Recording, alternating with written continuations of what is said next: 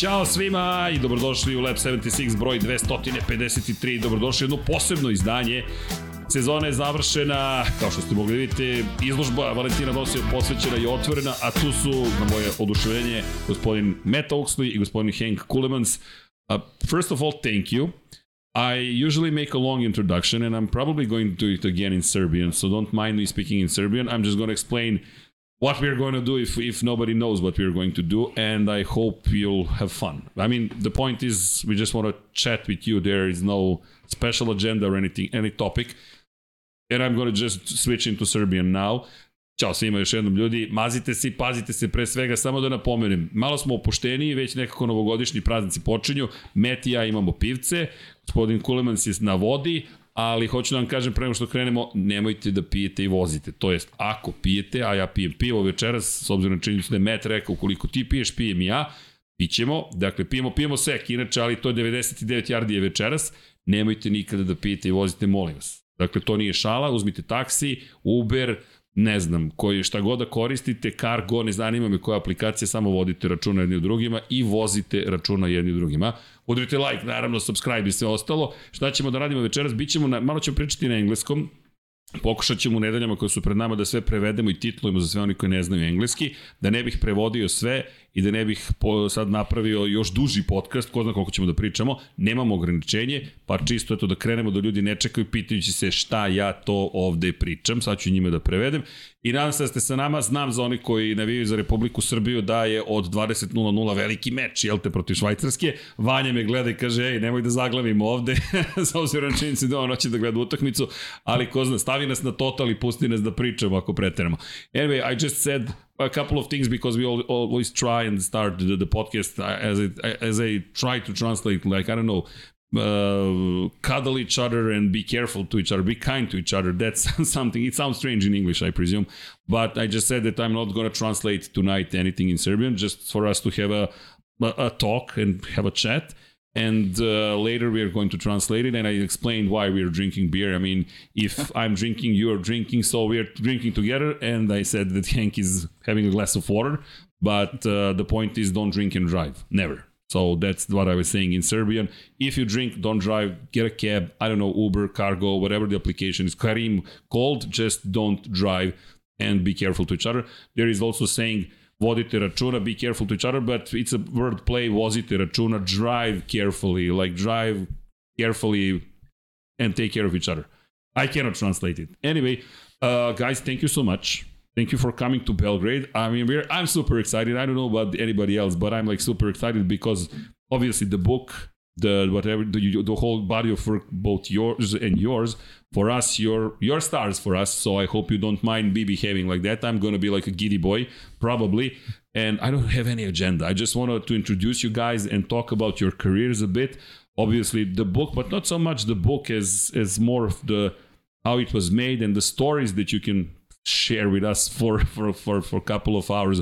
I don't want to hold you and you don't have any obligation. Like if you get tired just say so. We're tired man. Let's go i don't know have a drink or have a go for a i don't know for some food or whatever so anyway thank you for coming uh, Thanks for having us. No, yeah. no, no, please. It's an honor. Trust me, for us, I told you, this is a dream come true. The idea of us getting together three years ago and having the two of you here is kind of like pinching ourselves. You know, uh, maybe the doctor, if he came, it would be even more surreal. but having no, no, but having you is for us surreal.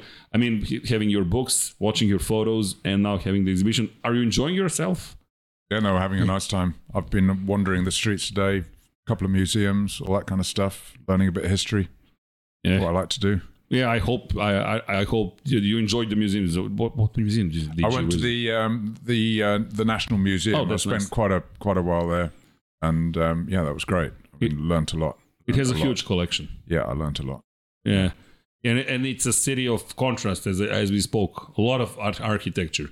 Turkish, German, Austrian, I don't know, so, post World War Second, I know, socialist, brutalist, whatever you like. yeah. We ha- and the new architecture. You have whatever you like, whatever your heart desires. But but really, thank you so much for for being here. And uh, I, if you like, we'll start the official part. I mean, there's no official part. I would just like to introduce you first. Uh, for those who don't know, Mr. Hank Keulemans is officially a photographer, but Hank is that is your literally profession, mm. Or not? Not only photographer. I also do, I also do writing. Oh, sorry, yeah. sorry. Writing also, yeah. yeah. because I don't speak Dutch very well, so no, no. yeah, I missed that part. Sorry. No, no, I do also. I, I what Matt is doing is in English, and I do it in Dutch, and together we can make a book in English. Because in Holland we can hardly make any books anymore because the language is too small to have books nowadays, and that's a pity. But uh, yeah, I'm happy to do it with Matt together because now we can make something which everybody, almost everybody in the world can read in English. So yeah, but they can read it in Serbian also. Yeah. So and German and Japanese, if I if I'm aware. Yeah, I think the book has been translated into already published in German or already published in Serbian and coming out soon in Japanese as well. I think. And uh, sure, I think that's about it. About it. Yeah. So you know, not bad. Well, well, it sounds amazing that it's not going to be published in Dutch. Somebody's listening to the phone on a, on a mobile phone. So if you hear yourself, that's our it, monitoring what's going on. It may ha- happen in Italian one day, but I think you know Italy's got so many um, Rossi books; they're kind of drowning under them. So you know, yeah. do they really need another one? I don't know. There was an Italian guy today visiting the exhibition, and he asked us, "What is the connection between Valentino Rossi and Belgrade?" And I said, Lab 76. Well, the, the whole, everybody who watches MotoGP in this part of the world. Actually, that's interesting. I'm sorry. Uh, but that the idea that it's not going to be published in Dutch and is literally what we are trying to do here because there are no books about Formula One and yeah. MotoGP in Serbian. And this is our pushback, basically, to have books in Serbian or Croatian or whatever you like to call it, or whatever language people speak or understand and read, just so the people from the Balkan region, the, the so called ex Yugoslavia, can actually enjoy it. Because we had people yesterday at the exhibition saying, We don't speak English so well. So for us, this is this is like golden nugget. Like literally, we are buying the books because now we can understand better the sport. Yeah, yeah. I think I mean, your population here is seven million in seven Serbia. Million in yeah, Serbia. So, yeah. so to kind of undertake these translations and these publications is pretty amazing. so you know, uh, good job, basically, Thanks. very yeah. good job because I know it takes um, something special. Maybe you're a bit of a Pied Piper or something, you know, to kind of get people excited about stuff and and, and lead them in a good direction, you know. I think we're all a little bit crazy, nothing else. well, that, that helps. I mean, it's a crazy sport, which is why we like it. So I think you have to be um, a bit crazy to be involved in any way, basically. You know, it's not it's not tennis, is it? You know, it's um, it's a bit wilder and a bit more insane and a bit crazy, which is, you know, those are the main reasons I like motorbike racing. You know. Yeah, and a bit more dangerous. Yeah, it's a kind of stupid thing to do, which is why I like it. yeah, I mean, so that's interesting for me because uh, you know we on the we we always believe that you know everybody else is going to publish it whether in Dutch, in Spanish, or whatever books of these kind. So yeah, we're not going to stop at least until if we if we fold uh, fold and and the company disappears. Well, obviously we won't be doing it anymore, but we are hoping we'll be we'll be here for quite the some main, time. the main thing is to have a good time when you're doing it, isn't it? And I think the reason that books like this don't get published in more in more countries is because it's kind of I'm not saying you're not a proper publisher, but you know, you know what I mean. Like big, under- big publishing houses, are- they just look at the pound, they look at the money, yeah. and they're like, going, uh, maybe uh, we're only going to make X amount of money out of that. That's not worth it. You know what I mean? So, so you have to, and it's the same when I write books and publish them myself. You have to kind of just have that belief, and you just do it, and you just hope that you make money out of it. Winners, sinners, and winners. and you, you do it, and and as long as I break, my thing is always if I break even, then I'm happy because I've yeah. done it because I wanted to obviously I want to yeah. make money out of it as well, as long as I don't mo- lose money. But you, you, you need somebody like you who's going to say, "We don't care. We're just going to do it. Yeah. And we're going to make it work," rather than having some accountant come up with some kind of boring, you know, like, uh, you know, ah, can't be asked. We're only going to make hundred grand out of it. Why bother? You know. Oh, if we were to make a hundred grand, trust me, yeah, yeah. we would be in it for yeah. the money. Yeah. But no, but but you know, we are having fun, literally. Yeah, I made 40 years uh, a yearbook. 1977 was the first one on, on motorcycle racing. I did it with a colleague. Uh, till 2017, but then it was not possible anymore financially. So uh, it was already done with help, with advertisement from the Assen circuit, Yeah. from importers and so on, to keep it alive. And the last book I made was two years ago on Egbert Streuer, the Dutch sidecar racer who was three times world champion. And we did a big exhibition in Assen. He comes from Assen, so that's close to the circuit. And we only could make that because it was cultural money. So for the Oh. for a great exhibition and the book. So and now I hope to make in 2025 the book 100 Year Dutch TT. I made a book 60 years, 70 years, 80 years, 90 years. Oh. Was financially not possible, but 100 year in two years' time, that should be great to to have an end on all my writing and photography. That would be amazing. Yeah. Yeah, well, we hope. I'm pretty sure you're gonna do it, and we, well, we have to translate it for the sake of it, even if it doesn't make any money. While, Yeah. while we can, we are going to do it. Yeah. No, it is also what Matt said. It is not.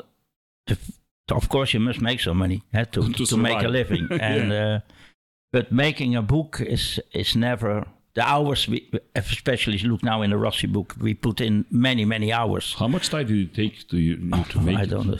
It's impossible to say. Yeah. I mean, yeah, I mean, with most of the books I've written, if you if you worked out to kind of hours, how many pounds per minute you're being paid, I mean, No. wow.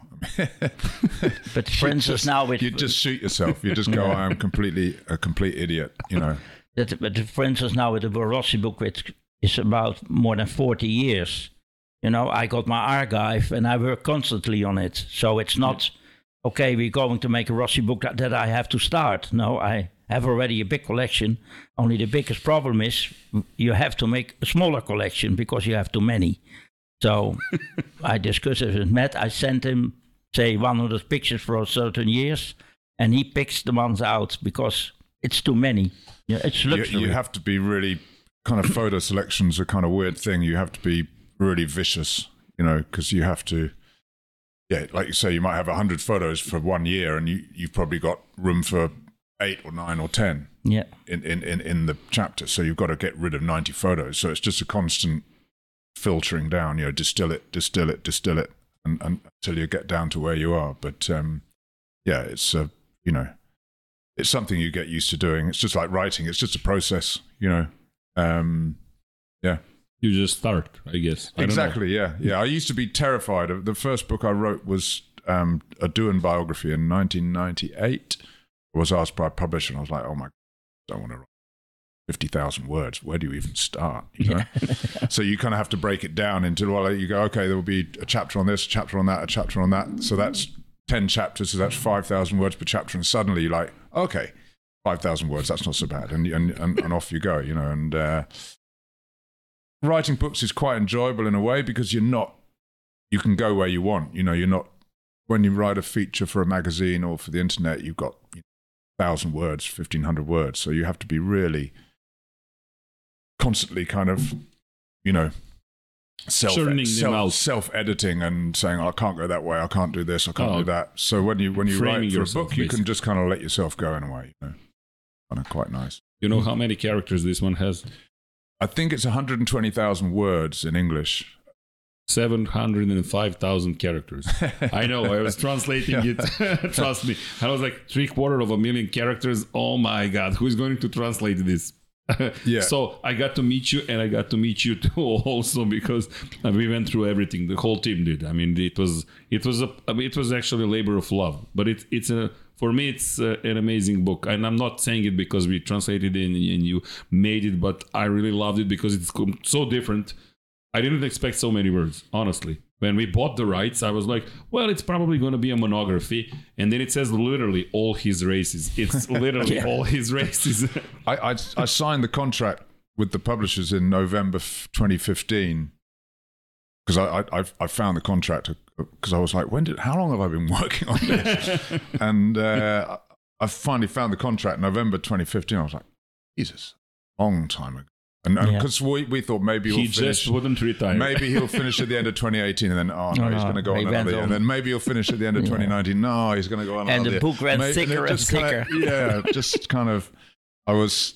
I mean, you know, obviously, uh, huge respect for Valentino. I love him for what he's done and everything. But I was just saying, you know, when he when, Yeah, he, and when he announced his retire. retirement, Yeah, I was like, and- yes, yes, yes. And there was another thing also uh, from Matt.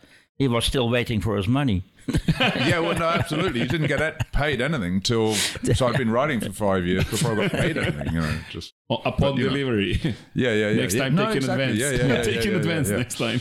Yeah, no, exactly. Well, it was an advance, but you only get it when you when you Oh, turn in the copy. You know. Yeah. So I mean, Oh, it's okay. a kind of. Don't be an author, guys. You know, I mean, really, it's, there's better ways of earning a living, really. no, but it, I, but I guess it was fun also. I mean, it, Yeah. it's, Yeah, I mean, you know, it was fun, and you just get into a, a rhythm with it, you know, and and, and Yeah. you just. What I'm doing when I'm writing all the time is trying really hard not to be boring. That's the, Yeah. the main thing is trying to kind of make it into a story that has a rhythm and a flow rather than just saying, and then we went to Assen and this happened and that happened. Then we went to Sachsenring and this happened and that happened to try and but to try and difficult. make it a rolling story, you know. Yeah, but this was difficult because it's story. It's race after race after yeah, race yeah, after yeah, race. yeah, yeah, yeah, I mean, and if you make it any longer, I mean, it's going to be like I don't know, seven hundred pages. Yeah, no, It's- absolutely. There's, it's it's, like um, I always say when I go to races, you, you could actually write a book about every Grand Prix. You know, like Yeah. every Yeah. Grand Prix, you could write 30,000, 40,000 words. And, I, and I'd one day like to do that. Well, no, actually, wouldn't really. I'm, I'm kind of, you know, but you know what I mean? If, if you went, if you, if you spent, if you were able to spend 24 7 with a rider, like Thursday morning till Sunday night, and, and you were like with him, I mean, it would never happen. But if you were with him and you could listen to every decision process he made, every you know, w- with him in the garage in his motor home, when he got up in the morning to make have breakfast, and you were there the whole time, the amount of decisions that he made during a weekend and what he did, you could literally make a, a book of thirty thousand words of it. I think, and, and if you did it well, it would be quite interesting. You know what I mean? Yeah. Like kind of um, was it Norman Mailer who wrote a um, a book about the Rumble in the Jungle? You know, the the the um, Muhammad Ali flight, fight. He write a, wrote a book about one One fight. one fight, Yeah. and you know if you've got the creativity and so on and so forth, um, and it's a big enough event, sure you can do it because it's a huge huge human endeavor. You know, every race, pe- and that's the thing. I think people don't understand how much work and how, how, how many thousands of important decisions people a rider makes over a weekend. You know, should we do this? Should we do that? Should we use that tire? Should we use this suspension setting? Should we use this? Blah blah blah. So yeah, I mean, I would love to do that one time, but um, on the other hand, I wouldn't. If you know what I mean? And, with, and with the Rossi book, we are, of course, we're very lucky that we wrote, we made a book about a very colorful guy. You know, uh, it's it was never boring with him. Well, no, we did have one Grand Prix that we said, okay, he's boring. You know, he he rode so many different bikes, so many enemies. you know, so and if you look back, I'm happy that a part of my pictures is in the book, so they are not in a dark room or in a in a cabin. You know, now pe- we know we make. We saw that last night with signing the book. We make many people happy with yeah. the book, That's the idea. and, and that's uh, that gives a very good feeling. You know. Uh, but you, I, I, can I ask you about this? It's it's not it's not book related. It's you have been doing this since officially 1975, right? Uh, my first picture I took 1969. 1969. Yeah, Helmut Fath, Franco Scham. I still have them. I got a roll of 12 pictures, black and white, with the camera of my father. One picture is not good. I still have 11 pictures of that. That's Yeah. amazing. 1969. Yeah, What were what were the races like at Spa great, on on motorcycles? great. I, also because it was one, always one week after the Dutch TT. Oh, So on Saturday, then was the Dutch TT, and the next Sunday, one week later, was Francorchamps. So many Dutchmen went to Francorchamps. The same what happens now with in the Formula One with Max Verstappen. yeah. and we had, as Dutchmen, we also had great successes there. So, but the atmosphere in Francorchamps to make pictures there was great. The old circuit, the the patats, you know, the Mhm. Belgian Yeah, yeah. Friet was great. It's a pity we don't race there anymore. But Do you think it's possible with the, these new Moto, MotoGP bikes? Yeah, because they changed the circuit. You know, they will have the long distance races back again. But I think from safety now, it's possible. It's just a matter of money now that if Dorna wants to have a Grand Prix there, you know, we have I to mean, wait to see. I mean, you know, sadly, everything comes down to money, and and God, I'd be so happy if we went back to Spa. You know, I mean, I, Yeah. I, the first my I started a long time after uh, Henk, so my first season was covering MotoGP was '88. So we got 88, 89, 90 at Spa, and and I, I used to do the endurance race there. Yeah. So you know, and it's just God's own racetrack. I mean, if there's a racetrack in heaven, it's Spa Francorchamps. yeah, 100%. the old one. No, the new one. No, the old one. The, the new one is just, just you. You cannot. Both. I mean, apart from the Isle of Man TT, it's just yeah, the the best fun you can have on a motorbike. And so, and I spoke to Chaz Davies after the 24 hour race, you know, the Ducati guy uh, rider, and he said that already it's up to WSB spec. You know, they reckon they could Yeah. have it. He, he, you know, as a, he's been doing World Superbike for forever, um, and he says it's pretty much there. So a, a few more changes, and it'll be ready for MotoGP. So it then just becomes point of view of, you know, whether MotoGP wants to go to some oil-rich nation, let's say, um, that is prepared to pay a huge amount of money to host a race, or to go to around a, let's be honest, not very exciting racetrack, or go to Spa-Francorchamps, which is just, you know, so fast, so challenging, um, so much fun for a ride. I mean, all the riders. I mean, Scott Redding rode a rode there a few years ago, and he was just you know in a classic event on a Schwantz RGV, RGV 500, and he just came in, just the best thing ever. You know. Yeah. So I, I I really hope, you know, if I was in charge, yeah. we'd be going back to Spa. People in charge, I don't know. You know how much of Belgium, how much is Belgium going to pay for a race? Is it going to be able to pay as much as Saudi Arabia? No, Probably not. You know. no. You see already now with Formula One, it's only sure for one year more, with even Verstappen racing and winning there. Yeah. So They actually, I don't know, sorry to interrupt, but they moved the Belgian Grand Prix to the end of the first part of the season. So now between Belgium and Zandvoort, it's no longer one week's time of, Mhm. of difference because uh, from what we have gathered, they believe more people will Yeah. come to Belgium to spend more money because Zandvoort is sold out and it's sold out. But if you move Belgium ahead, then they believed it's gonna be it's gonna fill up. But the Belgium already made a record. It had a record attendance this year. I don't know. I would love to see it. But you mentioned something, and it comes down to Rossi and now Max. Max is so popular in, in, in Netherlands. So, I mean, for us, Netherlands was always like a biking bike country, like Yeah, yeah. motorcycle country. Now it kind of became a Formula One country with, with Max. And I think if you look at the star power with both him, Lewis Hamilton, I mean, with Valentino Rossi, that was like a giga star power. Like he was the, the main draw. It, it wasn't on a national level, it was on a, on a global level. I mean, I have never seen anything like it. Did you? I mean, you have. You have seen races I can only dream of, but there was there another star like that? I mean, seventies, eighties, nineties that had so the, much the, the, the only guy that's been well, uh, Sheene basically. Yeah. Barry Sheene was the kind of prototype for Valentino Rossi. He he kind of properly broke into the mainstream, and and and you know, like like Valentino, he you know it happened because he's the person he is. You know, both of them have very outgoing characters and so on. They're both very clever and colorful. colourful and and and and and Sheene, you know, worked probably harder than Valentino, I think, to make. You know, he was already getting in all the teen magazines and stuff in England before he got super famous. So he really knew how to make it. So I think he actually worked a lot harder than Valentino. I think it, it just happened to Valentino. He was just Yeah. who he was, For and, it, instance, and Sheene- it just happened. Yeah. For instance, Sheene was the first one who make money with his starting number, with number seven. yeah. Yeah. he was the first one to actually keep the number, right? Yeah. Yeah, exactly. To, Yeah. to make it into a kind of trademark, basically. Yeah. And and um, you know, people complain about riders not running the number one now. I mean, he never rode or the number one No. because because number seven was his trademark, and and and he sold merchandise off the back of that. You know, he wasn't stupid, and it's the same now. You know, that riders don't want to run the number one because It doesn't belong to them. exactly, yeah. But- it's, it's kind of, people say it's sad. I don't.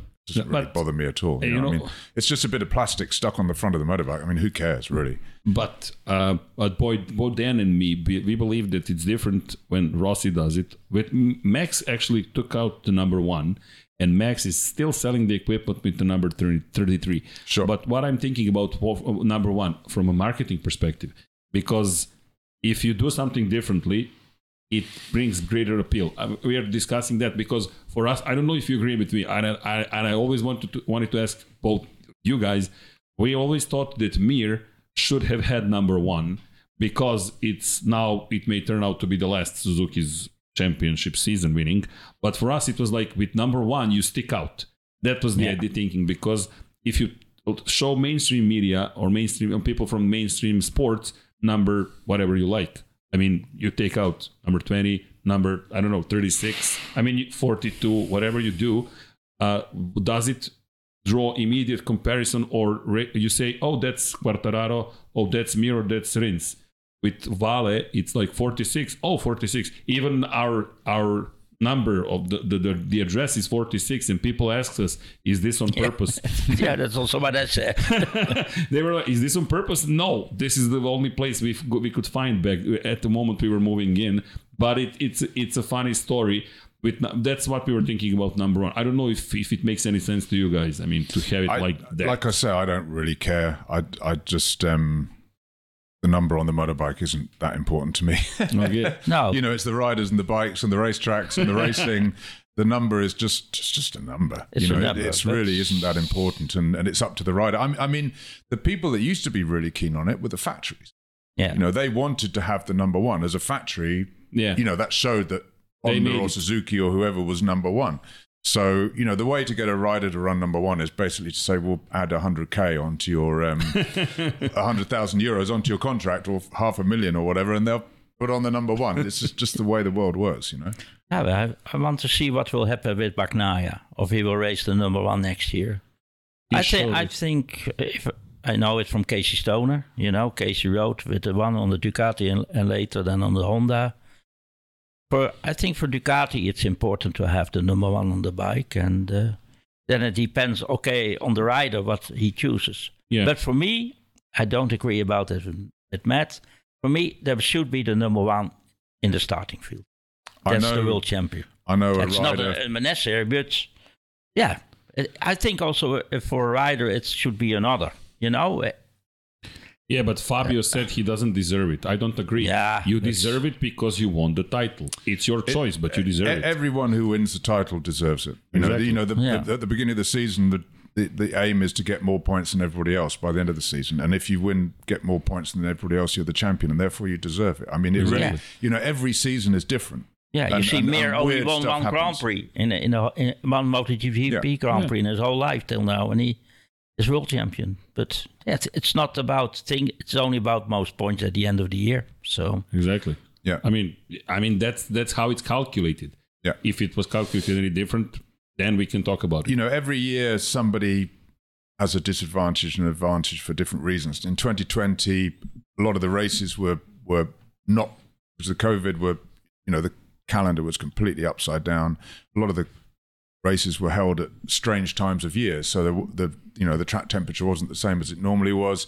So all the data that the teams have got from the last five years. Barcelona or whatever, is useless. And and so basically, um, it was a strange season, but whoever adapted to that challenge the best title.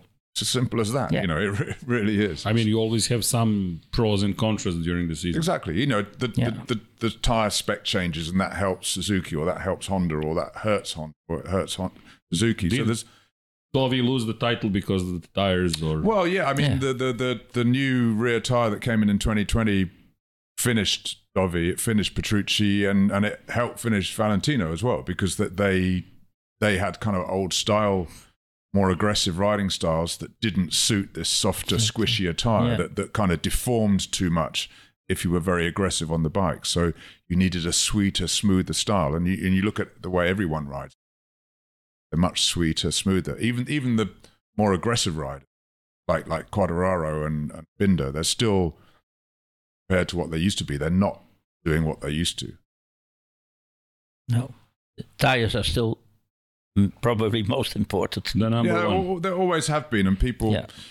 kind of say, "Oh, it's not right that they should be so important." But you know, I mean, the the, the tire is the final interface between the rider and the, and, and, and the the motorcycle connection. and the rider and the machine. So it cannot not be important. You know, I mean, Geoff Duke lost the 1950 500cc World Championship because his Avons or was it his Dunlops fell apart at two. So I mean, Yeah. it's it's really it's nothing new. So I mean, he lost his championship when when motorbikes were making 50 horsepower because his tires didn't work.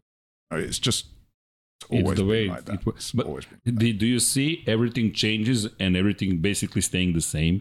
I mean, in terms of people complain about this and that, there was more overtaking, there was less Yeah. overtaking, there was this, that. But I, when you go through the history of, of Formula One, especially, but also with motorcycles, was it similar, or did we really get to something really new, a new norm in in in the last two, two seasons? Yeah. Now, on the, on the other hand, we have seven or eight different winners.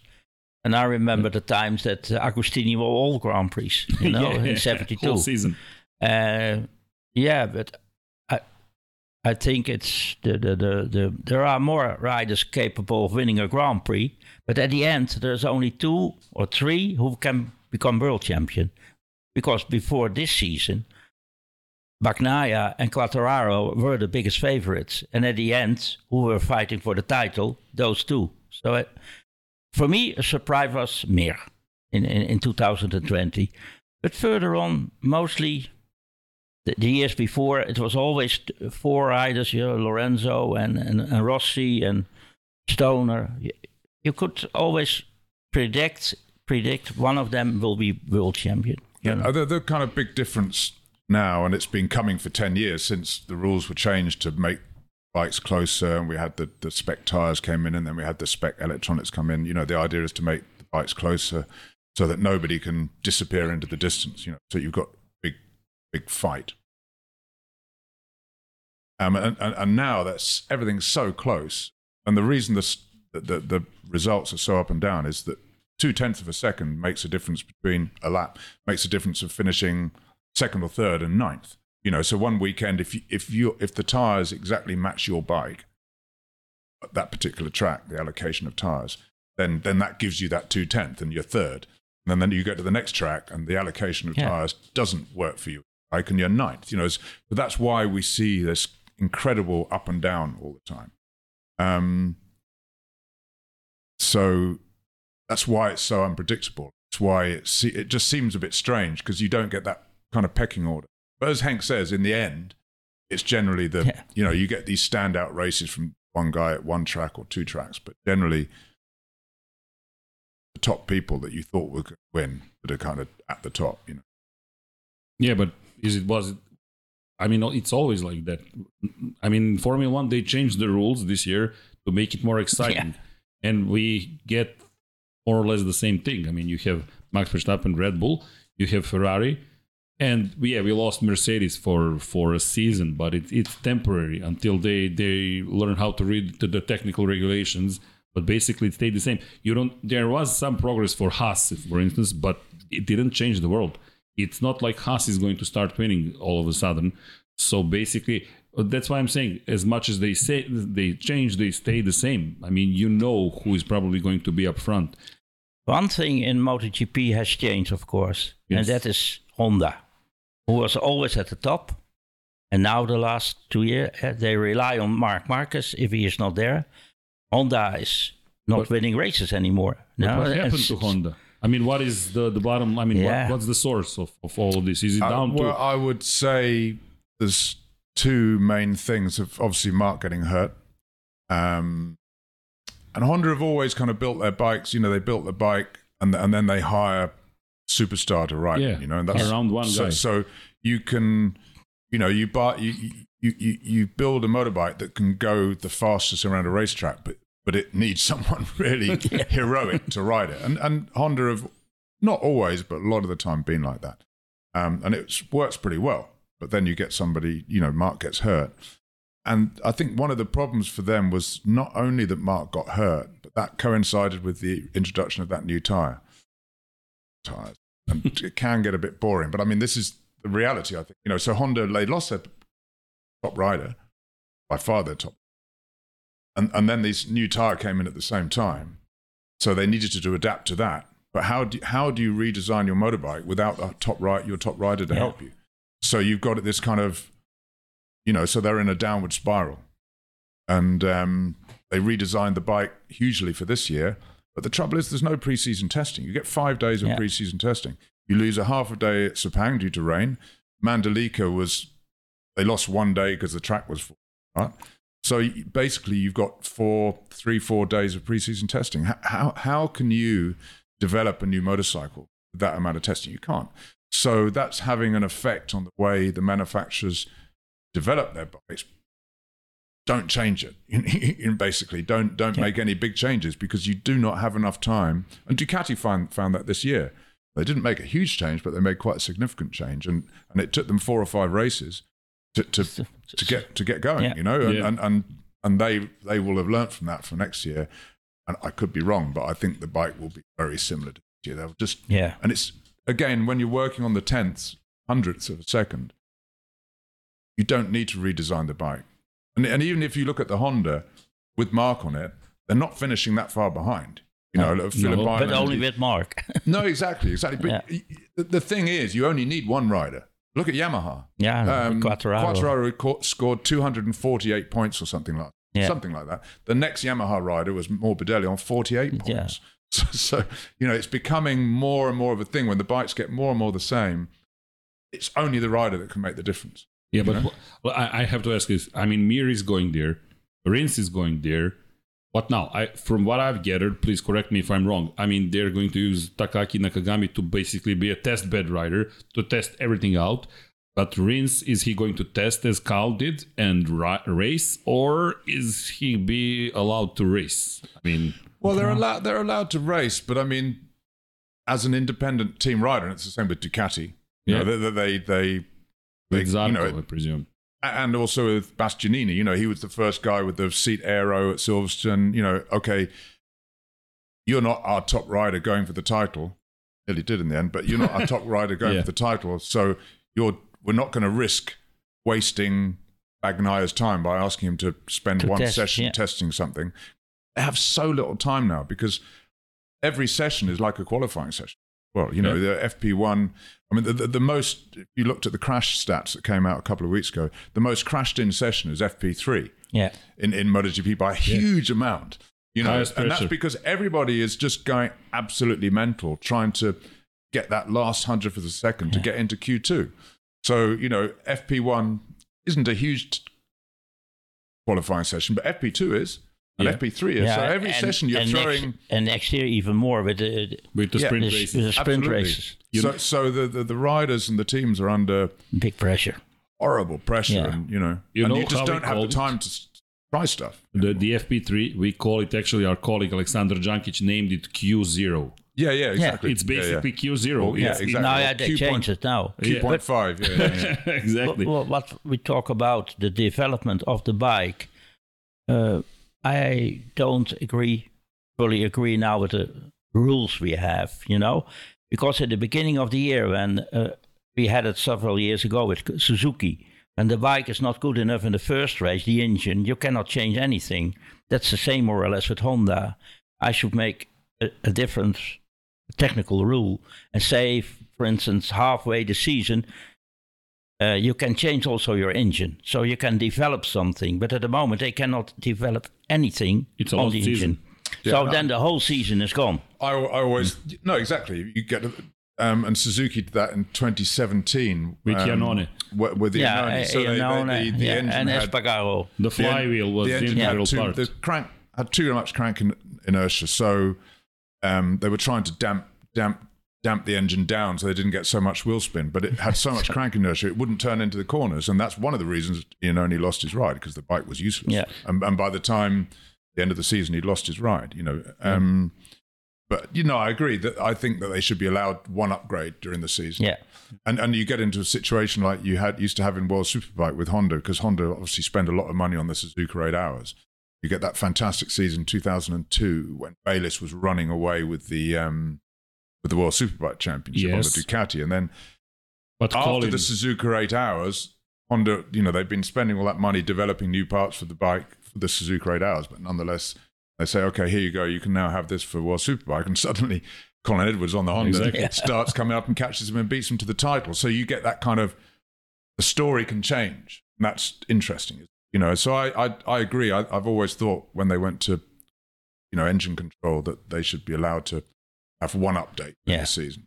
Also, I, I should like to see more ma- uh, tire manufacturers, not only now only Michelin. Yeah. We should have also a tire war. I mean, I agree with you because I, why? That's motor. That's Because- mo- prototypes. Exactly. And there is one more thing. I mean, somebody, I mean, Ferrari started winning titles with Bridgestone, and Valentino moved from in 2007 to, to Bridgestone for 2008. Yes, the first couple of races were, you know, finding the feet. And the, the famous cut, race in Qatar when Dolby was fourth and he, he, he behaved like he won something on a, on a Scot Honda because he overtook Valentino for the fourth place. But, you know, those kind of moments are historical. For me, it's like historical. And then you get the wall and then you get the story and then Dani ditching Michelin mid-season and stuff like that. Yeah. But it, it brings more to the world. I think, I mean, it's everything is starting to become so homogenous. It's like nothing is, everything of is same. Cadalora on a, I think front tire was Michelin, rear tire Michelin from Dunlop. Yeah, Really? In, in, I didn't know 19 Yeah, yeah. in 1994, Yeah. was when, when after Rainey got hurt, uh, Cadalora was kind of Team Roberts number one, and uh, yeah, I can't remember, but he Yeah. they had a Dunlop contract thing, but the Dunlop front wasn't up to it, so they so about halfway through season, they they they, they were running Michelin fronts and Dunlop rears. Yeah. I, th- I think that's the Can you imagine front Bridgestone and rear Michelin? Well, yeah, there you go. I don't know if it's possible now Yeah. anymore, but then, of, then it was um, still possible.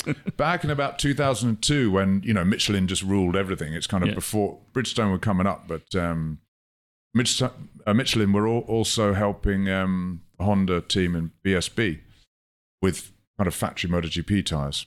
And at the Irish Mondello round of the BSB round, the Honda truck was broken into, and one tire and one wheel, rear gone. wheel, rear tire was taken Suddenly disappeared. so I mean, it has to be industrial espionage, and I'm not going to get sued here, but um, you know, the, the the the rival factories then were Dunlop and Bridgestone, and I mean, maybe somebody else could have done it as well. I don't know, but That's- you know, I think Michelin need to kind of, um, yeah. If if Yeah. I was them, I'd be crawling around at the Le Mans 24 hours trying to steal a Bridgestone front and take it to bits and see, see why the Bridgestone front was so good because it was an astonishing tire and you know that's why Oh. Rossi went to Bridgestone in 2008 because he'd been racing with Casey on the Bridgestones in 2007 and you know he could just see the front tire was Yeah, just much more better. so much better you know yeah. they, they riders talk about they're going into the corner knee on the ground still with the brake fully on you know Yeah, yeah, with the brake brake lever fully on knee on the ground coming in the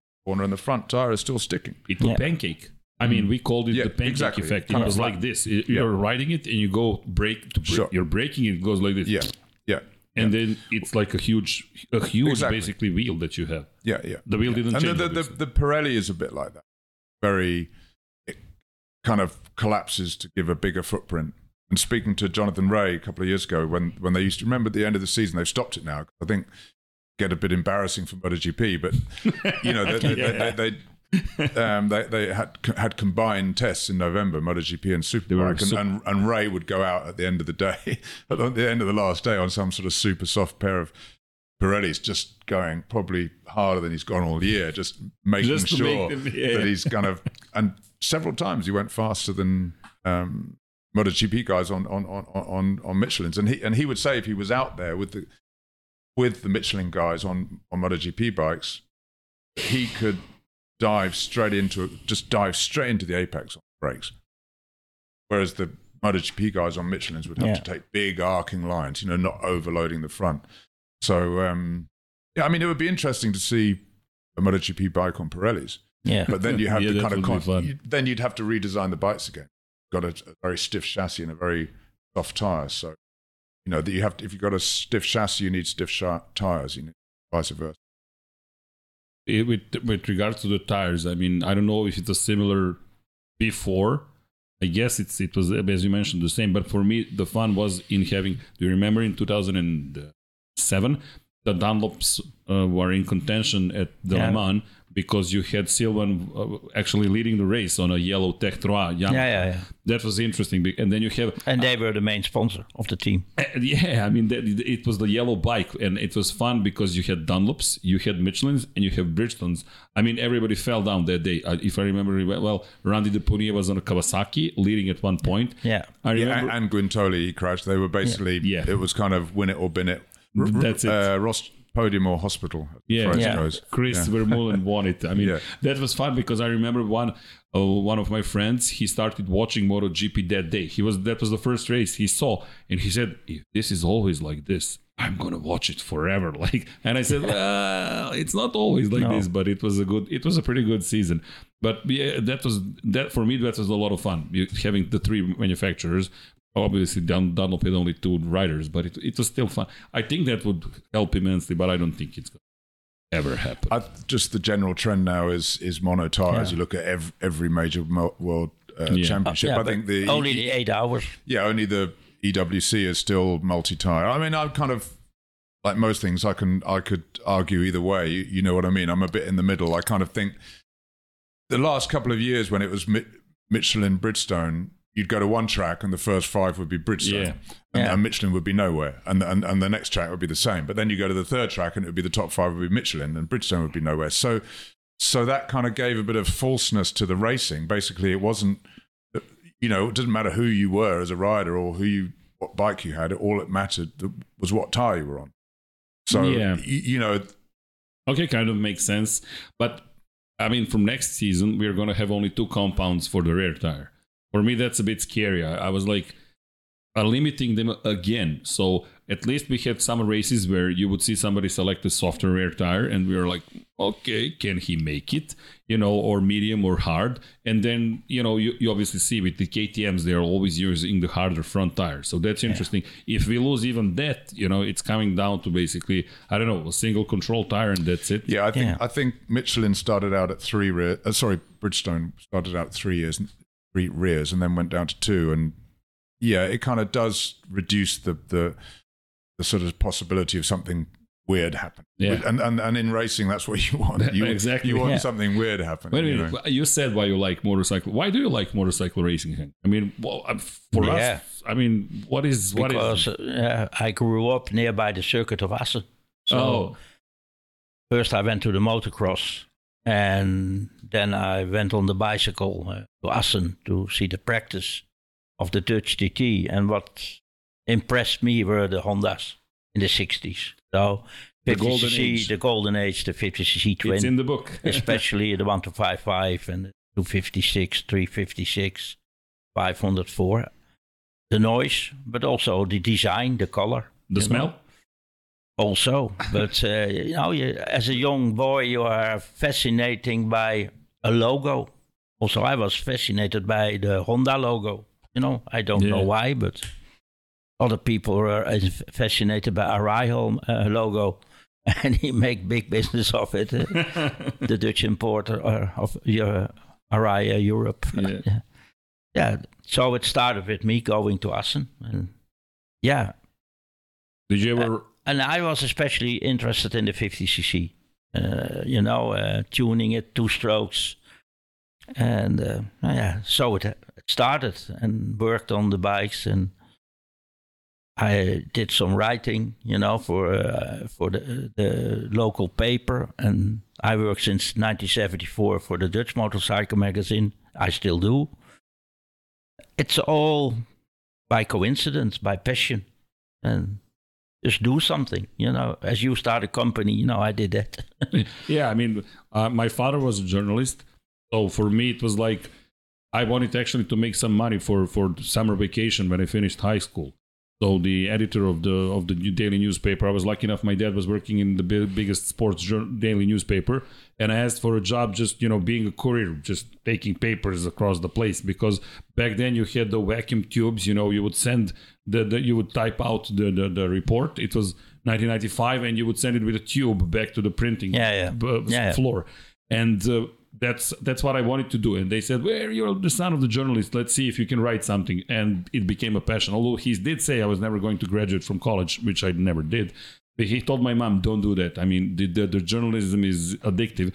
So that's how I started basically. Yeah. And then I got the assignment to watch the World Motorcycle Ra- Championship race. And I, I saw Mike Mick Doohan obviously win it because it's, it was 1995 and I fell in love. And my first full season was actually in 1996 when Ivan Goi and Valentino Rossi showed up. Yeah. And, you know, it's kind of started with Valentino also because he was immediately, it was so interesting to follow this, I don't know, charismatic guy. So that's how I started. In, Yeah. It was, I must say, I was in the first place when I started it. I was interested in the technical side of it, Oh. the bikes. Of course, also the riders, but the bike was what made me what I am now. passion. Yeah, the passion, especially of the Hondas, Yeah. I kind of. and of. working on the two strokes. I remember the 50s and kind of never got very excited about them because they just seemed kind of ridiculous, so tiny and, and so slow, basically. But I, about 10 years ago, I wrote a story about them, and oh my God, I mean, the technology is just yeah, astonishing. You know, I mean, they're kind of um, crankshafts that last half an hour. You know, you know these things are revving so hard and, and four, 14 speed gearboxes, Yeah, yeah. And, and the riders get, getting so tucked in on the little two strokes with the expansion chambers that go backwards. You know, getting so tucked in that they all their elbows are getting burnt by the exhausts and the legs. and and, and, and they have to yeah and, and, and they they have to make notes about you've got 14 gears Yeah. and, yeah. and you've got maybe 500 rpm wide uh, power bands. So if you get they basically make a note of each gear for each corner. And if they got it wrong you know if you change down one gear too too few yeah, you just didn't come out the corner because the engine would just die. Yeah, La Source, and, the and, and, and, and if you change down one gear too many then the crankshaft you know so I mean, yeah, yeah. you know the, the the precision that was required was pretty special. Yeah, I, I mean, in terms of the mechanical engineering, I actually enrolled into the mechanical engineering. I was supposed to graduate from mechanical engineering, so I had that kind of background. For it, for me, it was a, a connection between, you know, fascination with engineering and then seeing people use that machines to race and to race them really hard. I mean, I know that that that's what drew me to Formula One. But all of a sudden, the motorcycle was, oh, what is this? This is a whole new world. But it was it was almost an unknown. And even with Mick, I mean, his celebrations were like, ciao, that Yeah. was it, you know. And then when Valentino showed up, it was like, oh, this there is entertainment in this. Yeah, and that, that that's the fun. That's what i think nobody ever saw with him. And but he's not a, just a, a- an, an entertainer. He's really i mean what amazes me is obviously the, the small details that show up. I mean you you met his father you said that last night when, when you were opening the, the exhibition in 1970s right 75 Who? uh, graziano Yeah, I'm. I work in Italy in 1975 with two other Dutchmen. We built Yeah. 50 and one to five two strokes for Eugenio Lazzarini because in Holland there was not any left any money. And when I was in Pesaro, uh, there were several Italian guys because all, the whole of Pesaro is motorcycle racing. I never paid in a bar, never. as long as I talked about motorcycles racing, then it was for free.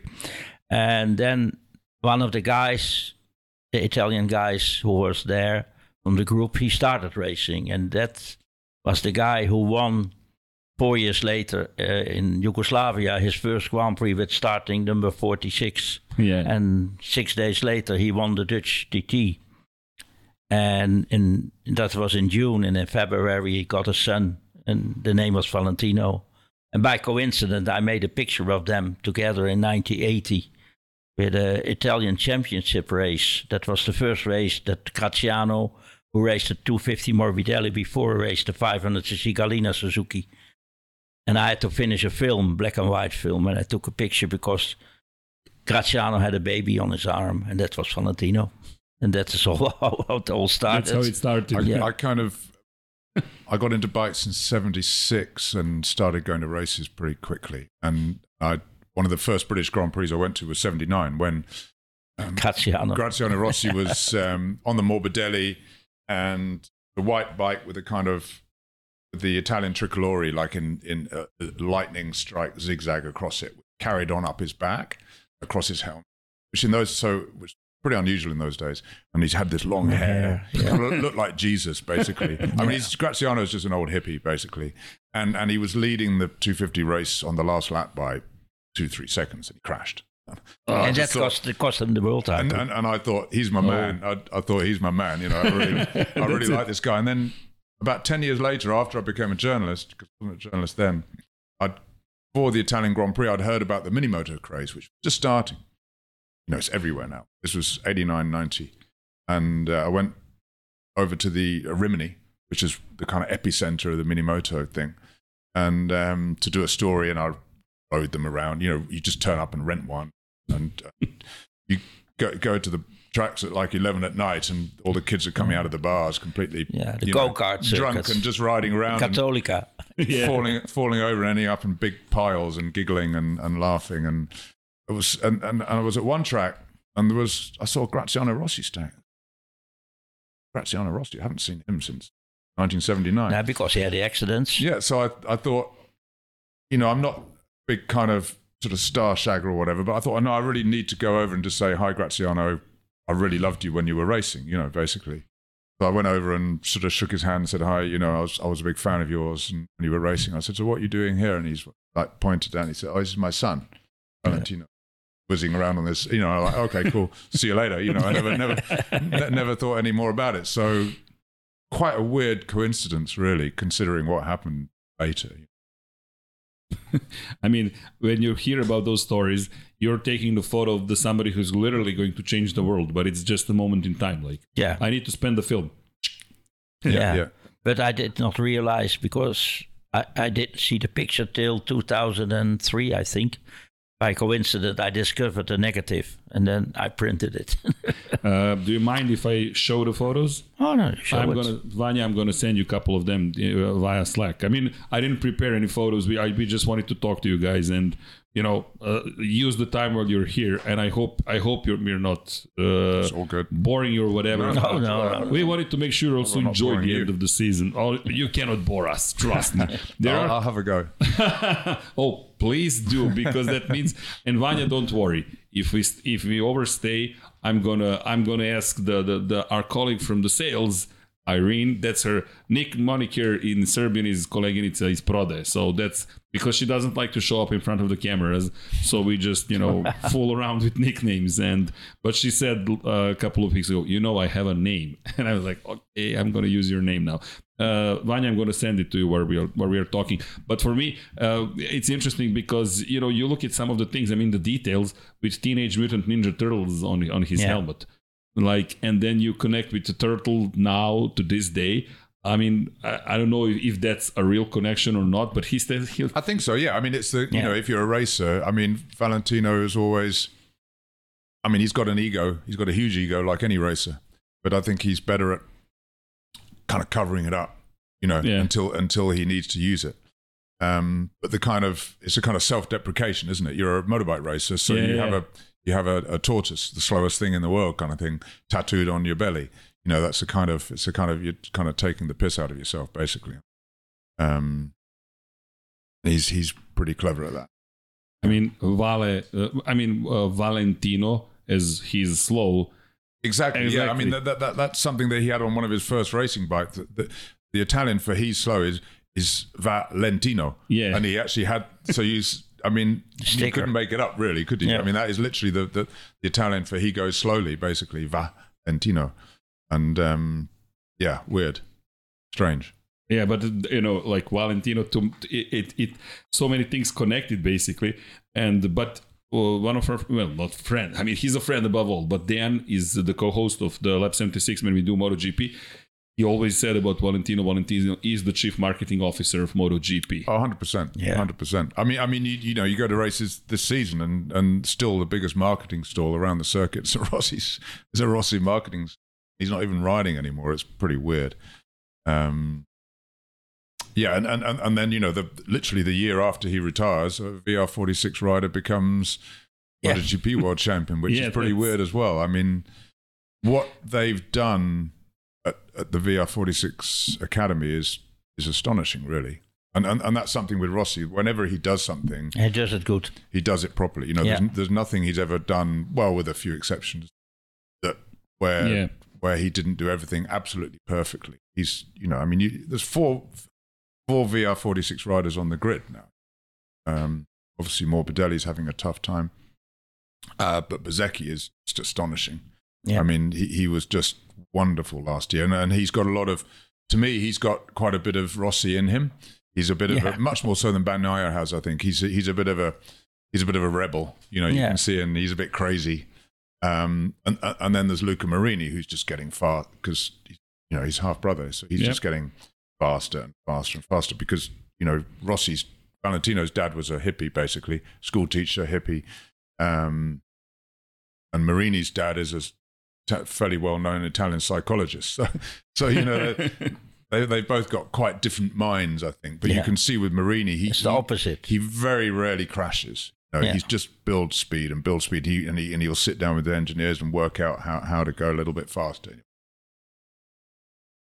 Just keeps chipping away. And that, and and to be honest, modern MotoGP, that's the way to do it. Although Bezzecchi and also I'd say Bastianini show that kind of natural flair can still Win to, it. to me Bezzecchi and, and you know that natural flair and big balls, let's say, can can can also make the difference.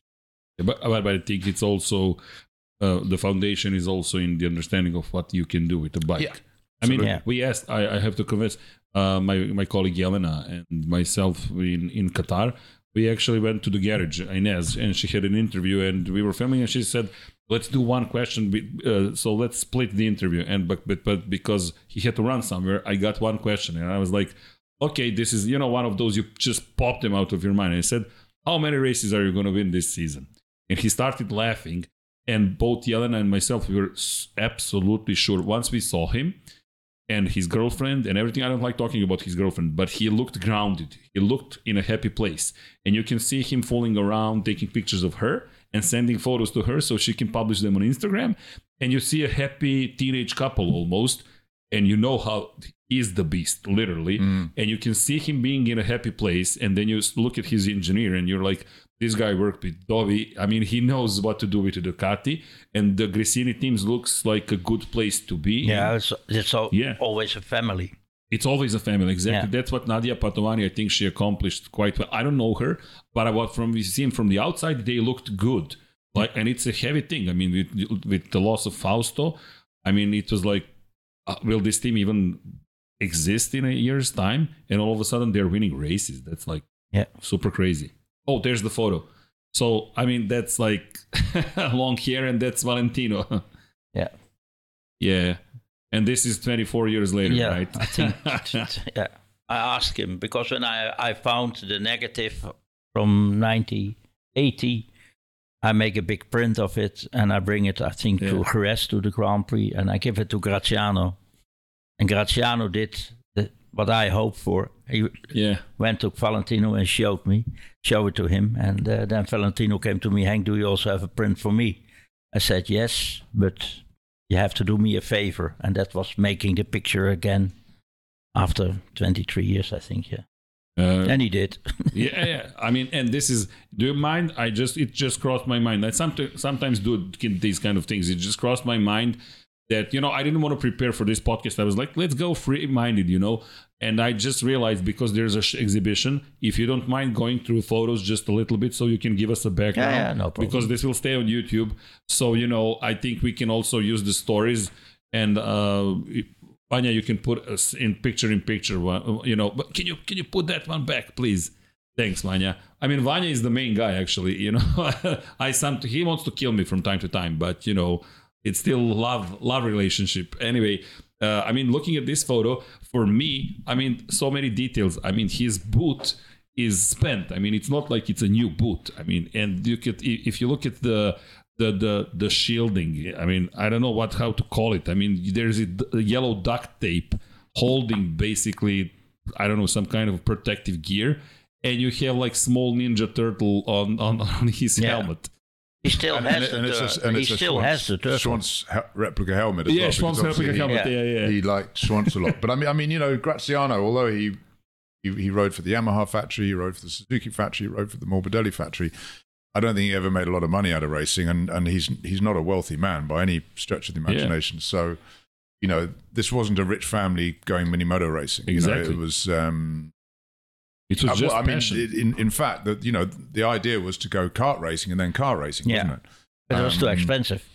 And because obviously Gra- Graziano got very badly hurt, had a very bad head injury at Imola in '82. Too. Um, and he crashed with a rally car. Yeah, so so he basically he he said to Valentino, you didn't want Valentino to race motorbikes. He wanted him to race cars, but they got to such a level in the Italian uh, karting championship, and the idea was to then go on to the European karting championship. But even Yeah. then, in 1990 or 91, it cost a huge and and, Wow. and Graziano said, I, "I'm sorry, I can't afford it." And Valentino said, "Well, right, let's try Minimoto." That's it. This is the Minimoto. Yeah. I mean, it's really literally a Minimoto. I actually had a, a problem translating this. How do you call a Minimoto? Mini moto. It's Minimoto, exactly. Not nothing Mini else. is small, a small, moto. exactly. Yeah. it's a And, small and note that the guy behind is on, in, wearing a Cadalora replica helmet as well. So, yeah, the, the Arai, Schwantz and the Arai Cadalora thing, yeah, yeah, and straw bales in the background. Yeah, yeah, Yeah. I mean, this is what all the when I went there in 1990, it was just people having fun, you know, Yeah. and, and, and and even grown ups like me riding them, and They Really still bad. do now in Cattolica. yeah, yeah. I, I mean, you know, Minimoto kind of changed everything, really. Just like little mini motocrosses in the states when Honda started building them in the 70s, changed motocross. The Minimoto monkey. Races. changed everything in road racing. Yeah. Suddenly, you could start your road racing career not not at fifteen or twelve. Start your road Eight. racing career at five or Yeah. six, um, and and that's what you have to do now. And so so the Minimoto was an incredibly important kind of uh, change in motorcycle racing. You But- know, Uh, Sorry, I have a question for Hank. What took you to take the picture of a kid riding a Minimoto bike? Yeah, because it was Rossi. I mean, uh, because of Graziano? Yeah. Yeah, I mean, and you went to Cattolica. to- Yeah, yeah. We was, there was always an event. There is, there are still events with this, and uh, yeah, You know, I mean, it's it's part of the history now. I mean, the Yeah. 46 number and everything. But you, it's at that point in time, it's just a kid riding a Minimoto. Yeah. But it was the kid of Graziano Rossi. Yeah, I mean, you, how how things change. It was the kid of Graziano Yeah, Rossi, but and now so- Graziano yeah. is the father of Valentino Yeah. Rossi. Yeah, Amazing. I mean, I love these kind of photos because they show so much, and I love the photography because you have one frame, you have one shot to show everything. That's why I wanted to have the the, the exhibition. You said how many pictures you have. You had like the the the problem of choosing the photos, like cutting down the number of photos. And and I thank you for the exhibition because I will I will run through the photos if you don't mind. You know what crossed my mind because you're here now, so we can tell the stories behind you know the seasons if you don't mind. Mm-hmm. I hope we don't take too much of your time. Don't worry, we won't no. we won't bother you. But I think it's lovely because you're here. It just crossed my mind. We can do it like this. And obviously, I will ask you some of the questions because that will show also what you are about. All also, and obviously, we are here because of Valentino. I think Valentino connected a lot of people to, to and with MotoGP, literally it connected us.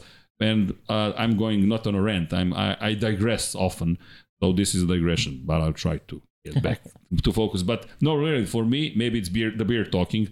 It's amazing to have you here. Literally, trust me, I'm like a no, it's good to be here too. Oh, Thanks. thank you so much.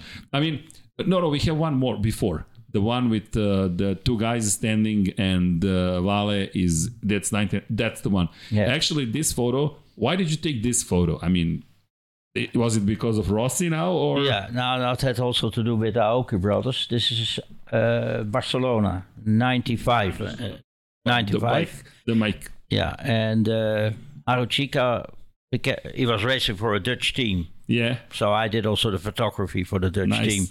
So you- of course you get a connection, and he became world champion in Barcelona '95, and left as his brother, and he raced the 250. Nobuatsu. Nobuatsu, and he was finished fourth in the championship. So it was a very successful year with them in the Dutch team.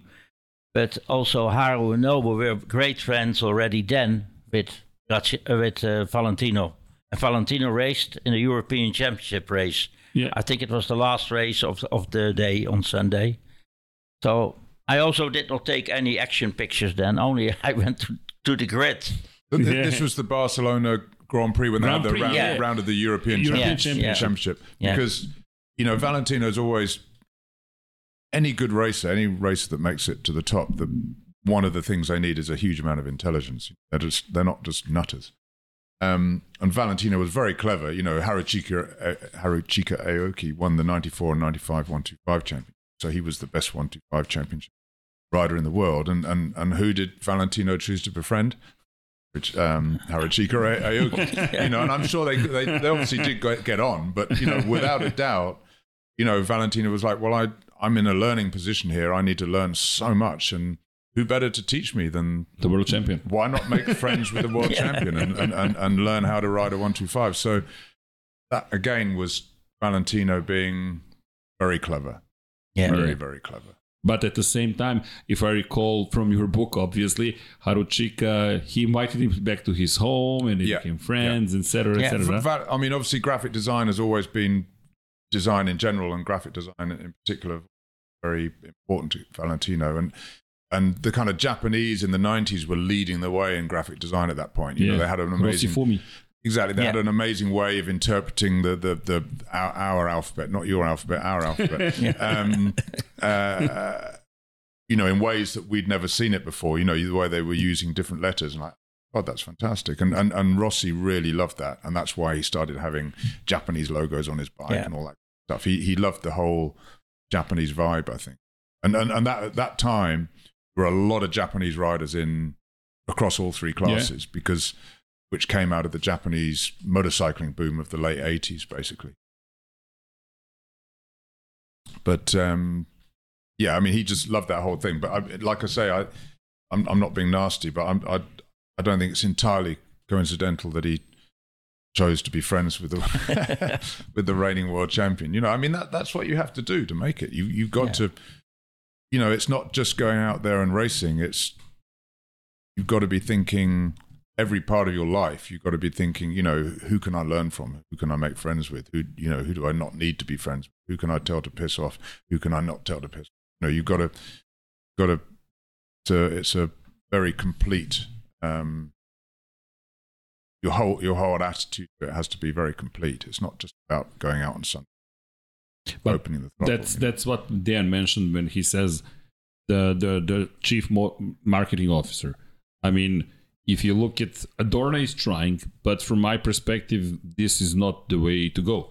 I mean, it's not. Uh, I want to say good enough. I mean, it's not good enough. It's simply like basics of marketing, and we are so way past that. And they had with Valentino a jump start. He taught them how to do good marketing, and in terms of being still humble, because uh, when I when I didn't meet him actually, I had a couple of questions with Valentino, just as every journalist can have mm-hmm. a couple of questions. But one of my questions back then, because we were like, I don't know if you remember in uh, Federica De Zottis was working yeah. in the Ducati office. So I badgered her for like six months just to get the two questions because we are, you know, she doesn't know who we are. We come from a relatively small country. What do you want to do? So I was so boring. And I was sending emails that are like 100 pages long, explaining what I want to do, who I am, who we are, blah, blah, blah and I kept introducing myself to her at every race I, I, I, attended. In the end, she was she asked me, "Do you think I'm stupid?" And I said, "I don't get it." And she said, You're introducing yourself each time you see me. And I literally, it crossed my mind I was a little bit cheeky because she's, she's Italian. And then I used my mom. And I said, Well, my mom taught me to be polite. And, she's, and she was like this Okay, you can have two questions. and, and I asked him, How, I mean, that's, he's been racing for 15 years back then. And I asked him, How can you still give autographs, take photos, and do stuff like that? It was be, it was before the selfie time. Yeah, yeah and I asked him how, how, because we have seen how much energy it takes. I mean, it's it's like it's so tasking for especially for him, and he he has bodyguards in. He used to have bodyguards in Mugello, two bodyguards actually, from what I've seen. It was a Ducati time, and he said, "Look, when you see the yellow wall on the front on the finish straight of all the people who are supporting you, you have to give yourself back to those people." And I I remember that, and I was like, okay. I mean, these guys really thinking and. and even if it's marketing he still takes care of all the people who are supporting him for me it was like okay this guy is not a, it's it's it's really a superstar that's what superstars do they they understand the, the not only the moment but wider picture also i mean just from the perspective yeah. of him thinking a lot ahead of time Vanya, can we use the, the, the other photo from 1996? I mean, I would kind of draw Yeah. pa- comparisons with him and Muhammad Ali, who really knew oh, knew that's, that's exactly good what one. to say and what to do and how to behave to kind of make people like him. Yeah, You know, public Yeah. persona. and, and, and, and obviously that has to be part of your natural persona Obviously. because it, you can't just pretend. That's Yeah. not good enough. People are going to, you know, we all know of riders that try to pretend to kind of be like Valentino Rossi, and it's see right through them. But um, yeah, yeah, you've got to have the character, and then you've got to have the brain to think. Well, okay, so this is this is this part is how you do it. of, of what to do. And yeah, Muhammad Ali was like that. You know, he used to go around selling tickets to his own fl- fights. you, you- you know, didn't know going around knocking on doors and saying, "Buy tickets, buy tickets." You know, so so it's It's a push. You've got to have the natural ability. You've got to Yeah. have the natural character, but you've got to work hard on top of that. Yeah, and also he was very good, also surrounded by good people. There were Yeah. some mistakes, but not many in his whole career. Yeah, I, I think he's always stuck with the people that he's known forever. Yeah. Because, um, Uh, but Uccio, for yeah, with a, with a couple of you know his manager, Dr- Drudi. um, Aldo, yeah. his old manager, you know, who he who who, who got him into a lot of trouble with tax and stuff. Um, but apart from that, yeah, he he sticks with the people he's known for a million years because they're the people you can You trust them, You know? yeah. yeah. But Hank, I mean, in, in regards, we'll see a couple of photos later, but this is Brno. This is the first victory Yeah. of Valentino.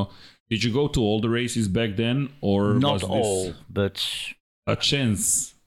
I did it. quite a lot. Yeah, Yeah. but you I, had, I had never done a season all the races. Yeah. No. but you were there for the first victory, Yeah, yeah. and this is also film. This is not digital photography. Uh, Right. Yeah, this is still film. This because it's 1996. 1996. You can see how how pissed off Jorge Martinez. so, so so this is the He was angry then. th- this is the beginning of uh, one guy's career and, and the end of another's, Yeah. basically. So uh, Martinez, I think after that race, he said to the Spaniards because he he he was in the paddock already racing when when when Graziano when Valentino was a little kid running around in the paddock with his dad, and, and he, he said to the Spanish press afterwards, he said, "I, I wish I'd run him over then." so so that, that is a, it's a really nice picture because yeah, you got the old guy who's on the way down, and you can see he's not happy. I mean, they had a really vicious last lap, and, Yeah, and yeah. Valentino was being quite right. Yeah. super aggressive, you know, and, and That's the um, way to put it. and uh, yeah, you know, this was the new style of riding coming in, where, where you had to physically fight, run Yeah. into each other to kind of make your position. You know, yeah, Hank, did we did we type your name properly, Hank? Nee, EU. A U. Yeah, we have to A U. Yeah. Yeah, I, that's my he's, he's going to sue you for that. Yeah.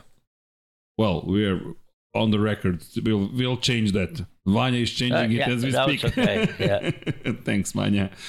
Yeah, but I mean, but no, it's okay now. it's okay now. Yeah, but also Valentino, you know, with the hairstyle and being cheeky.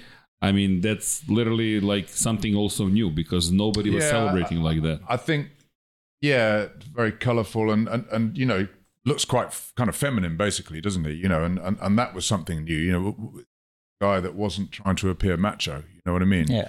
And I think um, He was young, he was funny. I, th- I think that was Yeah. quite different. You know, ra- motorbike racing is quite a macho business. You know, but here here was somebody that was doing well without being macho visibly anyway. You Yeah. know, uh, off the bike, on the bike obviously, but um, off the bike, you know, he was he wore an Alice band, and you know, which is a which is Yeah, a girls thing really, and um, so I found that really interesting. You know, that he wasn't quite happy to be who he was. Who he know. is, yeah, yeah, yeah. yeah. yeah, That- yeah. He that- didn't he didn't stuff. feel that he had to conform. He basically, this is who I am. This is what I do. Accept me or not. Exactly. No, that's that's that that that's also part of the, the of the fun of the attraction. But this is the for me what's interesting also. Ivan Goi won the race before Yeah, the yeah. Austrian GP, Yeah. and then they came to Brno because I was always thinking Ivan Goi was also going to accomplish a lot. Yeah. Unfortunately, Ivan was I mean his fate was not so so the fate was not so good to him. But Ivan Goi for me was at that moment like two Italian riders coming up because I also started, you know, finding out things, you know, learning. I was a kid and I was like, I wanted to know, to understand better. And I was thinking Ivan is going to also do a good job, but he only had that one victory. and Valentino won this one, this race, and that was the the only the sole victory of that season. But you can see already that there is there was something going on with this kid. And the next photo actually was is 1997. Uh, how we structured the, the the exhibition is one shot, one season, because that's for me that's what photography is also. You know, I like print advertising in terms of you have one one basically image that you can show that will show you what it's all about. No, no, no, the one before. The one before. No, no, Yeah, this this is the one. I put them in correct order, literally. So that he's was that Tokudome's second? Uh, Uh, nee, Makato, Mikado. Yeah. yeah, yeah. Ueda And en, then Ueda, and, en then Tokudome. yeah, yeah, Yeah. that's it. Noboru So- Ueda. Yeah, I mean it was it was a Japanese category basically. I mean the Yeah, time was also exactly. so much so many Yeah, Japanese. many Japanese. Yeah, I remember who who was back then also Yuichi Ui. I mean, he Yeah. almost won with the Derby, if I remember. And, and they all No, that's came from later, this. Later. yeah, that's They- yeah, a couple of years later. They all came from this late '80s boom in motorcycling that kind of in Japan that lasted into the '90s, and all coming.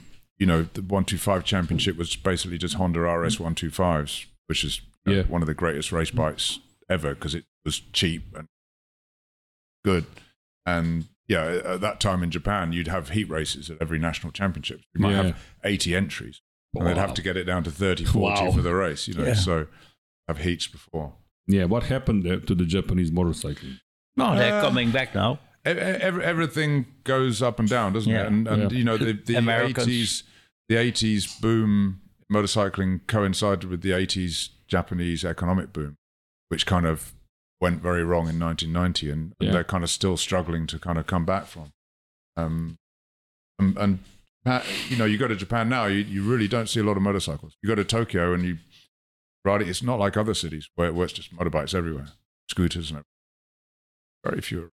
Interesting. I've never been to Japan, but hopefully we'll we'll change that. But this photo, this is the world championship season, first season, first first title, eleven victories. I mean, that's the record that still stands.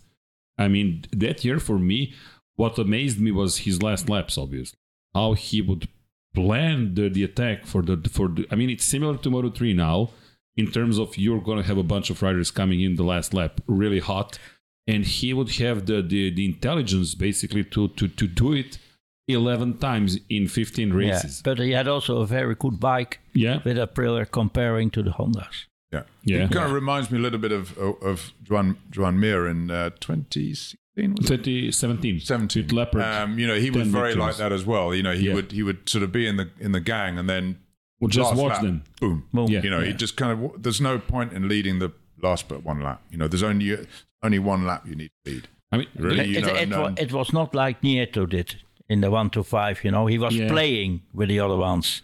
yeah. He was playing, but not in the way Nieto could do because he Oh. was far stronger than them. And he, he was stronger, but not that.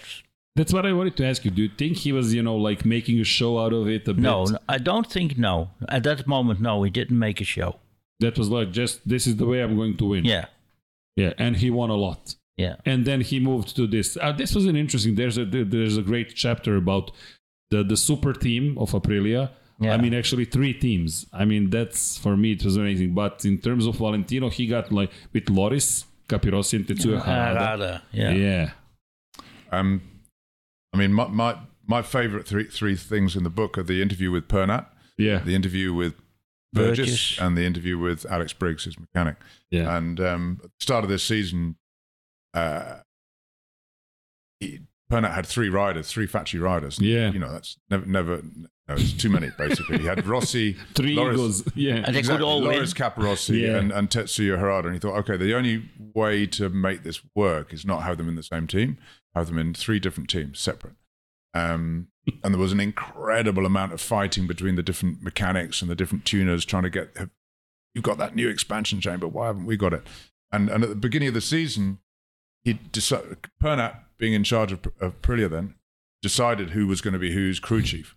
And at some point in February or something, Valentino went to uh, Pernat and said, "I don't want my guy. I can't remember who was meant. I I, I want the guy that got working for Loris."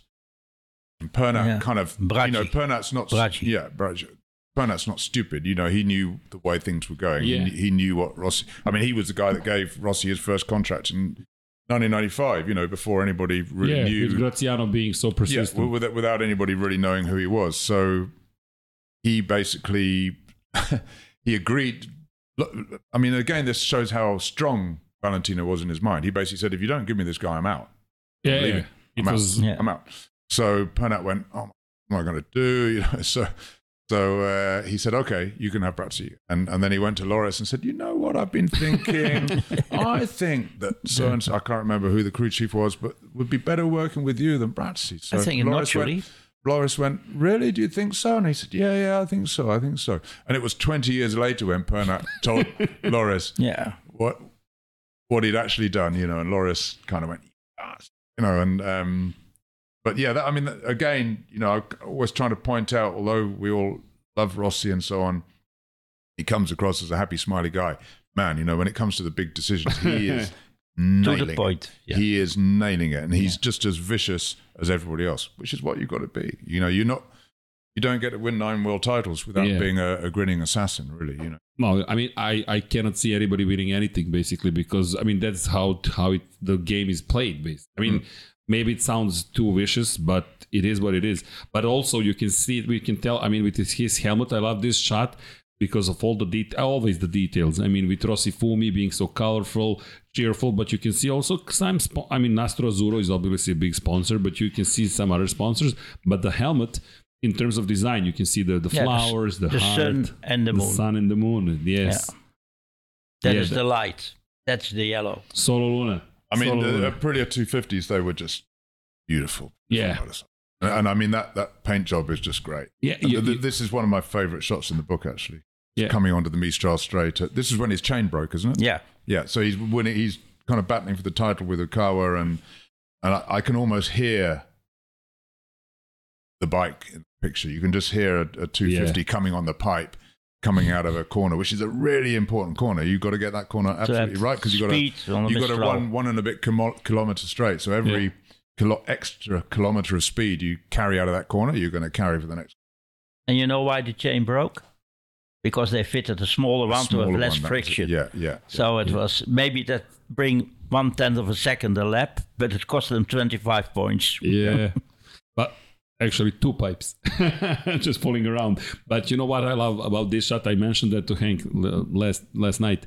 Actually, you know what these Aprilias, the 250s, the, the, the obviously the street bikes, a couple of years ago, like well, not a couple of ten years ago, they were selling in in ex Yugoslavia for like peanuts because Yeah. people were just getting rid of them.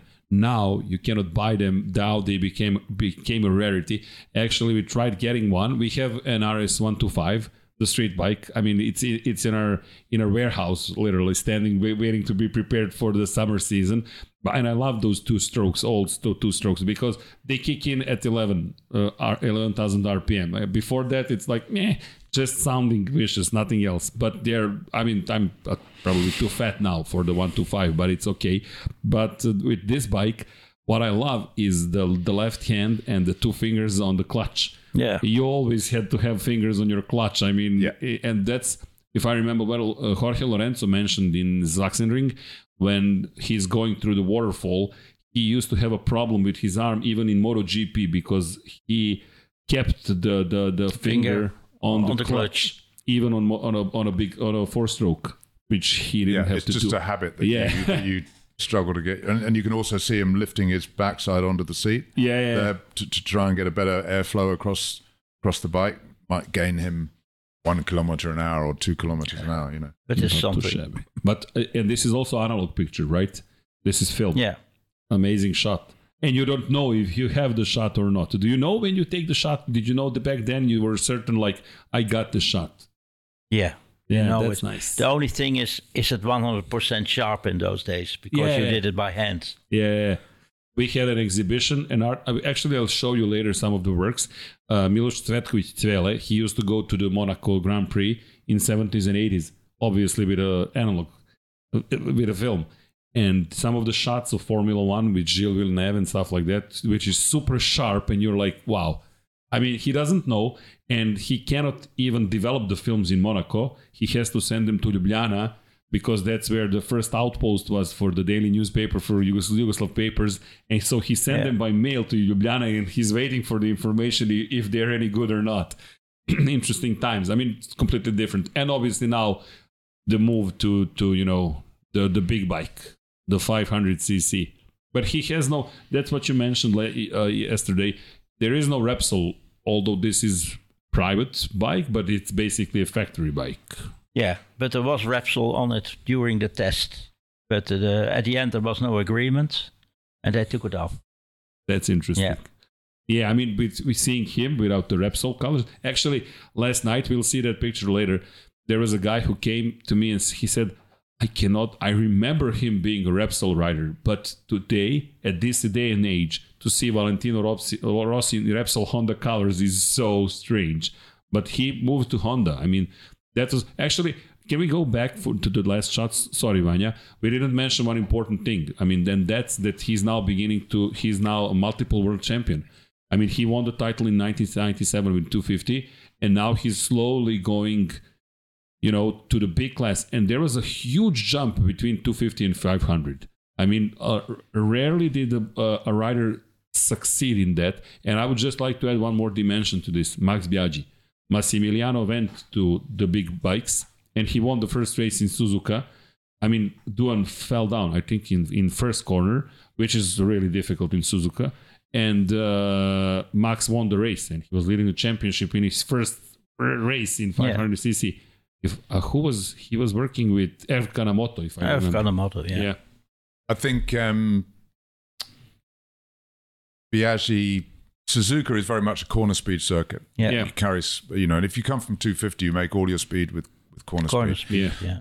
Um, and Suzuka is a very flowing corner speed circuit.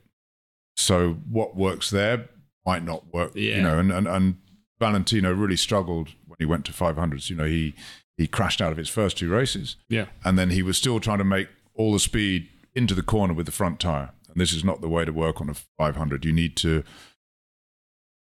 carry, you need to, instead of taking a big, long, sweeping corner, you have to take more of a V than a U line around the corner. And Yeah. It took him about half the season to work that out, more than in Yeah. fact. He, he reckons that it was Brazil end of 2000 when he started getting the hang of it. And, and actually, he said it after Malaysia in 2001, end of the 500s, was the first, was the fi- time he'd finally got a hang of riding at 500s, like a month before they became obsolete.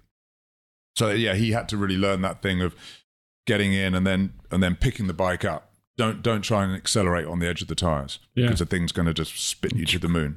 Yeah. You, you, you've got to get in the corner, lift the bike up onto the fatter part of the tires, and, and then you've got enough. Straight. Then you've got enough um, contact patch to to use the torque. Because I mean, 500s were horrible things. Really, they had just a huge amount of torque that would just come in all of a sudden, and that's why And they were light.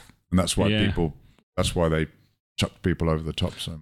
Can I digress a little bit? Uh, do you, did you? I mean, I obviously know about you. You were racing, Matt. But Hank, did you go racing also? No, I Oh. only worked on bikes. Yeah, My mother didn't like me to race. I can relate. but to I that. must say, I was not so interested. I Yeah. was, I, uh, I like to st- uh, to spend hours on the test bench. Oh, nice. Yeah, just to see if you had some horsepower more on the 50cc.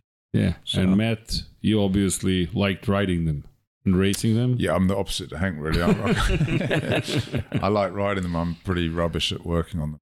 Really, I mean, really. You know, I mean, when the, when I was racing production bikes and stuff, where the preparation is very simple, um, quite lazy, basically. You know, I, I don't really want to do any work on the bike. I just want to ride the thing. You know, but you'd see the state of my road bikes at home; they're just a mess. You know, I just I like riding them, and I don't really care. Yeah, but did you ride this one, the 500 NSR?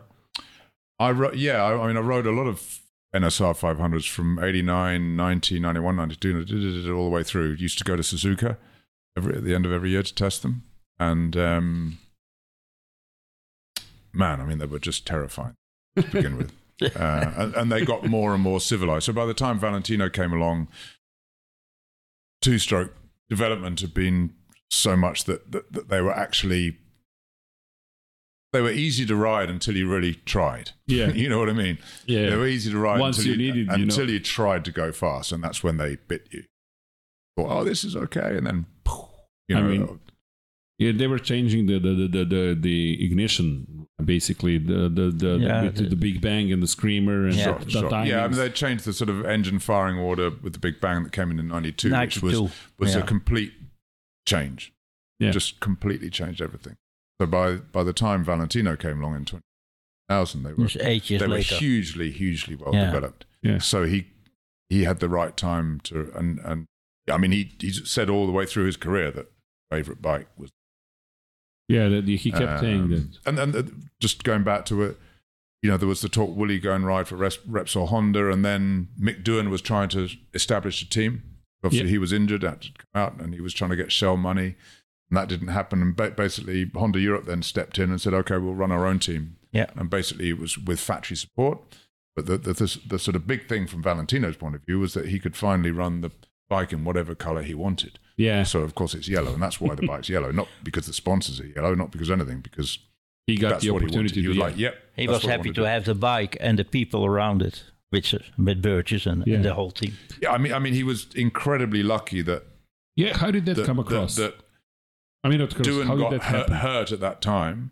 Doohan broke the legs in Jerez in 1999. No, he he he, he broke uh, a shoulder and yeah, maybe a tib and fib. I mean, he he'd obviously already been hugely badly injured Yeah. in '92, and then he lost a lot of feeling in the arm, and he was trying to come back. And by August September '99, he was like, "I'm out of here." Yeah, So suddenly, you know, Burgess and the whole team, which For was free. I would say, without a doubt, best crew on the grid Yeah. at that time, one of the best ever, um, were free.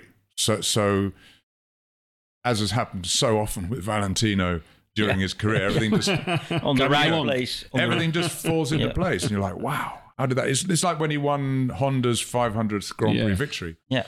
um, at Suzuka in 2001. So, so, yeah, that's so not, you know, it could have happened in any class at any Yeah. track, but it happened in the Premier class with Valentino at Suzuka. You know? And also, and two races before had to be won by, By the Honda 125 rider. No, exactly. and, So- and- and the that's it. 250 by a Honda rider. Yeah. And that happens. yeah, I mean, actually, everything was coming along. Like it's like a dream coming true. no, exactly, yeah. But yeah. for me, what what's interesting was also can you can you can you put back that, that shot, Vanya, and watch about the timings whenever you like to leave. Don't worry. I mean, I know you have to, a soccer ma- a- a football match to watch. Ah. Although Vanya, he knows a lot about American football, so mm-hmm. He's an expert in American football. Uh, and by the way, what I like about this one, obviously, you can see the the the, the engine, the, the bike. It's it's bigger than the, the in the last two shots, but all four shots. But for me, what is the sign of times? There are two things: the the PlayStation. I mean, Yeah. the PlayStation is is now beginning to be so important in, and that is for me, it's like a generational generational change. It's not only about the bikes anymore. Now it's about fun and games, and you can see Va- uh, Valentinic. It says. And like I look at the details and stuff like that. The helmet is pretty similar to 250. You have the flowers. There is no heart, but you know, sun and the moon and etc. And Nastro Azzurro, obviously, which was also present in in in previous seasons in, in 125 and 250, and the NSR. I love that you know in, i above the Polini when it says NSR and then it's PlayStation. It's so Japanese, like you know, and the controller is actually drawn out ahead of him, like the, he's playing a game. That's how I interpret it. I'm not saying he did that because of that. I don't yeah, know. kind of, although that's the kind of new age, um, there was also, that was the kind of dying of the old age. Yeah, Uh, the, the Honda hospitality unit used to have a Nastro Azzurro pump in it. You used to be able to just go and help yourself. Yeah. And, And, we and, did. And Jerry, Jerry, Jerry Burgess and his crew, you know, they're Aussies, pretty much all of them. So they like a drink, they like a beer. I mean, JB, 100% had to sit down at the end of the day and have a beer. So, and they, because they were pretty on top of everything, they'd generally be done by half past five, six. You yeah, know, it's not like now where they, you just never stop working. There's always a, this racing now is so complicated that you just never stop working. But then they used to come into the hospitality at six, and we'd be in the hospitality We'd at six, there, and yeah. you'd have a I had few always beer- a beer. you'd have a few beers with them before you know dinner, and um, and and JB was amazing. I always still miss him. You know, he would be able to sum up what had happened in the day, not just to them but to everybody else, in two minutes. Yeah. You know, it's somebody else could for us, spend it was three very- Yeah. For us, it was very interesting. For somebody else, Not could- only as, as a friend, more or less, with JB, but also for the information. you know. Yeah, as a yeah, no, he was he was amazing. You know, he had this amazing kind of Australian pragmatism. You know, they have this way of Keep cutting, it simple. cutting Keep it yeah, simple. keep- the kiss principle, keep it simple, stupid, and and and of, of always just cutting to the chase and just no bullshit. Just this is what happened, Yeah. and that's why it happened. You know, and and he was. I, I think he was also very important to Valentino's development because he was kind of like a father or or, or Yeah, a uncle to him, and, and and he JB didn't suffer fools. You know, I mean, just because Valentino was Valentino, if, if he did something that JB didn't like, JB would tell him. You know, in I can't remember which they had some furniture sponsor. Yeah. Valentino, and at some race he brought this big armchair, Yeah. plastic armchair, outdoor furniture kind of thing. And JB was like, mate, that's out. You're not having. Piss off. Get rid of it now. nice. Y- y- You know what I mean? So and so JB really, I think really brought a seriousness to Valentino's racing, and because obviously once you go to 500s, it's everything's technical, Yeah. and obviously then they went to four strokes, everything became multiple, multiple technical. But uh, sorry to interrupt, but just to add to that story, I think that cultural moment was also important for Valentino in terms of having Aussies at his side, not only Not Italian Italians, engineers. no. Yeah, because and I'm not thinking anything. I'm not saying anything bad about the Italian engineers. I'm just saying that you need. Uh, that's my belief. I mean that you know that being. Uh, a, a so wonderfully colorful society as a global society is a beautiful thing. And I think that pragmatism that you mentioned, because we tried getting Alex Briggs like 10 years ago to, to a conference that we were organizing in Budva in Montenegro. And I met Alex just by chance, you know, and we started talking about something, etc. Actually, what they did, we had a colleague of ours, which is now pretty famous, the host in, in, in Serbia, uh, Dragana Kosjerina, and that was the first meeting for her in MotoGP, and she she really had a, I'm sorry to say this, but short skirt. And we were walking down the paddock on, on Thursday morning. Nobody goes there on Thursday morning. That's our little secret. We, we still go Thursday morning. We go because usually still, that was 2012, you had the garages open. Mm-hmm. But all of them were closed, except all of a sudden the Ducati garage opened. Briggs, Stevenson, and I don't know how many guys from Rossi's crew laid down on the floor to look at her legs. and I was healthy, like, healthy guys. and I was like, what the hell? And they were like, oi, mate. And I was like, oi, mates, come on. And, you know, we moved along and then, you know, kind of met and started talking about some things, et cetera, et cetera.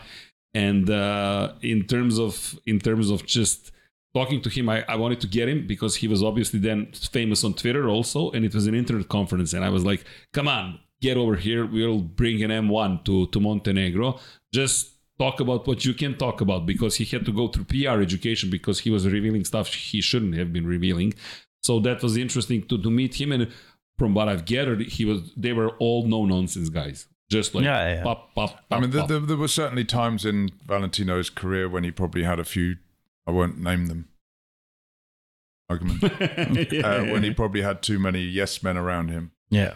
And, you know, Burgess and, Yeah. and, and that lot were not yes men. Like I say, you know, if, if they thought that what Valentino was doing wasn't correct, they told him. Because, you know, th- and that's the only way to go racing. You know, you can't, well, that's the only way to you know, do if you, if you know, no, exactly. If you, if you know what you're doing, then your opinion counts, and, and, and you should not be afraid of saying, you know, whether you're a manager or a rock star or what. You don't. exactly. You don't just keep it to yourself. You say, "Don't do this. Stop it." Something. And and JB and like that that lot were very much like that. and Yeah. and he got to work with them in 2000 and then later in 2001 which is a huge season i mean this is 2001 Yeah. because there's kenny roberts jr with the number one in the background and this is barcelona right Yeah. I, this one didn't make it to the exhibition because it was the, the second one from 2001 so we said let's use that that the other one with the doctor shot actually Vanya, can you show us the doctor shot please uh, the the point of that shot with the stethoscope is Hank, if I'm not mistaken, and I know this, like we didn't prepare for this, but that's an exclusive shot that you got Yeah. in in Le Mans, Le if I remember yeah. well. So nobody else could take this shot. No, because Valentino himself closed the door of the pit box on Thursday. I prepared it for the Dutch TT. Yeah. It was the cover of the magazine Motor 73 I work for. And I've got much, uh, many more pictures of the whole shot with the whole team. uh, it was great Yeah. because he likes to do it, you know. And then uh, he comes also with ideas. Shall we do it this, this? No, he is organized. Chief marketing officer. yeah, yeah. Exactly.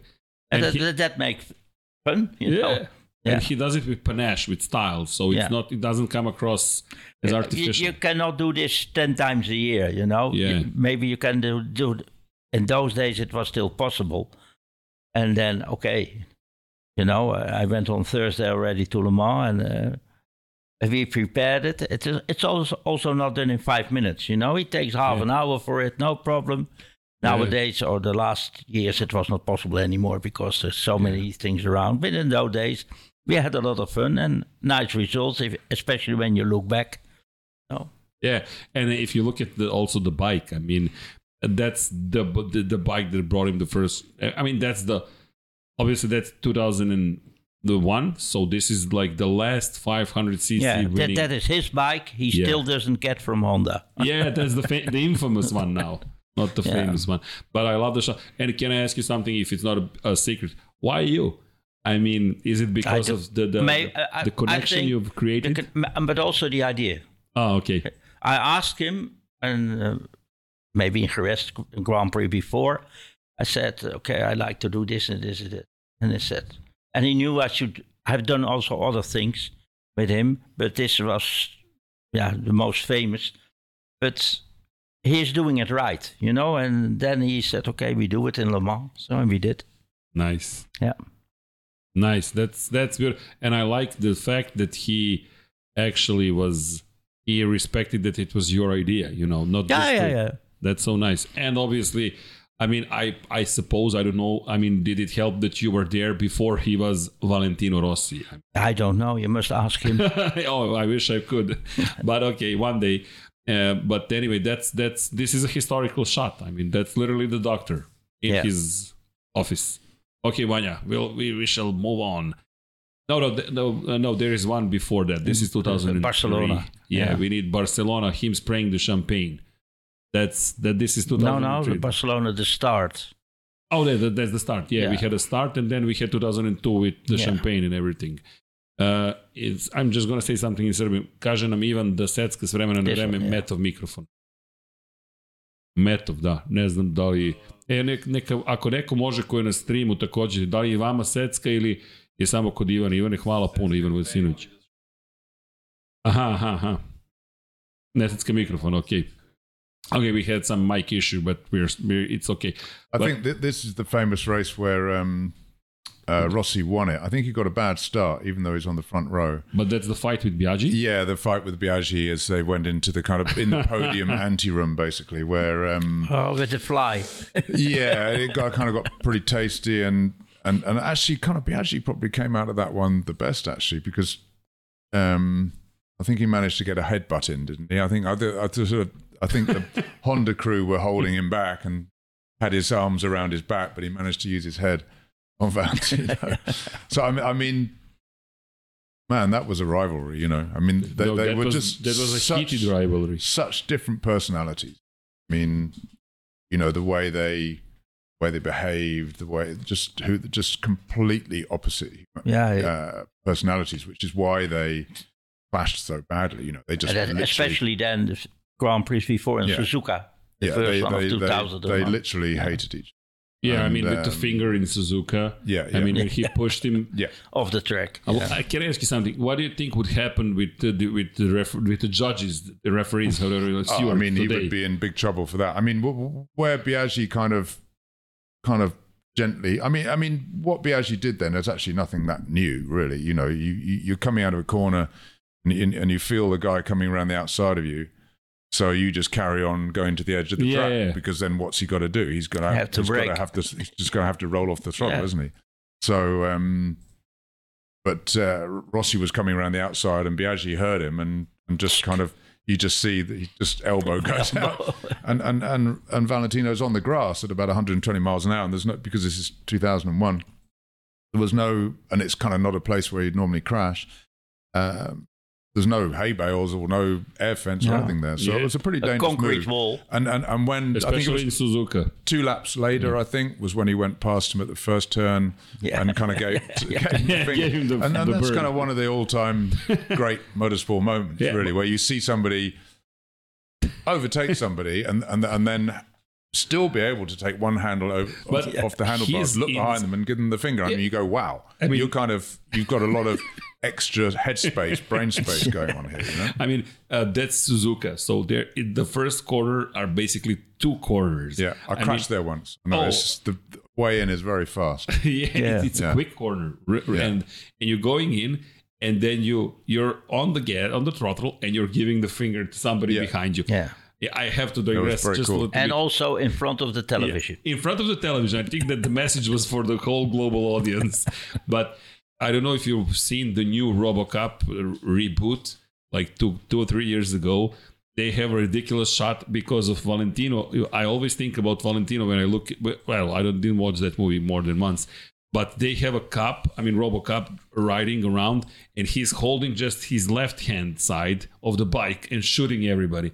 And I'm like, I'm sorry for being vulgar, but other F's. I mean, how can anybody ride just using the left hand? Yeah. It's like so ridiculous. And he's shooting at everybody. And I'm like, Jesus, at least get their hand right the right side. But anyway, but Valentino, that was amazing. I remember that. I recall that so vividly. And that's still, again, just increasing the show. The show is getting bigger and bigger and bigger, even if, if you know, and as you said, it's important, like 500 victory. And there's this Yamaha guy because Biaggi then moved to Yamaha, if I remember. He, Yeah. he wasn't on a Honda anymore. And he was like, I'm gonna stop you. No, you're not gonna stop me. It was it was an amazing race. But but but more importantly, the last 500cc champion, and he actually did something so amazing: 125cc, 225cc, and 500cc, and all of that in six years' time. Yeah, and only Phil Read, I think, Yeah, done Phil that up Read, to that before point. him, So, yeah. um, God bless his soul. Um, yeah, and, and even now, I think it's only uh, Read, uh, Rossi, and Marquez who've Yes. done Yeah. that. The, the, Yeah. the three primary Categories. categories, if Yeah. you like. Lorenzo has 215 MotoGP. Yeah. He never won the fi- one to five. Dovizioso won that one. Yeah. That's that was an interesting season, 2004. And and in in re- with re- that regard, Rossi is now becoming somebody people strive to become. Actually, the kids are impressed, and he's like making the whole new generation of kids want to become racers. And it it just the appeals the appeal increases with the next season. I mean, that's the champagne shot. I mean, when the Repsol and Honda say, no, no, no, you have two Repsols. Yeah, 2002 is coming now, I think. Yeah, 2002 is coming. I Let think it's the start of the Let's make- first race yeah. in Suzuka. I'm going to show what to what, this one. Oh. Yeah. This one. That's 2003. That's, That's- Yeah, 2000. I think it's 2002. Because uh, Capirossi's there on the. Yeah. Oh yeah, that's that's Sorry. 2003. Yeah, no, my- no, no, no, no. no. You're my right. anorak side. Now coming the out. 2002 shot is 2002 is just, this one. Thanks, man. Sorry, sorry, Vanya. My mistake. And you kind of notice how his celebrations were very um, theatrical Yeah. back then, and just gradually, you know, that kind of tailed off. He kind of knew when Wow. it had, what- he When knew to when it, it. he went he knew once it had run its course. I mean, what, when did he last? I mean, when I mean you Assen. yeah was was, was that 13 14 um, so kind of after that you know he knew he'd done it all i mean you can't just keep on making up fantastic celebrations every time you just have to realize that you've done it all and just you know Yeah, but well, the cold shower shower was 2006 with the castle and the Knights of the Round Table. They had everything prepared. yeah i, I think Yeah. was that 2006 it was I think yeah so it's Sachsenring um i can't remember the year but he they, they they'd got they'd made a replica of the Tavullia town church Yeah. uh, steeple, bell tower, and they'd managed to convince the uh, the, the the priest of Tavullia, who was in his eighties, Yeah. To come to the race, to ring the bell. I mean, he must have thought, "What the hell is going on?" and that, so they'd got him. He was going to when, when he won the race. If he won the race, Yeah, he do. They were going to drag this uh, replica of the uh, Tavullia Church bell tower onto the track, and the priest was going to be in the top and would ring the bell, which is what he did back in Tavullia every time Rossi won a race. But I think the la- he was leading into the last corner with Gibernau. I can't Yeah, remember. I, I won. think it was. I think it was in the Honda years. Yeah, I think it was 2003 or something. yeah, but But he'd say he was leading into the last corner. He lost the front of the last corner, and and Gibernau beat him by, to the line by a fraction.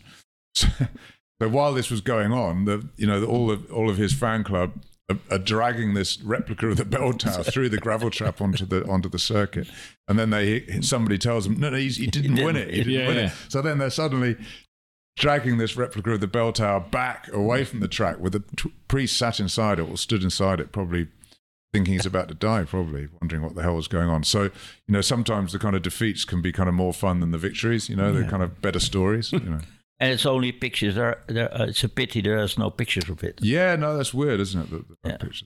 Uh, actually, for uh, this one with the Knights of the Round Table, I recall the guy who is no longer the director of, of Dorna production of TV. He moved now to be the boss of the whole production. He was mentioning that in 2006, the Rossi's crew came to agree to, to, to make an arrangement for the, the round, Knights of the Round Table. So they prepared the whole castle and the, the round table because that was supposed to be one more actually the the eight the, the, the title number eight. So they were preparing it and when he crashed out in in in the the, the second uh, corner they were like oh oh so Dorna had everything agreed with his team already for the celebration of the title because he was winning the, he was leading the championship but in your book you're mentioning Saxon you're I mean you're spot on as always Yeah. with, as, with regards to the to celebration but that was an amazing victory by Gibernau. But we, ne- we, we didn't mention one important thing. In, in 250 and 125, he never had a rivalry that strong as with 200 eh, as with Max Biaggi, who actually he didn't didn't even meet on the racetrack mm. until 2000.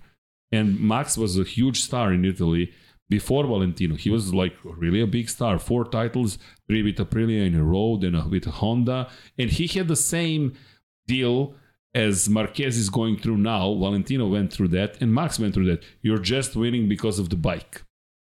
Yeah, and also it's important to say that that um, you know obviously Biaggi was the number one Italian and very jealous of his number status, and and he he I mean it already started between them when he was in two fifties Yeah, and Valentino was in one two fives and already making bigger news in one two fives than, Yeah, exactly. than Biaggi was in two fifties, and I think he said something about Biaggi that Biaggi didn't like, and Biaggi told him to kind of shut shut up. And which obviously just made Rossi all, Obviously. all the more determined not to shut up. Um, so kind of that's a big thing where people think that riders from the same countries are more likely to be friends. In fact, it's completely the opposite because you're you you you you want to be the number one in your country yeah, um, just because you want. But but also that means you know you you, you want to be the guy getting the most Italian sponsorship. You want to, uh, you know, if you're Italian. And and that was one thing in 2015 with the whole you know Marquez, Lorenzo, Pedrosa thing. People said, "Oh, it's a Spanish stitch up and everything." You know, Marquez and Lorenzo Pedrosa didn't particularly like each other. You know, they, they No. I think you see somebody from your old, Yeah. your own country as a bigger rival because you know you might have come up a bit together and you know you've probably got festering sores going back. You know what I mean? yeah. But that is generally the case. It was the same with Doohan and Gardner. Um, you know, And also the journalists from that country. yeah, use absolutely, absolutely, because you're competing for the same market. You know? That's interesting. And, and you want to be the number you you you want to be the main man in the world, but you also want to be the main man in your country. You don't want so uh, local is always important. Yeah, Yeah, especially absolutely. in Italy on Monday in the Gazzetta dello Sport. yeah, yeah. Actually, Gazzetta, we like reading Gazzetta with Ferrari because there is always always somebody living in a Ferrari garage from Gazzetta dello Sport, and you know that what com- what's coming out is somebody's conveying a message, basically. But that's interesting. Uh, with regards to Italy, uh, I when I one of the first interviews I ever did was in Assen. Actually, it's 2008 with Colin Edwards, and I asked him, I mean, how do you feel? Because I was back then I was uh, working for Eurosport, but I couldn't film anything for Eurosport.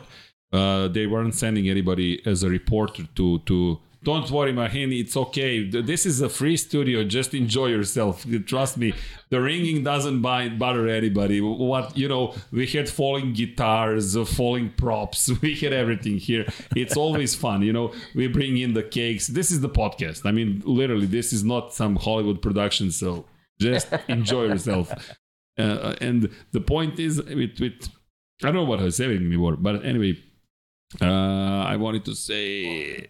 Sorry? Colin Edwards. Colin yeah. Edwards, yeah. 2008. Two things about Colin Edwards. I asked him because I was working actually for for for some some sort of a Hello magazine, if I can call it like that. I, that's the only way I could get accredited.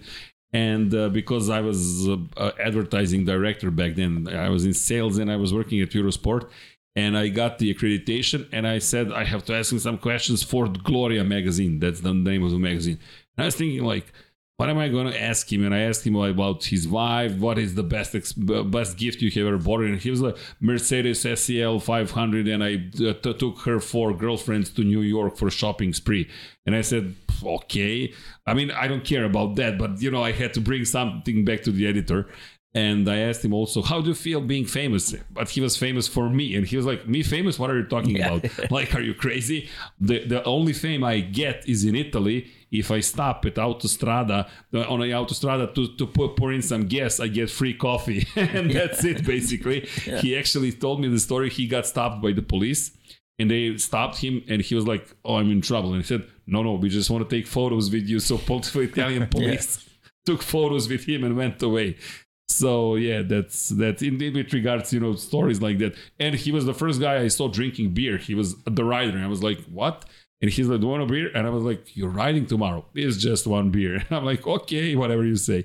Anyway uh, to get back to rossi actually i mean but the, the slowly the whole market is developing. I mean now you get stories with him and biaggi the fist fight. That's mainstream media also it's going to get bigger and bigger. And then you know with 2002 I mean, that shot for me, as, the, as you said, the celebrations. But what I like about that shot, you can see how narrow the RC211V is actually. Yeah.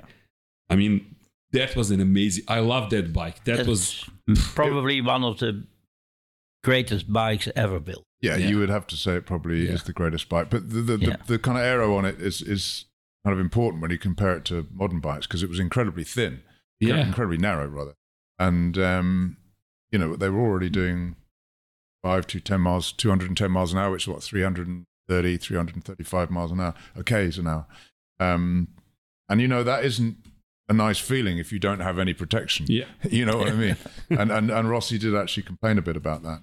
Um, but I, I, kind of always liked the look of it because it had a bit of a, a kind of Judge Dredd look to it. Yeah. It had actually been designed yeah, rather than just being a race bike. Okay, let's just make it look like another race bike. It kind of the angle angles on it and so on. It kind of had a bit of a Judge Dredd look to it, and uh, I really like that. I mean, yeah. I mean, how different do they look now? I yeah. Mean, you know. Uh, can I ask you one question? This, as as as I give myself the right to digress, there, uh, there you have a question from Bane, which is a, it's it's a bit of a digression, but we're here to just chat about. Uh, he actually he's mentioning Marc Marquez saying that MotoGP in terms of what you were just saying, is going the way of Formula One. Do you fear that you know that with all the changes yeah, we are 100%, going there? Hundred percent. Um, you know, as soon as you introduce downforce aero into racing, uh, you've got a problem because yeah. you you need to be on your own for the aero to work. Yeah. As soon as you get close to another rider, and you've got to, um, so you're leant over during a cor- through a corner, you come you come into the draft of another rider, suddenly your your downforce goes. You yeah. know, so you, you know you, you, probably won't crash, but you won't have the grip that you had. You know, um, so to me it, it is a huge issue, um, and not only do that, but also you know overheating front tires. There are all these things making it very hard for riders to get close to each other. Yeah. You know, if you get if you get behind somebody, the heat from their bike, because you know, if you've got 300 horsepower motorbikes, they produce a lot of heat. I mean, you know, yeah. horsepower is heat, basically, isn't it? You know, the more power you Energy. make, more power you make, the more heat you make. Um, so you get behind a bike, and you're faster than him. Get behind him, but you can't overtake him immediately. Then your front tire overheats, and then and then you you lose half a second because yeah. you have to slow down and wait for your. We've seen this year and and and and that is to me a huge problem that they really need to get their their they really need to deal with, but I'm not sure they will because Yeah, and there's there's a lot also of the point of the aerodynamics. You saw what happened with Bagnaia in Quartararo in the last race. Yeah. When Bagnaia loses a, a winglet, it has influence on the behavior of the bike. Mm-hmm. And Yeah. then you get to the point where you have to say you have to go into the pits. You cannot continue, you know. also with the ride height devices. Speaking to Marquez at the last race, you know, he said in the old days, well, it was two three years ago, you know, it was it was be the top of third gear, bottom of fourth gear, where you could use full torque on a on a motor. Yeah. They have so much power, you you can't use it all until then. But until then, you'd need to be dancing all over the bike, trying to reduce the wheelie by body position, um, playing with the throttle. So it all came down to skill to who could use the most torque, which is what you're trying to do down the straight. So, whereas now, he says at the bottom of s- s- third gear, at the top of second gear, you're at full, you can use full torque because you don't have the wheelie because of the ride height, Yeah. because of the downforce. So, very difficult for the rider to make a difference. yeah, you saw the what happened to Rins in Le Mans. You know when Yeah. he Yeah, yeah. when he Yeah, went off He the went track. straight. Yeah. Yeah, so there's there's a lot of issues, including safety. Yeah, um, and the next couple of years are going to be interesting. I think. You know, You you know. who was the first to mention the winglets in Assen? Uh, if you remember Oliveira, he was moving to the grid position and he was surprised by, I don't know who it was. I think maybe Bastianini or Zarco. And he actually clipped the with the winglet one of them because they braked so no it was Mir Mir braked so early ahead of his grid position that he surprised Oliveira and he couldn't miss him so he lost the winglet and he said the whole race his bike was out of balance yeah. That's had- also with Bagnaia in Yeah. Valencia. yeah, because we saw that's what when we learned how important that is. So, well, listening to the I love listening to Miguel. I don't know about you guys uh, because he gives a lot of explanation, a lot of details. Yeah, definitely. I, I, I mean, he, I, I, there is something about his way of giving feedback that I really like, and he taught us actually. So when we saw the winglet flying, we were like, oh. So somebody's going to have a problem. I just wasn't sure if it was Fabio or Pecco. And when you saw Pecco without the winglet, it was like, okay, this bike is out of balance which it shouldn't be, but it's you know actually Dan, I, I'm I, I'm sorry that he's not here. He's in Novi Sad. He's he actually drove his kid because he's in an international swimming competition. Family comes first, so just waving to Dan.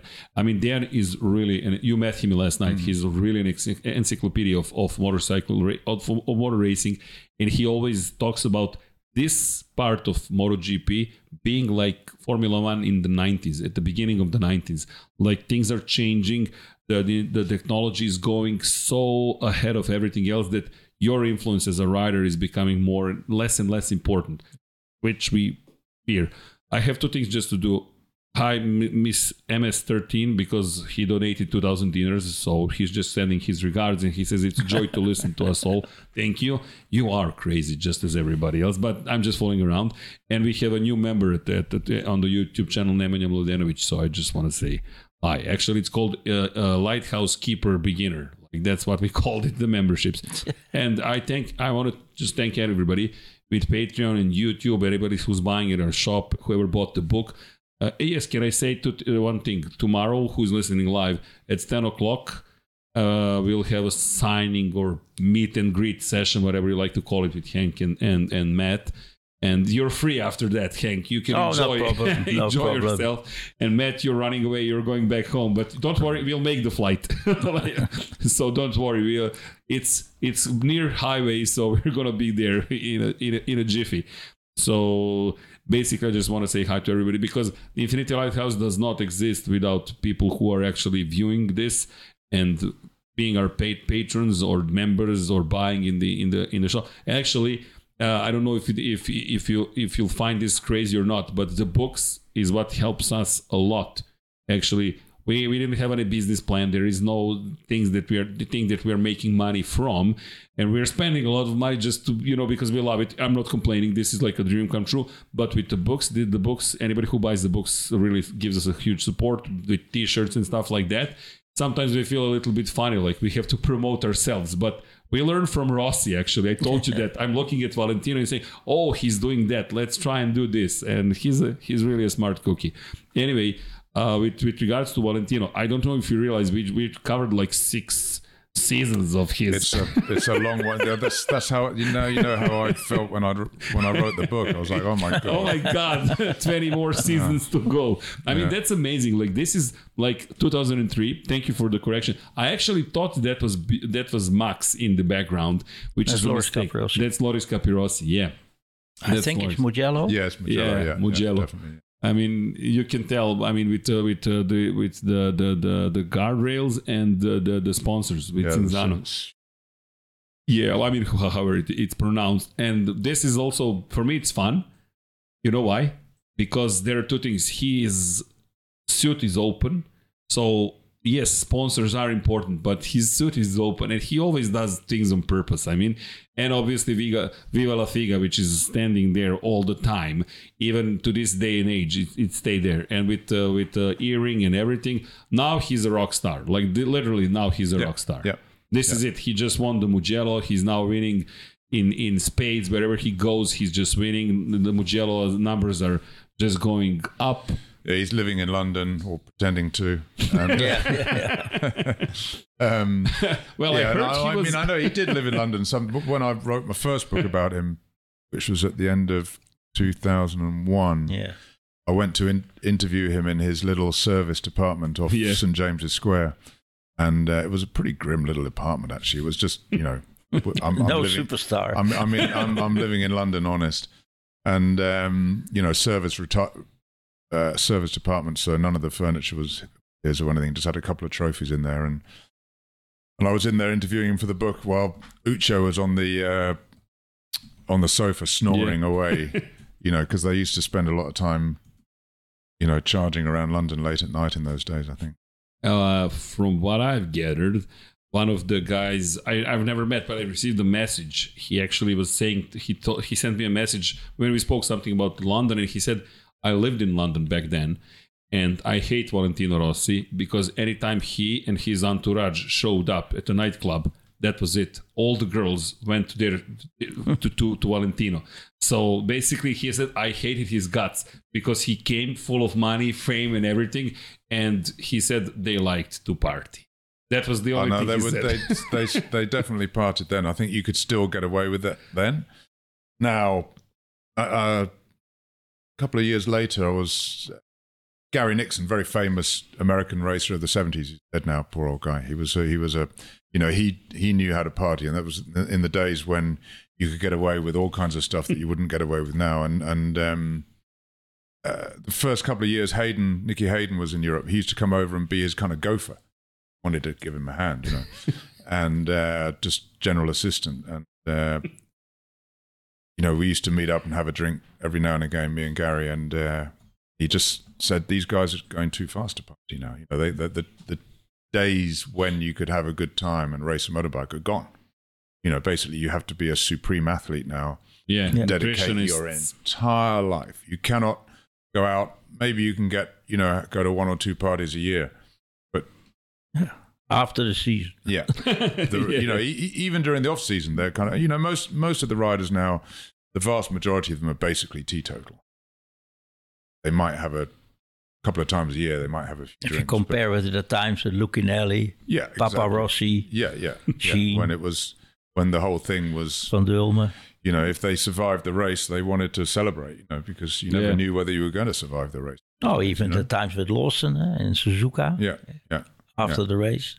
Yeah, Uh, actually, we are translating the more and more books, and the, one of the latest one we're waiting for a couple of confirmations, and we can then publish it. Is the Formula One champions, and you read about the, the old times, fifties, sixties, with Denny Hulme like being burnt, his hands being burnt, but because Bruce McLaren got killed actually substituting for him in Can-Am Championship, Danny Helms felt so obligated to come and race. He finished, I think, third or something like that, which was important for the McLaren team. He couldn't take his hand off the wheel because his skin was still so raw. He was glued to the metal of the of the wheel. I mean, crazy things like that. Or Jackie Stewart being actually stuck in his car in Spa, and they the other riders drivers stopped, went to the stands, grandstands, talked to somebody from the grandstands because he was so far away from the finish line that they went to the guy's car, took the tools from the boot, and took the, the tools of the viewer to to the spectator to to to free Jackie Stewart from the wheel. And then there was no ambulance, so they'd have to take him by car to the ambulance. and you know it was like extremely crazy. That's why uh, Stewart was so adamant that uh, the, the Safety. safety yeah, was, Yeah. has to improve.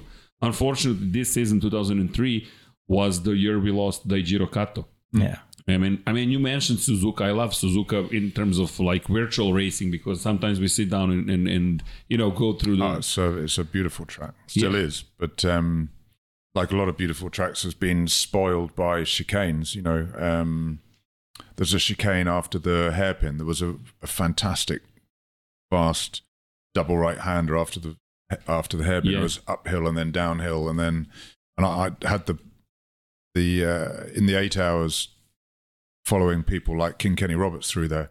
Well, following. Seeing him. Yeah, yeah, you know, and, and just him just kind of opposite locking it through the right hander, you know, with smoke coming off the rear tire like 200 Ks, just. Um, and then doing a few years later the same thing. Just, just, I mean, fast corners. Riders like fast corners. Um, everyone likes fast corners, but sadly, you know, you Yeah, Most are there comes a spoiled. point you have to you have to get rid of them. And although you get a lot more crashes at a chicane, you know you might get a you know a thousand broken collarbones is better than one death. You know, or ten thousand bro- broken collarbones is better than one death, isn't it? So, so um, you know that's just the way motorsports got it. It's got a lot safer. It's got a lot less adventurous. It's got a lot less weird and wonderful. It's more professional. You could uh, you could uh, you could argue that yeah, modern life has got like that as well. You know, clean. Ev- everything's a lot more, you know, health and safety and so on. But it comes from a, a situation which was a nightmare. That the the the amount of deaths and so on, Yeah. and serious injuries were were not funny. You know, there might have been a lot of fun, but that wasn't part of it. Uh, in terms of, I mean, fun. I'm uh, I'm obviously a little bit younger, so we came later. But what brought fun was, I think, Valentino and the, his shenanigans, and obviously the history he was writing. I mean, if you look at what he was accomplishing, was is this guy really going to do it? Like that for me was fun. Like just Yeah. im- thinking about it. Colorful. Exactly. Is he really going to win the 125cc? Yes, he is. Is he really going to win 250 in his second season? And then, like, is he really going to five win a 500 in second season? He actually did it. And then, like, is he going to be the first MotoGP champion? Yes, he is. He's going to get into fight with Max Biaggi. Yes, he is. Is he going to win it? Yes, he is. And then 2003 is, I mean, that's like just you know do whatever you like i mean that season was i don't know uh, for me australia that season I, we spoke about that him getting the penalty 10 seconds and then Oh, saying yeah. like okay i'm gonna win by 15 seconds on phillip island like and we saw how crazy phillip island Probably one of his best i think for Yeah. me that's like Yeah. the top because you're fighting against yourself against the odds against the the, the clock against the the i don't know powers that decide whatever like it's one of the for me most rebellious wins although it looks so corporate almost but for me that's like in your face No, To everybody. Absolutely, yeah, yeah, yeah, yeah. Yeah, I mean, he, you know, you, you kind of look at his career and it's almost like a movie. You know, you Yeah. you, you almost, um, you know, fact is always stranger than fiction, and and and and and I think that's Valentino's career that uh, the kind of ups and downs and the round and abouts. Uh, it really was in many ways like a movie, and I'm sure Yeah. somebody will make a movie about it before long. You know. well i mean if you're gonna make a movie about a writer that i mean i i love hitting the apex and stuff like that and oh do you, I, do you know who actually made the footage of unfortunate footage I, well i mean at that back then it was news of Dani Pedrosa refusing to shake hands with Marco Simoncelli our cameraman actually the two of us were the team back then and we made that footage because they wouldn't let him in. That Dorna wouldn't let him in the media center, not the media center, but the press conference mm-hmm. room because he's a motorcycle rider and he had such a crazy haircut and cut out jeans that they were like, "Are you supposed to be here?" Although he had the Well, accreditation. that's the strange thing about MotoGP that if you look like a motorcyclist, you're obviously out of place. You know what I mean? It's, it's, It's pretty weird. ridiculous. It's pretty weird. Yeah, Zoc is his name. Actually, the, the two of us, unfortunately, Dorna didn't sign, you know, that, that it was courtesy of Sport Club, the television station that we work for. And they never signed. I said, we can give you the release, but you have to sign it. And then the movie came out, and we were like, Where, where, where's the Sport Club? Oh, oh, shoot, we forgot. And I was like, well, thank you for that. But at least we had Brad Pitt voicing it. you know, lose some, win some. But anyway, uh, with regards to this, also there was another question because he was getting more and more information. Like you're just winning more, the more. I mean, feedback that he's just winning because of the bike. So 2003.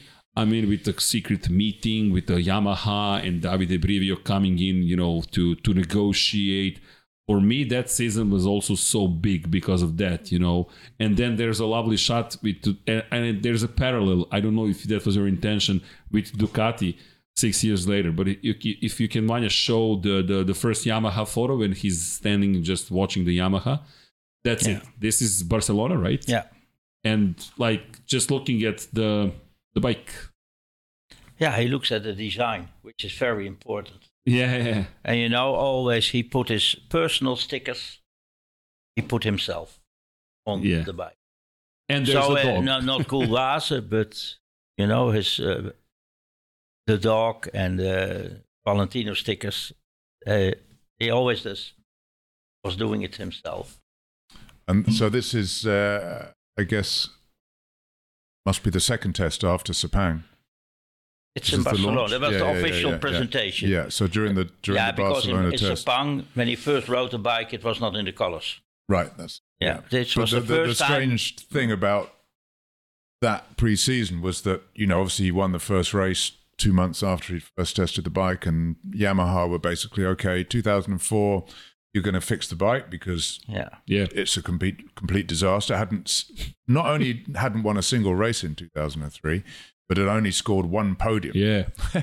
So I mean, you know, and, and the amount of crashes that everybody had on it was just ridiculous. And at the first te- first test, uh, so everyone, Yamaha thought, okay, it's going to take a year to fix the bike. yeah, And then in 2005, which is the Yamaha 50th anniversary, um, Valentino will hopefully win the title. But you know, the weird thing is that they had a two or three day test at Sepang in early February, the first time he rode it, yeah. and they fixed the bike in two days. You know, um, they had a problem with Barros and all these guys losing the front all the time going into corners, and um, straight away after after his first couple of exits, Valentino was like, "There's something wrong." You know, every time I shut every time I shut the throttle and brake, the bike's pushing me into the corner. You know, and I'm kind of losing the front. You know. Um, so they were like, okay, and JB and all that lot, and the Japanese engineers went through the uh, the data, and they they discovered that instead of the throttle shutting off when he shut the throttle and hit the when he hit the brake rather, the throttle would open.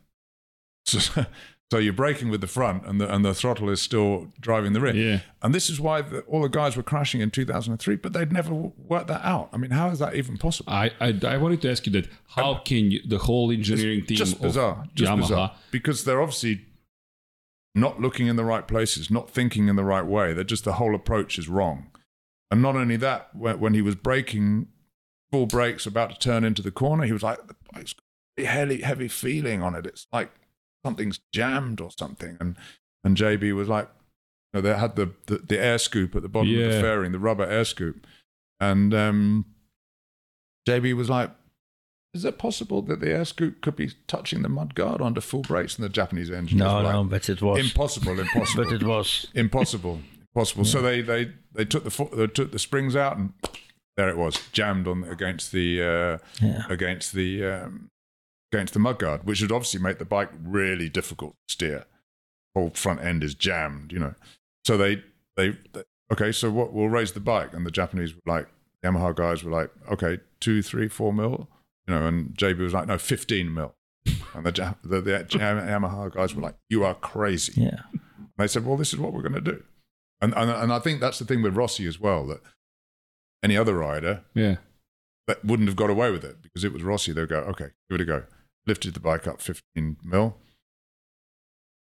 Bearing wasn't jamming on the mudguard anymore, and also they'd got proper, you know, pitch between the front and rear. So when you when you braked, the thing you got load on the front tire, which means grip. And when you accelerated, it went like that, and you had load on the rear yeah. tire, so you had grip. So that was it. Two or three things, and that and the bike was fixed. It, was very nice. Plus, the, I- I plus, yeah. the, plus the Big Bang engine that wasn't Yeah. his idea. That was obviously Furusawa. it, But it was nice to to watch there. I was there, also with uh, with Jerry, with Burgess. You know, they had I think three different engines, and after some laps, he had already decided that can be taken off. That is not necessary. That you can take off, and we take that engine. Keep it I simple. mean, the, the, the, the great thing was that we knew none of this at the time. Yeah. I didn't discover this until I wrote the book, the, the details of what happened in that test. Um, so we all went to the first race thinking, okay, he was fast in testing, but you know the racing's different, and that bike still isn't. It can't, you know, he can't Uh, have welcome, fixed it. welcome. Yeah, he can't have fixed it yet. And and then he went out and pole position at the, fir- the first race, And he won and, and then he won the first race, and it was like, and and that was the moment that you know he was obviously already a superstar. That was the moment that he became a kind of complete legend. Uh, To- that's to- to mythical take- almost. Exactly, and, and and not only that, but also Jeremy Burgess be, probably became the kind of first superstar MotoGP Engineer, engineer. yeah. Hadn't really engineers hadn't really been considered. I mean, it's a bit unfair because obviously Yamaha had Furusawa had put in a lot of work as well, but um, you know that that turned Rossi into a legend from superstar into a legend because he was the first guy in history to win back-to-back races, yeah. on different brands of motorcycle. Yeah. The championship been going through 1949, and he was the first guy in 2004 to do that, and, only the second guy to win championships on back-to-back championships Yeah. on different Yeah, Eddie race Lawson of was the after. Lawson. So Yeah. so yeah, that that that was I think because most people said he was crazy to do what he'd done and thought, well, yeah, maybe you'll win a race in 2004, maybe you'll fight for the title in 2005 and just bang straight away. It was Yeah. remarkable. and winning the championship. Yeah. He usually won the championships when he. There is only one season where he had like six victories. That was 2009, I think, if I remember, if I recall well. But usually it was either nine victories or 11 victories, something like that, you know. Yeah. And that, that that year it was nine, but it was amazing, you know, nine victories. And the, when I read, I didn't know the details, as you said. When I read in the book, when I was translating the book, and you were saying about the mud guard, I was I was flabbergasted. I was like, "What is this hell?" Like, Well, it kind of tells you that whatever Yamaha had been doing before, they were just looking in the wrong places and not thinking in the right way, you know, and, and getting so let's let's say overthinking probably Yeah, looking exactly. too Yeah. deep into the data, trying to find the solution in the data rather than actually just looking at the motorbike, going, but you know can what I you mean? imagine the the, the the the the wrong roads they took because not realizing what the, the problem is? No, exactly, exactly, Yeah, but and, and, and more also, or less the, the same happens now with Honda. Yeah, that's So it's nothing new. No, no, it's it's. I think in racing, once you start going down a hi- hole, yeah. you kind of tend to carry on going down that hole until finally you start digging yourself out. Yeah. And and and generally, when you you're in an upward spiral, it continues. You know the you know and and uh, everybody's all the different factories are in in these states of flux all the time. Yeah, At the oh, moment, at the Aprilia. Ducati is just Yeah, and Aprilia. completely pretty much unbeatable. Yeah. 12 races from 20, uh, five riders in the top 10, um, constructors title for the third year in a row. But that'll never, that won't go on forever. You know, No. and in a few years, someone will work out how to beat them. You know, I, I, I think it'll take a while, but, um, you know, nothing's forever. Yeah, but with him it was interesting because it looked like it's gonna last forever. I mean, 2004, and then you get to 2005, and things become just more amazing for him. I mean, uh, with 11 victories, I think that's the next shot with the white bike, if I'm not mistaken. Oh, yeah. Somebody And asked me And last Yamaha night. colors. Yeah, wha- Valencia last race. yeah, they asked me why are these colors on a Yamaha, and I was like, well, those, That's from the beginning yeah, that, that's those are started with. Yamaha That's what they colors. started. in Yeah, the 60s. Before tobacco companies got involved and everybody else, you know. Yeah, that's interesting. Somebody asked me last night, and today actually at the exhibition, he said, uh, Valentino never raced with with the tobacco sponsorship, and I was like, well, not exactly. He didn't want to, but when he had to, he did. yeah, I know, mean, so 2004, 2005, 2006, And Ducati years. and, and Ducati, yeah. Yeah, I, I, I actually completely forgot about the Ducati years, and then we, we went by the exhibition and I was like, oh yeah, Philip Morris. But this is like this is a beautiful shot because of everything, like the smoke, smoking mm-hmm. tire. He won everything. He's unstoppable. You have a, a classical Yamaha colors. I mean, the, the the the helmet is special also. Everything is, but there are still obviously yellow yellow details and it looks so amazing. I mean, I, I love this shot just for the pure raw power that it conveys, at least for me. I don't know. Yeah, yeah. Well, it kind of looks sort of mythical, really, doesn't it? You know, Yeah. because of the kind of the mist in the, well, the smoke, the mist in the background. you know. Yeah. Um, yeah, I mean, he was unbeatable then. And then we go into 20, 2006 and everything went wrong. They had engine failures, they had Yeah. tire failures. They had, Uh, Camel um, um, tobacco. And I wanted Yeah. to ask you about Camel actually, because from what I remember, he actually didn't want to to use tobacco sponsorship, and he was the one asking for them to ditch the Gauloise, and then they ditched them, and they come back with the yellow Camel bike. No, I, I think he. I think as soon as he went to Yamaha and it was well, or was his our sponsor, he was like, yeah, because they more know. or less they pay him a salary. yeah, Yeah. yeah. I mean, yeah, just everything went wrong for him that year, and and you know, starting in he- Jerez. yeah, exactly. He got taken out by Elias at the first race. He had a front tire fall apart at um, Shanghai. They thought was the rear tire. Yeah. Broke 'cause obviously down it in was- Le Mans. Broke engine broke in Le Mans. Um, the, the fu- fuel, um, no cooling system problem in Laguna Seca, and the tire The fell crash apart. in Assen. um, crashed in Assen, really hurt himself quite badly. It was Yeah. probably his first prop- big injury. Uh, still raced, you know. Um, and then obviously at the last race, because Dani Pedrosa took out Nicky Hayden at the penultimate race, he went in there with eight Five points, points. eight, Eight- points to lead. So everybody thought, well, it's a done points. deal. It's a Yeah. done deal. He's, there's remember no way the, he's not going to. yellow smoke, the firework Yeah, from Dorna. everybody thought it was a done deal. But yeah, the fireworks he, were yellow. he got a.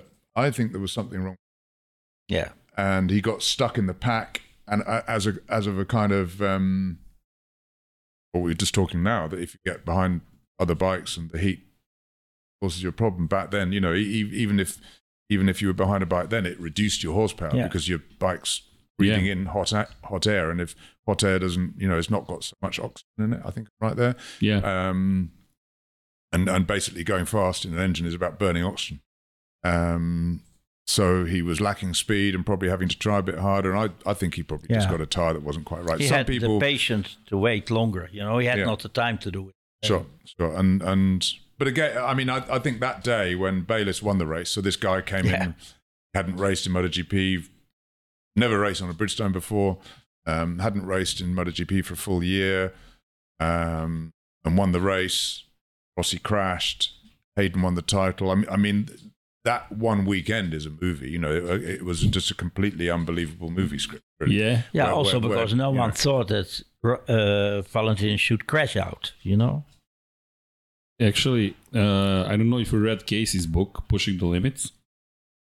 He he sp- speaks about this in his book, and he says is uh, actually I have that open. Literally, I have I have it bookmarked. He says the title had gone down to the final race decided between Valentino and Nicky. Uh, Valentino had uh, eight points advantage, and etc. And he said, but as soon as the lights went out, Valentino was in trouble. I was one of six riders to pass him on the first lap. And if you watch the footage, you can see how much he's struggling to even keep up with us. His rear and front tires were just not working together. And then lap five, the front inexplicably folded and he went down right behind me. It is only my theory, but I wonder if he was given a dud tire. This is Casey's book.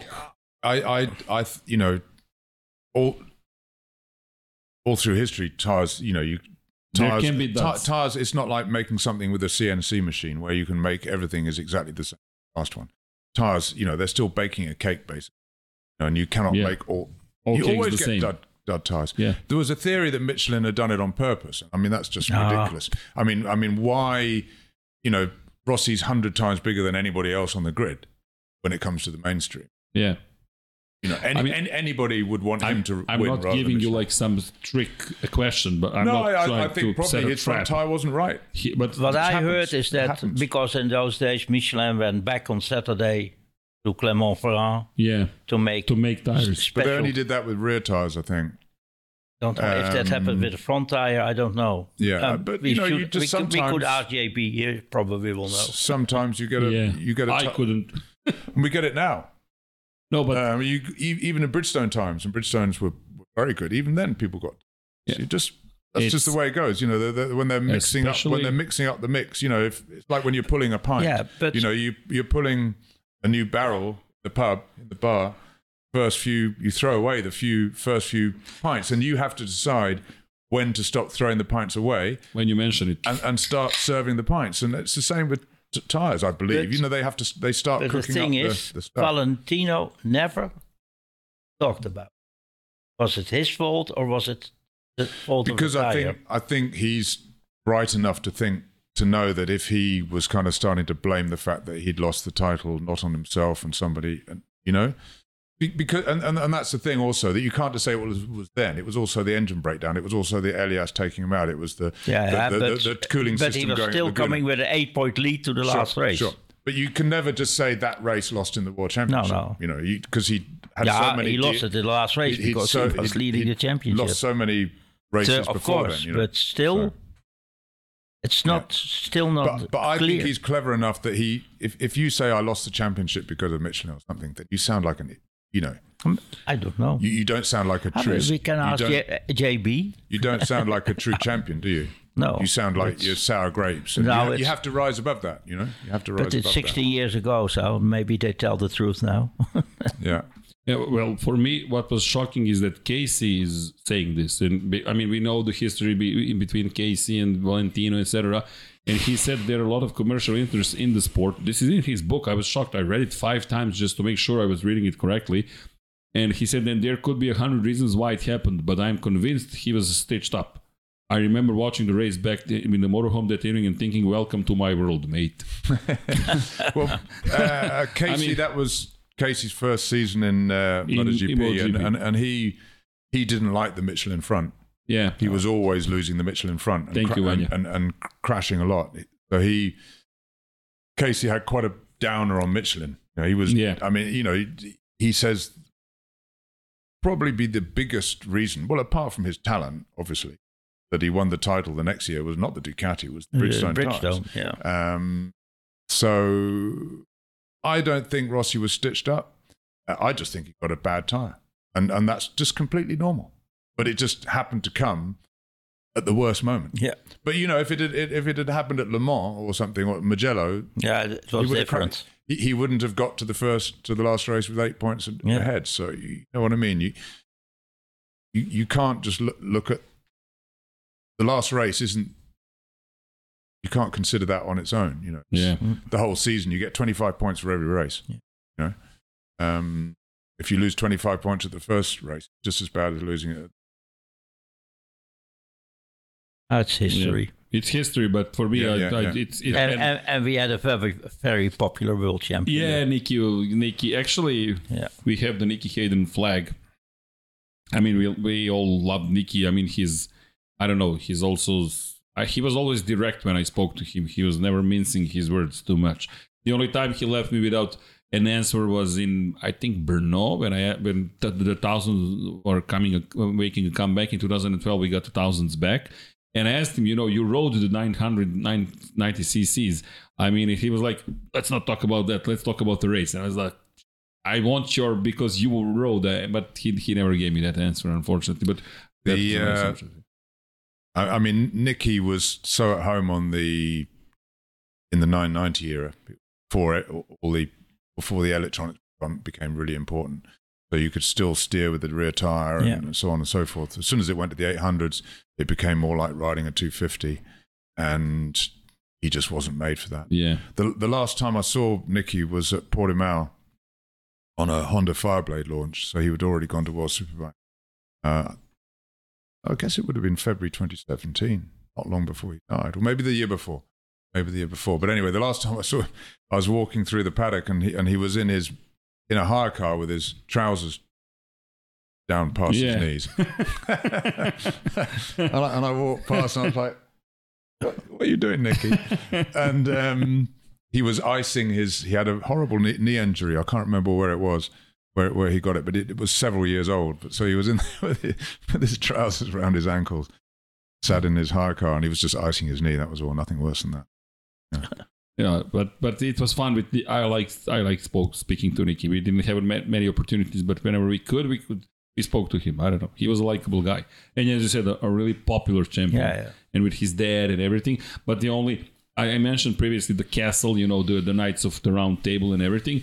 And I remember that Dorna was planning the celebration for Valentino, and you mentioned like the yellow fireworks. Yeah. That's like Yeah, that was uh, all a bit grim, really. I yeah, mean, you that know, was yeah. I mean, yeah, it was It happens. great. I mean, you know, you a, a- again, a it was fantastic that Hayden won the title, and b it was just another part of the story for Valentino. You know, Yeah. I mean, you you know, you can't imagine if imagine if he'd won the title in 2001, 2002, 2003, 2004, Yeah. 2005, Boring. 2006, 2007, 2008, 2009. I mean, come on, you know. So he he's he's his career was like any career career up and down, you know. Uh, I'm answering also some questions. And I mean, obviously, I, I'd say in 2006 he lost the title through bad luck. Engine blow up, getting taken out by Elias, um, cooling system going crazy at Laguna Seca. Um, Elias and- and then- winning the and then- Portuguese Grand Prix yeah, also. and, and, then- a dud tire at um, Valencia. So a lot of bad luck. In in 2007, he got his ass kicked. no, I mean, You know, by- 2007, by- that photo, like the new kids on the block. I Yeah, mean, yeah. I- I- Casey and Dani Yeah. are in the photo.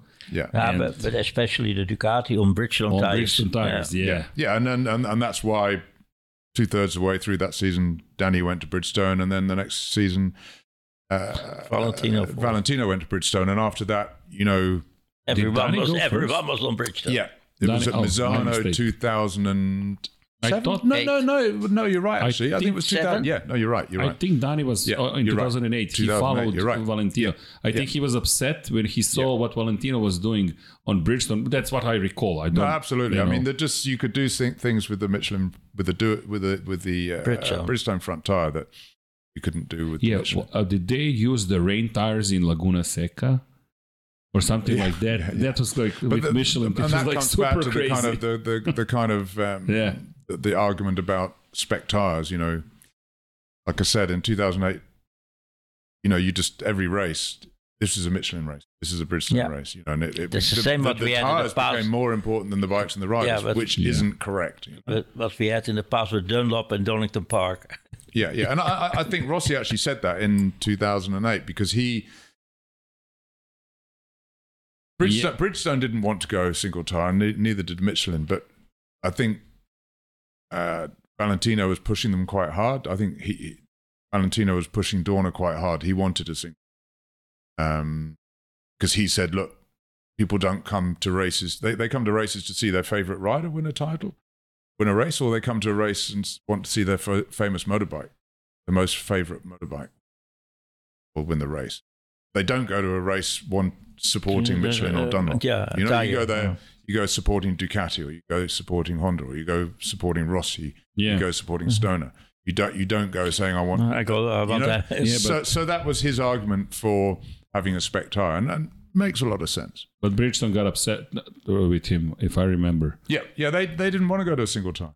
Yeah. You know, because you you know if you're racing, you want to Competition, be beating. You, you want to be beating somebody. Yeah. You know, Because and, also and, for and they were they were beating everybody. Yeah. Yeah. They, they were beating everybody. But at the time. 2008 was, you know, the crash of the stock market, and uh, Exactly, yeah. it was, it was and, and, and, really, that, and that's when everything changed. So we went to spec tire, and and then after that, Dorna were worked working on, you know, the, the basically you could have anything from three to six six cylinders. And they were like, no, you can only have four cylinders. Yeah. It's got to be 81 millimeter Meter bore, bore, maximum. So it was that was the start of the whole whole process. Wow, we've lost tobacco money. And then two years later, we got the GFC, the global financial crisis, and we're in real trouble. I mean, you look at 2010. There's 10 or 11 bikes on the grid at some yeah, races. you oh, know, Yeah. It, it was a mess. So they're like, right, okay. We so they brought the CRT bikes in, Yeah. which were superbike engines, to kind of fill the gap, fill up this, make the grid a I little bit always- busier. yeah, I always thought Car- that was Carmelo's move to make basically the the, the factories.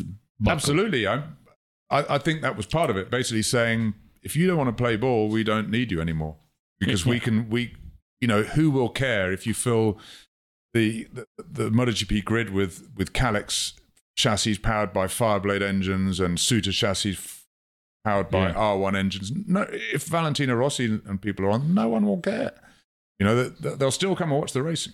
They'll be going one and a half seconds, two seconds slower. Yeah, you don't Like, see it. Who cares? Yeah. Yes, no one cares. Yeah, So, a so lot- he, he, he certainly that was part of it. But um, the more I think that was a kind of like, oh hey, not only can I fill up the grid, I can also make the make the Japanese factories that realize that I'm in charge. yeah.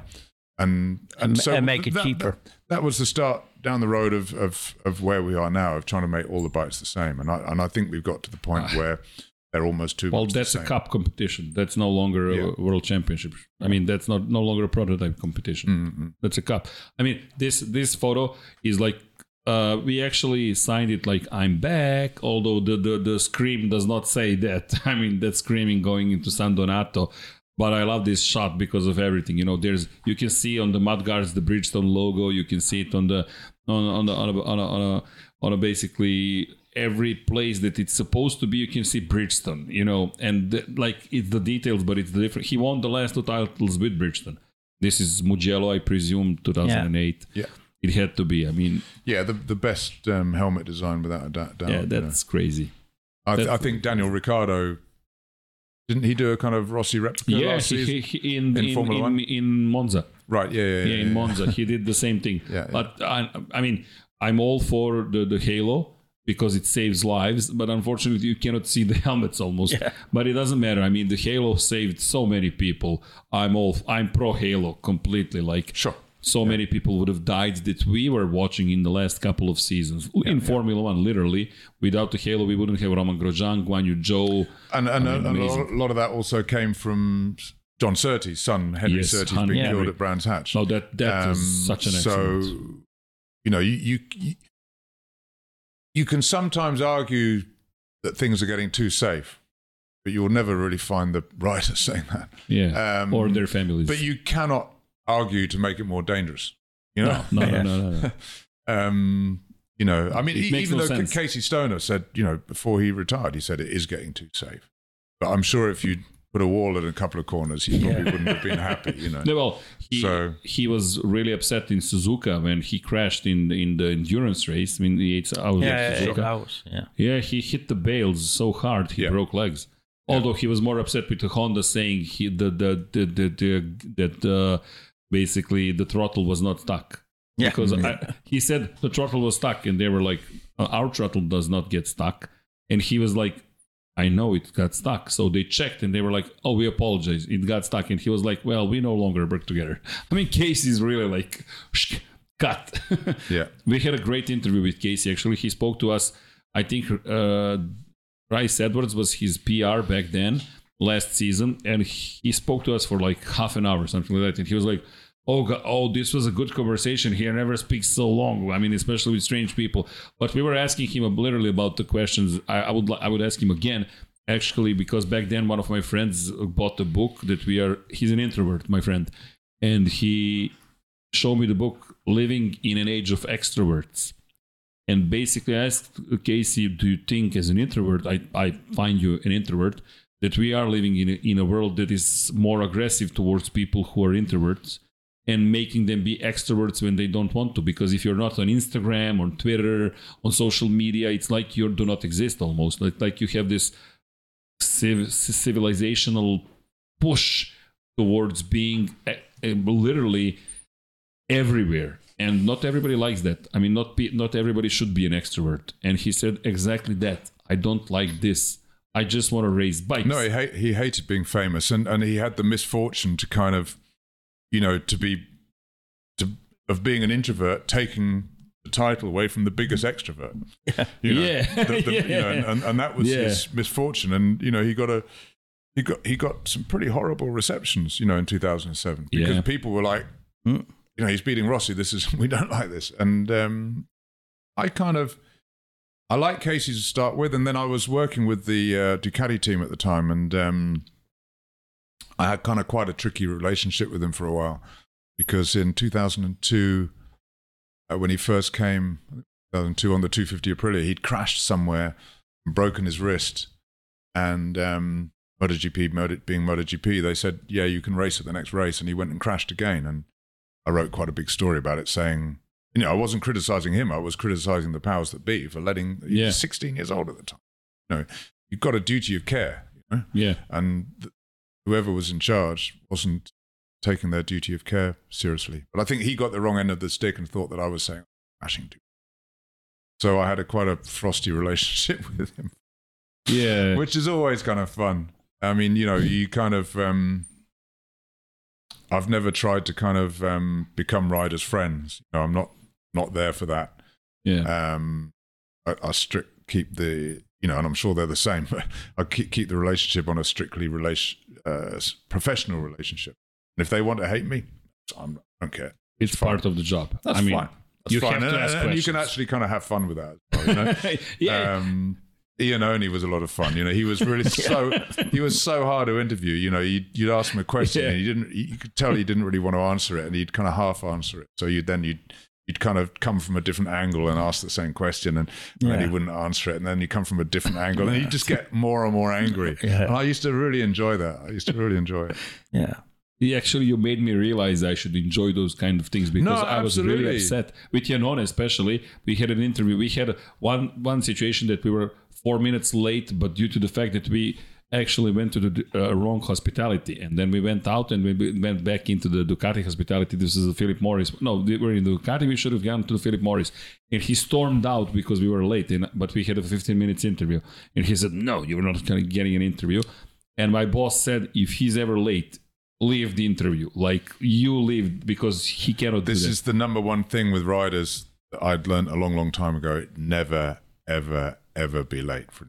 Yeah, They, they will never forgive you. yeah. I, that's they can be late as, as much as No, they like- exactly. You Yeah. can- I, I, I, if, if, it. if I added up all the time that I've waited for riders for interviews or debriefs or whatever over the last 35 years I've been doing this, I'd probably One have year. another year of my life. You know? But that's just what it is. You know, they're, they're, they're, they're the guys with the power, you know, and you just have to chase around after them. you know? accept it and, and move with it. Just have to handle the power. It's Yeah. motorcycle racing in another way.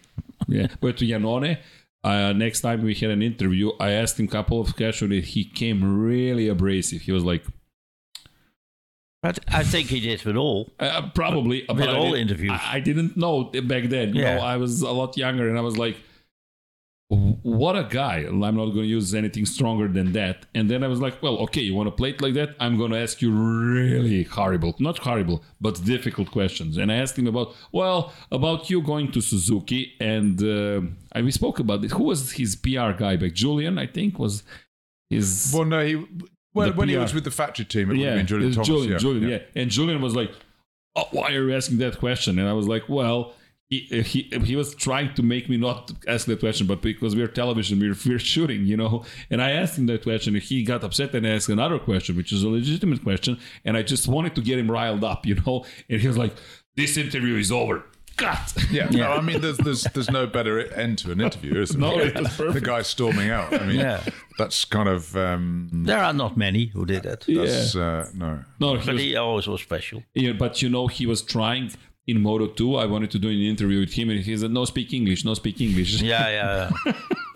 And I was like, Okay, I have to learn Italian, you know, but I, I haven't still. But but anyway, I mean, the, there is something uh, when we interviewed Marco Simoncelli in 2011, I remember vividly, he said a lot of Italian, because we were asking him back then, why are there no new Italian writers? Because back then you had no Italian new writers. And he said, because every Italian writer believes after his first victory in whichever category he's in that he's Valentino Rossi immediately. And that was like a huge issue, you know. It was l- like a huge issue. And he spoke about that. And that's with, in, with regards to, you know, Marcos saying that. I'm mentioning that because that that everybody believes they're Valentino Rossi, except Valentino Rossi would never do it like that. I mean, he would do it with more mm. style if he wanted to cut into or whatever. And you know, with Iannone, he was becoming like he's the Valentino Rossi, or he's the mega star. Yeah. You're like, not yet, buddy. I mean, you have so many things to accomplish before you can behave like that. But the point is, once you accomplish them, you usually don't behave like that mm-hmm. because you have accomplished them. You know, I mean, you know, all the world is a stage, and you and, and you want in a paddock you want all kinds of human beings. You know, you- Exactly. you, don't want them all to The be world. nice. You don't want them all to be horrible. And and we are in quite a weird place with MotoGP at the moment where all the riders just seem quite nice. You yeah, know what I mean? nice. and and Yeah. um, you know, and a lot of people are saying, "Oh, this is really rubbish. They need to be fighting with each other. They need to hate each other." But you know, you you you can't program that kind of stuff. No. We're just It- going through a period, and and next year, no doubt, two of them will run into each other and start hating each other. Yeah. You know, and and and Yeah. you know what I mean. So the fact that they all, I doubt if it'll go on forever. You know, but the fact that they all like each other. Who cares? You know, I mean, it, it, It is what it is. and and I think You also change it. now Yeah. the racing is so competitive, more competitive than it's ever been, and not more dangerous, but more competitive. And and so a lot of the riders are, are, are using psychiatrists now Yeah. to f- try and Yeah. find that. And I can remember Wayne Rainey's crew chief, uh, Mike Sinclair. He worked with a few people after Rainey got hurt. Um, and he was sort of saying then, I can't understand why the factories aren't spending money on getting their riders to go to sports psychiatrists because, you know, racing's all about the brain. That's Yeah. you can find so much Yeah. speed. But the problem is now, so they all go to they all go to sports psychiat- psychiatrists to a greater or less extent, or they've read a book or whatever. yeah, you know, and they They're- have coaches. but the but the thing the thing that they really that I really notice about them, they are all relentlessly positive. No? And, that- and that's one of the reasons they don't get into fights with riders. Because why, you know, you're chasing thousands, not chasing a half a second, you're chasing a thousand. So so any deviation from your focus is a disaster. So why start a fight with a rider? Because that's negative energy. That's just general energy that you're spending on worrying about that on yeah. fighting this guy off the track, you know. And it's the same when you see one of them get hurt, you know, and, and you know, they, they go straight away to the hospital in Barcelona. They come out the next day and they got a big thumbs up. Yeah, in the bed. You know what I mean? so they never look back. They, they're always positive. And, and that's really important. They never let any negativity get, get into their head because they, as soon as you've got negativity going, That Game- was nice. game's the, over. the reaction in Valencia after he lost the title with Quartararo, he was looking already forward for Tuesday Exactly. for the test. exactly. Yeah, never look back, and, and No. that's a, a incredibly important thing in sport. You know, I, I- without trying to bore you too much, but when I when I raced, I was the opposite. You know, if I crashed and hurt myself, I would spend the next week going, you know, running through that five seconds that led up to the crash. Why did I do that? Why did why didn't I do that? And so on. Complete waste of time. yeah. Absolute waste of time. And then you're just screwing with your own head, basically. You know, where, whereas you should be okay. I made, I made, a, I made exactly. I made a mistake. Learn from it. Move forward.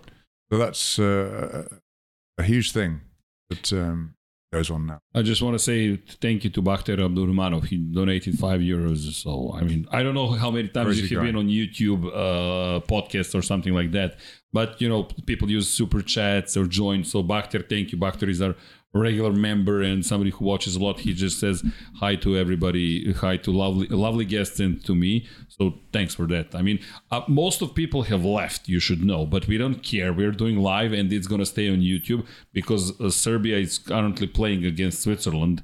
And like everybody, the whole nation is watching one thing, you know. But it's fine. I mean, usually what happens when the when the, such a big match ends, ends, then they then everybody says, "Okay, let's go watch this."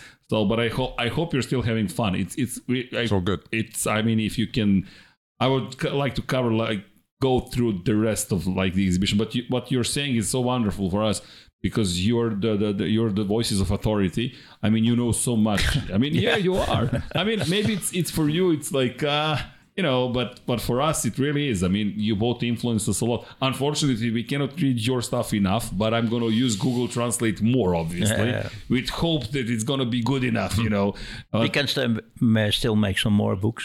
yeah, yeah. I mean, I, I trust me. I think and exhibitions also because, I mean, from what you have shown me, like the Finland GP and stuff like that, you know, with the paddock not existing, like just having a, a street being a paddock, that for me that's amazing, you know. And and uh, yeah, it's it's like we like this stuff. So as as long as we like it and people just want to enjoy the show. I mean, enjoy the passion more than show. I mean, that's what I think with Rossi is also. I mean, if you go back to that picture, 2008, that's a big, that's a huge season. I mean, how many times have you seen somebody fall down, literally, like in Valencia? And then, if I remember well, in Malaysia in 2007, he actually, in the preseason testing, he had the Excalibur on his helmet. With the, the message, you know, the king of the, the, the round king, knights of the round table and the mm-hmm. King Arthur like who is going to pull out the Excalibur. So he couldn't celebrate as the Arthur in 2006 in Valencia, and he's coming to Malaysia with Excalibur. It's over the top, but it's him, you know. Like I'm gonna get my title back, I'm gonna get my crown, and he's like, I'm gonna pull the Excalibur. Except first race, I remember the first race because the first time I actually commented on any race was Qatar 2007, and th- with Casey being the red bullet, like it was like just like this this year no last year more in the beginning with suzuki's and, and ducatis. It's like valentino would lead up to the last corner and then casey would just zip past like thank you. But except everybody was ditch, dissing casey disrespecting him. And i remember 2008 in Assen that's this is a personal thing. And i i, I because you're from netherlands and it's Assen I remember taking my brother and a couple of my friends coming along, and they with Marco and I don't know Jovica and Natasha and everybody. We g- went to Amsterdam actually, which is like far away from Assen. We we drove every every day because we wanted to see Amsterdam also. It was a little bit crazy. And we had the grandstands and the Rem, uh, how do you pronounce Ramschek? Ramschek? Ramshoek. Ramschuk. Ramhoek. Ramshoek. Ramshoek. Okay, I have to change that. Ramshoek. Okay, thank you. So we were sitting there, and I remember Toby Moody from Eurosport saying, when you watch Casey, find one spot on the racetrack and watch that spot each and every lap. And I told my brother, watch that spot. And you could see Casey just go every lap. The same. And in the qualifying, Casey was on pole position. Marco Melandri on the same Ducati was two seconds slower. I checked this year, he was two seconds per lap mm. slower. Mm. And he looked scared on that bike. He looked, He was. yeah, he was. Ev- ev- everybody apart from Casey and until Dall'Igna came along um, and and and design completely redesigned the bike, it was a nightmare for everyone. I mean, um, uh, R- R- Rossi, you know, I mean, he just sounded like a broken record throughout 2011, 2012. Just like, yeah, I lost the front. I got no feeling on the front. I lost the front. And and he, and he had a phrase for it, which is the effing black hole. You know, that that Yeah. kind of moment when he knows, here we go you know, he got so, I mean, you know, he, his yeah. his his uh, crash rate went up three times from 2010 when he was on Yamaha Yeah. to um, Ducati. to Ducati. You know, I mean, he was hurting himself a lot, and and, and you know, he was considering about taking a year out, wasn't he? But uh, he knew he he because he knew that he wasn't allowed to leave Ducati.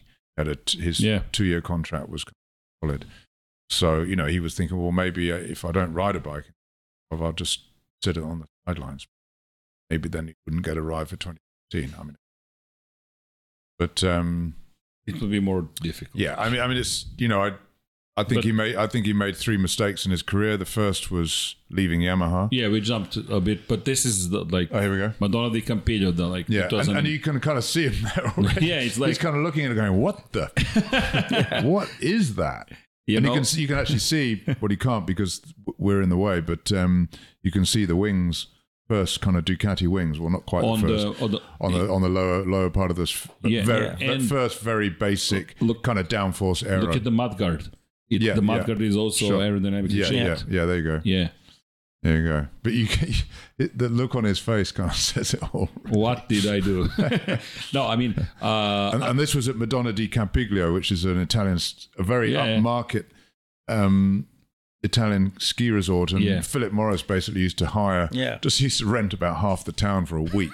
I mean, how many millions it used to cost them every year. Bringing it up with a helicopter. and we, Yeah. all, we, all used to, we all used to go and just spend a week Yeah. skiing and stuff. It was ridiculous. I mean, it was a kind of um, the good old days in a way, you know, when there was still lots of money sloshing around, you know, and people Yeah. would take you away and actually let you have a nice time, you know. Hank, you, you, you took this shot. shot. I, is this digital now? I I don't know. 2000. Yeah, yeah, 2000, Yeah, yeah. since 2002, uh, last race 2000. So Yeah. I don't know. 2003, I'm gonna- it's digital. It's to the mic, digital, please? yeah. Yeah. I don't know whether the um, sign that the uh, aeroplane um, so making the in the background is significant in some I don't way. know. I don't know. What does it say? Yeah, exactly. but you know, but looking at this, actually, you mentioned that they they were lucky with the weather. That you know, it was a nice for for for the presentation, I guess. Yeah, the whole week. But Yeah, this they, they literally used to take the bikes up by helicopter. Yeah, by helicopter. Yeah, yeah. But this bike, for me, I'm sorry the Ducati left this way. I know Valentino insisted on it, Jeremy, etc. But this is the bike where there is no frame. This is the frameless bike. I mean, Yeah. the engine is basically you have the subframe uh, for the front wheel, and you have like you literally have the the oh, what's the word in English? I, I it's um, You, use the engine as a stressed member. yeah, of the yeah, chassis. just. But and, and in my way of thinking, this was always well. Obviously, Ducati were quite successful. I mean, way. the Panigale is made but- that way. Well, that's that's the weird thing that I kind of. I was pretty sure the reason it didn't work, you know, the, the more lean angle you get, you know, the less the suspension works. And the less suspension works, the worse the tires will keep track. Yeah. So the less grip you will have, and, and then if you have less grip, you have less turning. So this is why frames have a lot of lateral flex in them. Yeah, so and there was as no the bike's- flex. As the bike's going around the corner, the, fla- the frame will flex like that. And if you actually speak to Alex Baumgartel, who works for Kalex and Yeah. you know, has won the last 10, 11 Moto 2 titles and is now being used by HRC. He knows his stuff. He, he- says that the he designs the chassis to actually self steer in the middle of the corner so that the, forces that, that are such that as the bike's going around the corner, it actually flexes a little bit in the se- you're probably Yeah. talking a couple of millimeters. So it actually becomes the, the, the, the wheelbase, instead of being straight, is actually slightly the curved. corner. Yeah. And does that go around a corner better? Of course it does. Yeah. So, but when you've got the engine as, as a main part of the chassis, engines don't flex. Not in that way, you know. Yeah. So, so, and and and you- you're completely right. When Ducati kind of made it in, in in Superbike, I'm like, well, yeah, hang on though, because they're obviously still using that old concept I mean, of, of the, the, engine Panigale is made like that Exactly. for like 12 years now. and maybe, well, forever. Forever. You know, it, it- before it was the, the you know, that that it it's still the Ducati basic concept. Uh, you know. they, uh, but but Ducati was using the steel frame until 2010 in Superbikes or 2011 when Carlos won the title. I think it was still a steel frame, Yep. tubular, and that, which was a typical Ducati. And then they went frameless. And I remember Casey talking about how sorry he was that they they, they left behind the the the carbon basically i mean if you look at the, the the carbon fibers obviously you can do a lot of stuff with them but nobody knows how to do it. So you have to invest like two three five years. What rider is going to invest? We, i spoke to Exactly. the, with, the, with the visitor of the exhibition. He said why don't they go with uh, with uh, with uh, carbon fibers? And i said it takes a lot of time money. The flex. yeah. And but the interesting case he still won in 2009 with that bike. Yeah, when it went to carbon. When yeah, yeah even with the carbon he won I mean, the thing with carbon, you can do anything.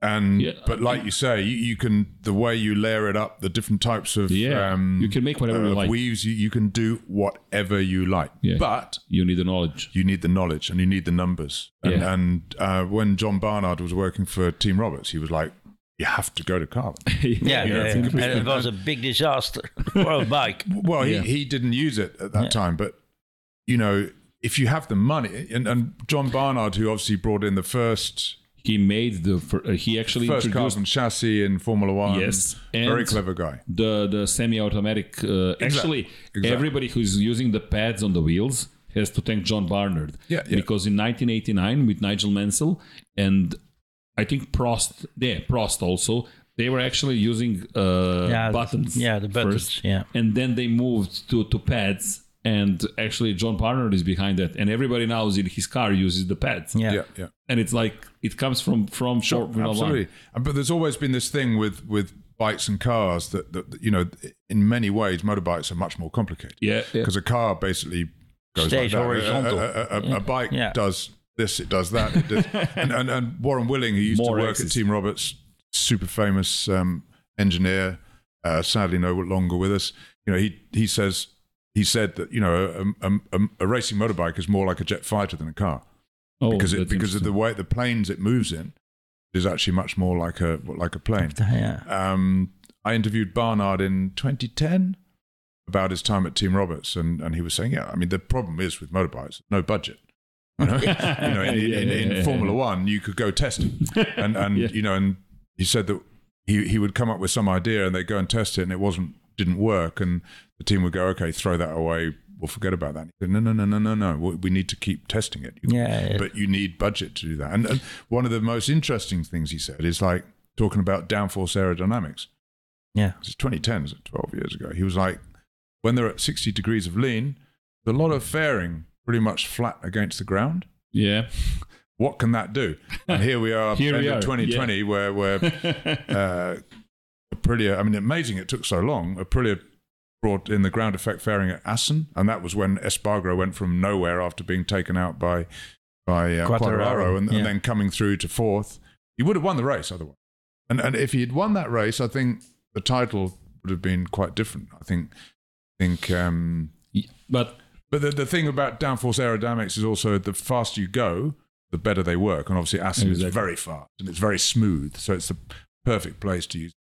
Martin Brown actually uh, said, Your grandmother could take the Formula One car through the corner. The trouble is, she believing she can do that. You know, her believing it because you, you don't Exactly. believe yourself. Yeah, it's yeah. impossible to go that way. Yeah. Except they do it. Uh, But they do it because they go so fast. Sure. And, you know, until you go fast, it doesn't work. And it because you're going slow, it seems like it's not working. And it's like, you know, No, it's, it's a leap of faith. You Yeah. have to. Um, racing vehicles generally don't work very well until Yeah. you're on the limit. You know, Exactly. so, but but and then and then so you have to make that leap of faith, thinking that doesn't feel safe. It doesn't feel safe. yeah. oh, I'm scared. I'm running a bike, not a car. Um, but that you've somehow got to use your brain to get through that point, and and a lot of people don't understand that. You know that that that to get to that limit is not easy.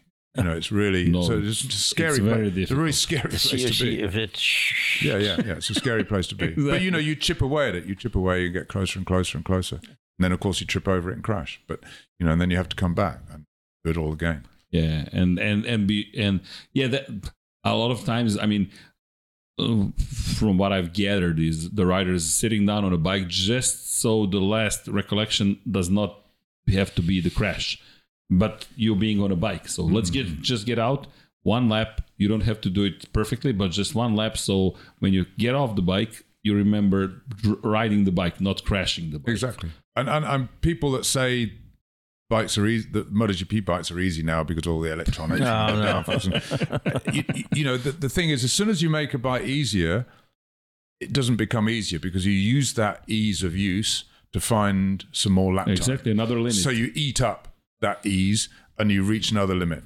and Yeah. and and that's just the way it works. I mean, it, okay, it's easier to ride, but as soon as you've used up that ease Yeah. to find another limit, It's you're back to where you are. Yeah. And especially now with the with the Michelin's, these guys are locking the front tire pretty much every corner.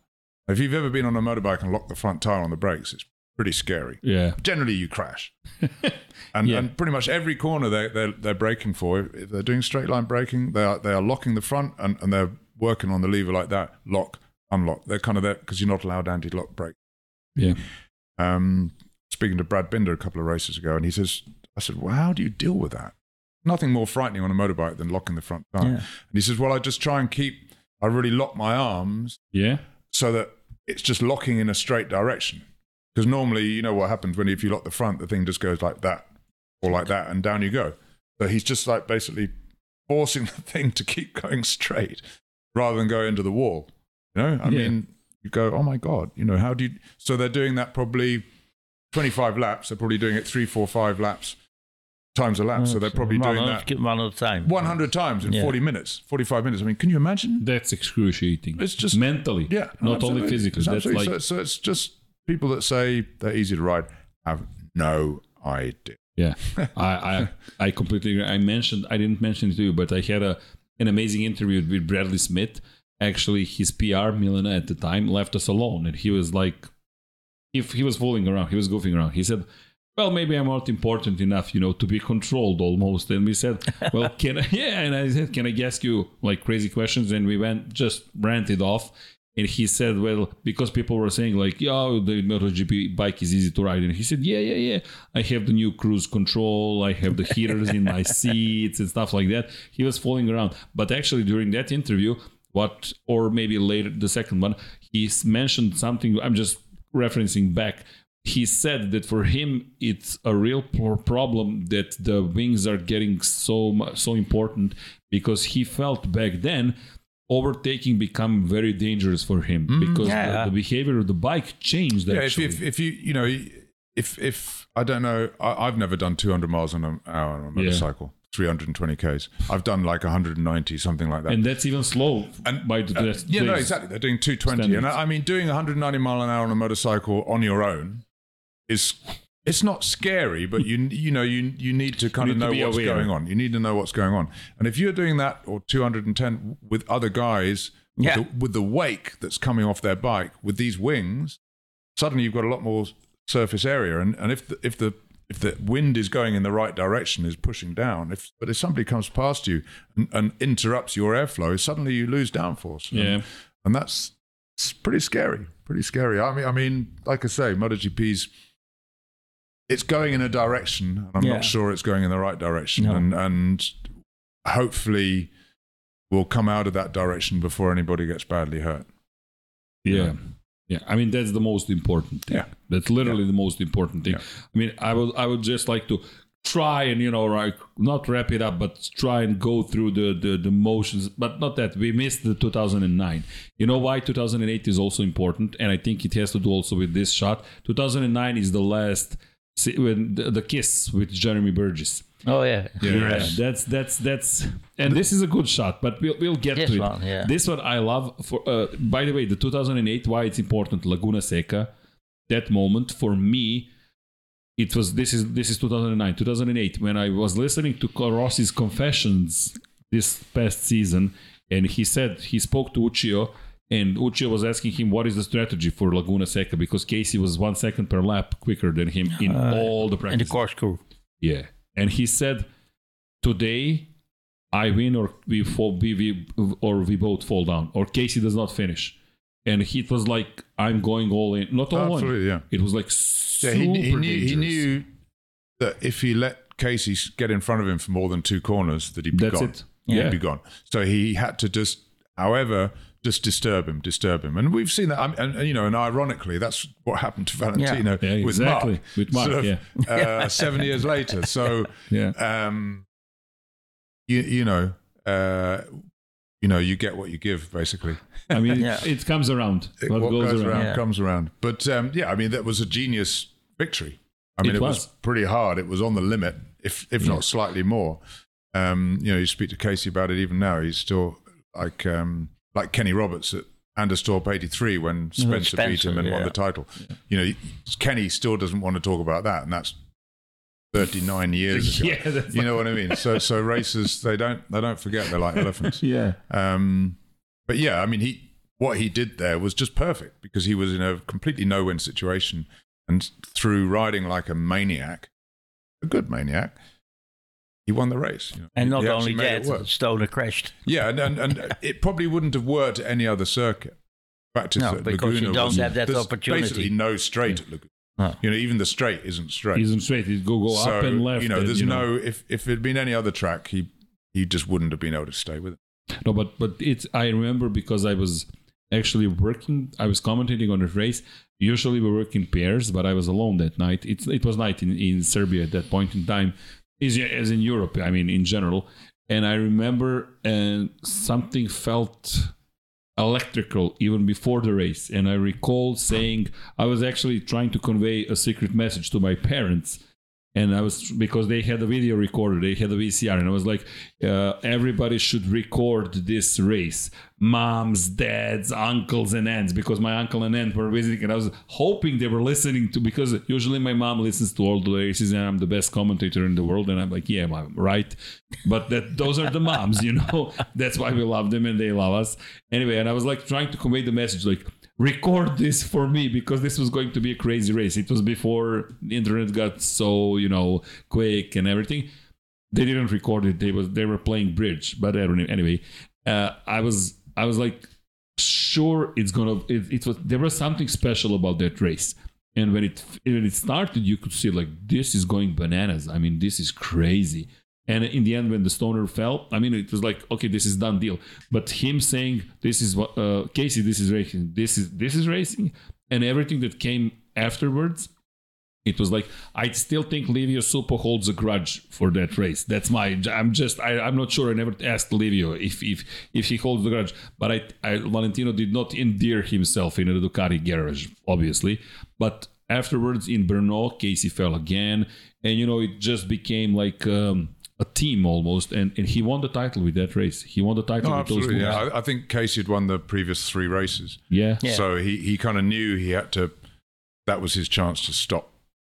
You know, to Yeah, stop that was his only know. chance. Yeah, Yeah, that was yeah. the only that was the last chance because then you go on a summer vacation, you're thinking Yeah, about sure. it, and uh, Valentino went on a high, and Casey went on a low, and that was like a it was a huge deal. And then, Yeah, and it's Yeah. also it was not uh, it was not a normal passing. You know, it Yeah. it, it was uh, It was block passing, Yeah. basically. yeah, all the way, all along. But then, I mean, winning the title, it's like I'm back. Sorry for being late. Everything, and then Yeah. 2000, yeah, I mean, the, the the celebrations came back. You know, everything is like, oh, so so everything is going back to normal almost. And then comes 2009, but but already in 2008, you had the wall inside the garage, and you had Jorge just learning. I mean, Jorge is an amazing rider. but I mean, uh, what I remember about Jorge is actually 2011 in Mugello when he was sitting with Ben Spies in the garage. And that was the first time I I was I had the opportunity to actually come almost within the striking distance of the riders, and fr- what I saw in Ben Spies' eyes looked to me like almost fear. I was like, this guy is going to lose it. And it wasn't because of his riding. Uh, I, I mean, you guys have been to so many races. For us, it was like a couple of opportunities. Now we go to a lot more. But that was the first time I saw somebody in the World Cup, World Championship, looking completely confused. Because on the other side is this guy winning everything, being so quick. And you see Ben Spies, who won the title in Superbike, and he's not a bad rider, obviously. He's an amazing rider. He looked literally completely out, out of, out of, out of space, out of everything. I- I, don't know if you've seen that, observed that in the riders, or it was just my Yeah, you, imagination. you do see you do see it in, in riders and, and, and very very occasionally and, and but it happens a lot more.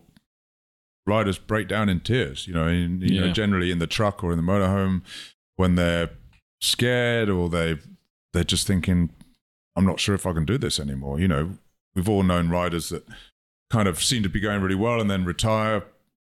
Doesn't happen that often, but um, some riders just think, you know, this is just too much, too much. yeah, I've- I've- Lorenzo yeah. at the end.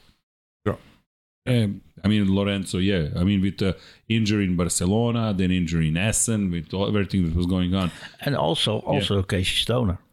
Yeah, Where his, Casey. uh, his health was not uh, 100% and also Yeah. I He think had he, no he fun just kind of hated the whole thing, Yeah. basically. in the end, he Um, looked he looked like he hated it. Yeah.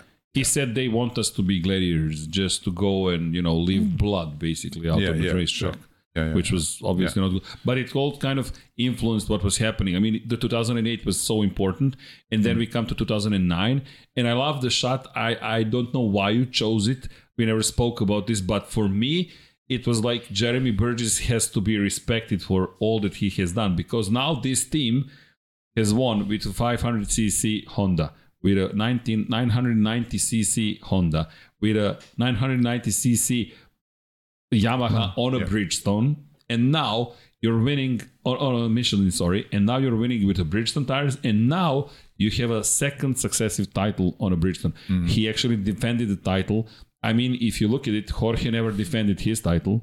Casey never defended his title. No. Marc was the only one who has defended Yeah. the title as since. Mir did not defend it. Quartararo did not defend it. So it's a feat. Mm-hmm. Yeah. Not only coming back, but staying on top. And at that moment, Valentino is already 30. So, I mean, by the way, in, in terms of parallels, Marc is going to be 30 this Yeah, yeah, February, yeah. Absolutely, yeah. trying to make a comeback. It, amazing parallels between them. I remember in 2005, everybody saying Valentino is going to win everything, and and I I, I heard no voice of reason saying, "Come on, take it easy. Who knows what's going to happen?" And I remember in 2019 when they won the Triple Crown, Marc, Marc won the the the the riders title, uh, Honda won the constructor, and they won the team title. And everybody's saying, "Well, he's going to clean up everything. He's going to be bigger than Ago." And I said, "Look, I'm old enough to remember somebody being in a similar position, yeah, uh, and things not working out. And I'm sorry that you know he got injured." But I said, look, it, it's it's not so unexpected that something no, will it's stop a you. it's a brutal sport. Yeah, always has been. You know, there's not. I, I would say it's probably the most brutal kind of big time sport there is. I mean, try and think of a of a more brutal sport that's kind of on telly all the time. I mean, heavyweight boxing, yeah, maybe, but um, uh, yeah, I, I, don't think there's anything more brutal. I, and I, I think a lot of fans don't really understand that that how vicious and brutal it is. You know, and not only when you're crashing and getting hurt, it's vicious and brutal even yeah. even when you're not getting yeah, getting yeah. hurt. You know, it's psychologically it's very brutal. Um, Yeah. Yeah, yeah, and the pressure is from everywhere. yeah. I mean, you put yourself under pressure. I mean, in terms of like young riders being aware of what their families also had to sacrifice for them to get there. yeah, the financial side. Yeah, Yeah, I mean, you push yourself, and you and and it's difference in, in terms of. Pre- I mean, I I'm not underestimating what sports pe- pe- people like girls and boys in other sports go through on a psychological level, especially. But here, you also have a physical moment. You can really die any moment. Yeah, every time they go out, you know, they're doing 220 miles an hour, Every time. 360 k's. I mean, uh, a lot can go wrong at that sport. or or on a wet track. yeah, on a wet track especially yeah but this 2009 i mean i remember in in book you're mentioning it and, and I, I know you you know all these things like graziano saying that was the moment that the 2008 was the moment he enjoyed the most yeah, Yeah. yeah. and then comes the 2009 and already in 2009 there are less victories like there is like you can sense you know the new kids have arrived Yeah, 100%. which he was Yeah, yeah. actually a guilty party for creating because now he's the new norm. The norm is no longer somebody else. No, if you want to be the best, you have to take down Valentino Rossi. This is the norm. And if you go want to go above the norm, which you have to do, Hmm. you have to find something else. And with Jorge and Casey also, but especially with Jorge, I don't know if I'm mistaken, there comes a rider that is like almost like a metronome. It's like Yeah. each and every lap is the same. It's Yeah. like Yeah, what are we Well, he had the witnessing? bike to do it. You know, Yeah. um, the Yamaha at that time was a very friendly, neutral motorcycle that um, kind of helped the rider do what he wanted to do. You know, Yeah. uh, whereas the Ducati was the kind of opposite. yeah. you know, you were fighting against it the whole time. Um, I just want to show the. Sh- I'm I'm I'm writing down to to Vanya. If you can shoot the shot from the 10, 2010, and don't worry, we'll we'll uh, we'll, we'll make it. So this is the like not the moment, but you know he's in the crutches. He's using the crutches. Coming back. yeah, coming back. Yeah, but you Germany. could say it's kind of the beginning of the end, really, isn't Yeah. it? Really, you know, he's um, he was got never hurt, the same. He got after hurt. That. Yamaha signed Lorenzo around this time. Well, no, before while he was injured, I think. Yeah. Yeah, Um, so you know, uh, funny enough, I always look at these photos. I I, I kind of see who I can see from, and, and there's William, the PR guy, uh, on the top left in the blue or nearly top left, and then there's um, Brivio on the scooter. Yeah. Uh, and then in the bottom left corner, you can't see because you're looking at me instead, on sadly. uh, uh, there's uh, Muzo, French photographer, who's still doing it. So I always look at the back and think, well, who's still there? You know, Who's left? you know, yeah, yeah exactly. Yeah, Yeah, yeah. even Muzo in the kind of denim top with the grey Yeah, hair. yeah. You know, he's still doing it. You know, cannot see Hank. He's above. No, yeah, exactly. Yeah, yeah. But yeah, that's that's one of the the, the shots. You know, like coming back, and yeah, then yeah. and you can see with all the security, everybody wants to touch him. They don't need to touch him, but they're like, "Oh no, I can't," you know. And you, and that's a difficult thing to, to deal with when you're famous. People kind of just they want to touch you, you know. Yeah. and- in and- Rome, and he so- cannot so- walk. no, no, of course. Which is why, which is why Rossi and he, and he's pretty much from pretty much from the beginning. He realized very quickly that the only way to live his life was basically just to become a, a kind of recluse, really. Exactly. But obviously in a very big house, you know, in a, in a, or in a very on- nice place. on a very big boat. Exactly, and hanging out with his friends, and that's what he does because um, you know you never see him going to a movie premieres Yeah. or parties for this or parties for that or to, or to the or local laun- market. launches for this or launches for that. You just ne- he doesn't go to anything. yeah. Would you? I mean, he he actually vacates in Croatia. Often. He goes to some island that is not so recluse, but you know, people do not have such a tendency to to hog you like Yeah, for yeah, attention. sure. I mean, a shot or something like that, or an autogram, but that's that's basically it. And you know, we we try to recognize which island he's on, like where is he at, because you know the proximity of Croatia and I, if I can say so, the lovely community that we have. You know, uh, there are a lot of people watching from Bosnia, from Croatia, from Macedonia, from Montenegro, from all over the world. You know, who understand the language, and which is lovely. And you know, we, we actually one guy came from Split, uh, just for the because we had the. The, the, the I don't know the, the the the anniversary it wasn't an anniversary but it, it was like we celebrated the 100th podcast on Tuesday which happened like a year and a half ago. But because of the COVID, we couldn't organize the party. So we had a party on Tuesday and we had the opening of the exhibition last night. And he stayed along and he was he just came from Split because of, you know, the everybody involved with Lab 76. And he stayed, he was there last night. He actually went on a tour, factory tour on 14th of November this year in Bologna. So he brought us presents and stuff like that. So that's the emotion you get from MotoGP. And then, you know, somebody from Croatia says Valentino is in Split or Valentino is on Hvar, and we're like, perfect. What are we going to do about it? Nothing. Leave the guy alone. Like Yeah. literally, leave the guy Exactly, alone. yeah, I mean, exactly. that's the best thing you can do. Just leave him alone. Uh, anyway, I mean, with, with, with but this is the moment, you know, when where he says, "Okay, I'm leaving for Ducati," and everybody was waiting for that, like Ducati, Valentino. But was it bound to be like such a disaster, like with Ducati being so? Well, the, the bike was just a disaster at that time, and they didn't seem to know what they were doing. The right people weren't talking to the right, you know, the test team and But the did they factory listen and the to race him team. at all? Huh? Did they listen? Because I, No. no. no, they did absolutely. they, well, they, they, uh, they, they, they switched from the, the stress member chassis to To to, aluminum. to, a, to a normal aluminum Or- chassis. or but I, aluminium, but I just um, but Hank, But not said- you know, when, when, when, JB was not able to, to change. sure, yeah, they, they, just Also, it, it had wasn't to just do with a lot of paperwork. He told me once. Yeah, You know, it wasn't just the metalwork that was Yeah. wrong. It was also the way the the the, the factory, the team at the factory weren't Yeah. communicating with the team at the track. And I mean that story, that photo says it so much. I mean they all look just But- deeply but- depressed, don't but- they? And then the f- the funny thing is, I noticed looking at that photo is if you look on the right was Alex Briggs, Briggs and, drinking and he water. actu- well, he actually looks like he's giving Hank the finger.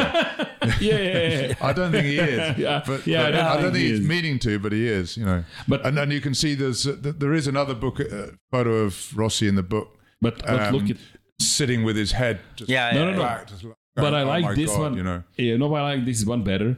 If you see Graziano is almost uh, on the left. on the left, Yeah, you yeah, see yeah. Graziano Still there, just yeah. Vitali. speaking. Yeah, Still yeah. There. Yeah. Then you can see Valentino And you watching. can see Preziosi in his wheelchair behind the bike Yeah, on the yeah, left, and Preziosi then, can and be then, seen. uh, and then the whole Aussie crew and well, the Kiwi Aussie crew. I don't know the guy in the black shirt, but he's not even looking at the TV Mike Uh, screen. Mike Norton. Mike Norton. Mike Norton. Norton. Yeah. N- N- Öhlins. Kiwi, He's, he's Öhlins. from uh, Öhlins. Yeah, Öhlins, he's- yeah. he actually you mentioned him in a book. Yeah, yeah, I didn't yeah, yeah. He was him. um, around for a long time. He was so he worked with Valentino an awful lot. but he's not even looking at the TV screen. And uh, if Yeah. you look at, you know, looking at the fingernails, Brent Stephens just like, yeah, they all look pretty fed up. Yeah. they look pretty fed up. yeah. And Jeremy just nonchalantly, you know, being, Yeah, I don't know, yeah. They look pretty fed up yeah, fed up, with good reason. But the, the, the, these are amazing photos. Actually, the photo from the snow, Madonna di Campiglio, it was actually already reserved last night because yeah, by by I don't want to say who because he didn't give me the permission, but he came that, that one. He came and said and he's a huge Valentino fan. Like huge Valentino fan, and I expected him to take any other photo. Yeah. And he said no. This is Well, it's history. not often you see a MotoGP bike up a mountain in a ski resort. is it, 3,000 really? So- meters you know high. I mean? he said that also. Yeah, yeah, yeah. He said, "I love Valentino, Yeah. This is a historical picture. And there's snow and skiing, and I love Yeah. skiing. And I was like, And okay, he- man. And he's in his ski gear and you know, yeah, the whole works. Yeah. Oh, we have to get you to sign the photos. I I must not remember, forget that while you're here, don't Matt. Please. We'll ruin it. We'll ruin it. We'll Okay, ruin whatever you say. You know, but whatever you want, you know. But I uh, don't know whatever the, the buyers or audience wants. I mean, that's the only thing important, not not what I want. But but still, I mean, this shot with the AMG, with Tim, with you know a lack of Marlboro sponsorship, and you see the Diesel as a sponsor, Generali. You see the a lot of changes in terms of well, and the AMG sticker on the front is, is pretty important. yeah, you know. it it kind of disappeared. yeah, yeah. Uh, 18 Now, months later. now it's Audi. yeah, now it's Audi. Well, anyway, and then you know it comes the next picture, which, which is Saw like 2012, and that that that's the moment when Audi actually bought the the, the Ducati. Do you think if he stayed in a Ducati, something is it he would would have eventually be successful on a Uh, it was On a- it on was this bike. Dall'Igna that If turned the it Linea around. was three years earlier, or four Yeah. years. yeah. So he, Dall'Igna arrived at the end of 2013. So you know Rossi would have had to. Yeah. I, I don't think he was going to hang on for any longer. um, but you know, you, you look at Dall'Igna. So it's, he turned up at the end of 2013, and here we are, pretty much 10 years later, or 10 years later, Yeah. and finally they've won the title. So Yeah. it's been a long road. You know? Um, and Dall'Igna has com- completely changed MotoGP. Yeah. One guy. One guy. Well, yeah. not one guy. I mean, he's obviously working with his Yeah, engineers and his Especially aerodynamicists. very and young, young he's, engineers. he's taking Yeah. engineers from Ferrari and so on, and and, and but just his way of thinking. And But he, he's in the book.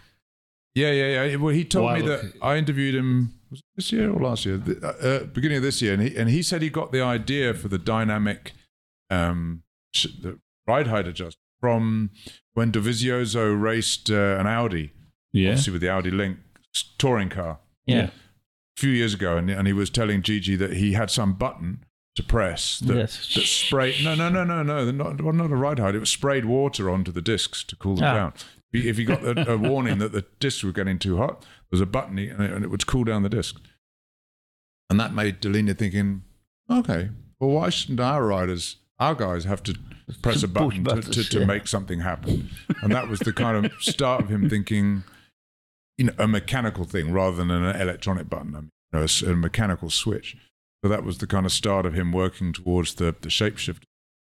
But that's just how the mind, his mind works.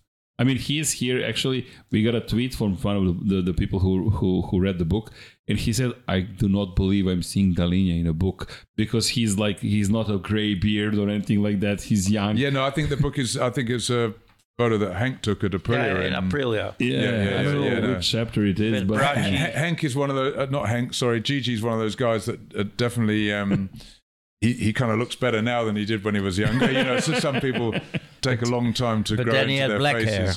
Yeah, yeah, but he t- kind of looks super cool as a kind of grey wizard now, doesn't he? Whereas then he just looked kind of like, yeah. I know him since he joined Aprilia.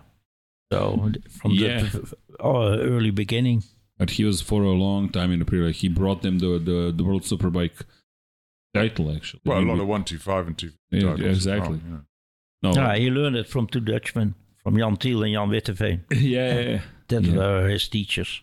Yeah, that's that's well. I mean, there, there that that's some of the amazing stories I I would love also to hear, uh, and with the stealing speed and whatever, and all the things that were happening. That you know, there is so much history that when you look at it, you know, comes back later. I mean, it's it's Now, there's many things are not new, yeah, technically also. yeah. That's that's the, actually the Desmodromic is not Ducatis, it's Mercedes. Yeah, yeah. Mercedes was the one first one to use it. I yeah. mean, yeah, but- it's kind of strange that no one else yeah, um, kind of stuck with it really because it was very important then when when um, metal wasn't very high quality and, and and it was very common to break valve springs Yeah. and that's but that gave them a huge advantage now but obviously now everybody's using pneumatic valves and yeah. metal is technology is much better but I think the Desmo system is still better but I think Yeah. you'd have to spend many years Yeah. Learning, yeah. learning it whereas Ducati have been doing it for 70 years now since the 50s so you Yeah. know You know, the camera guy I mentioned, Zoran Zok,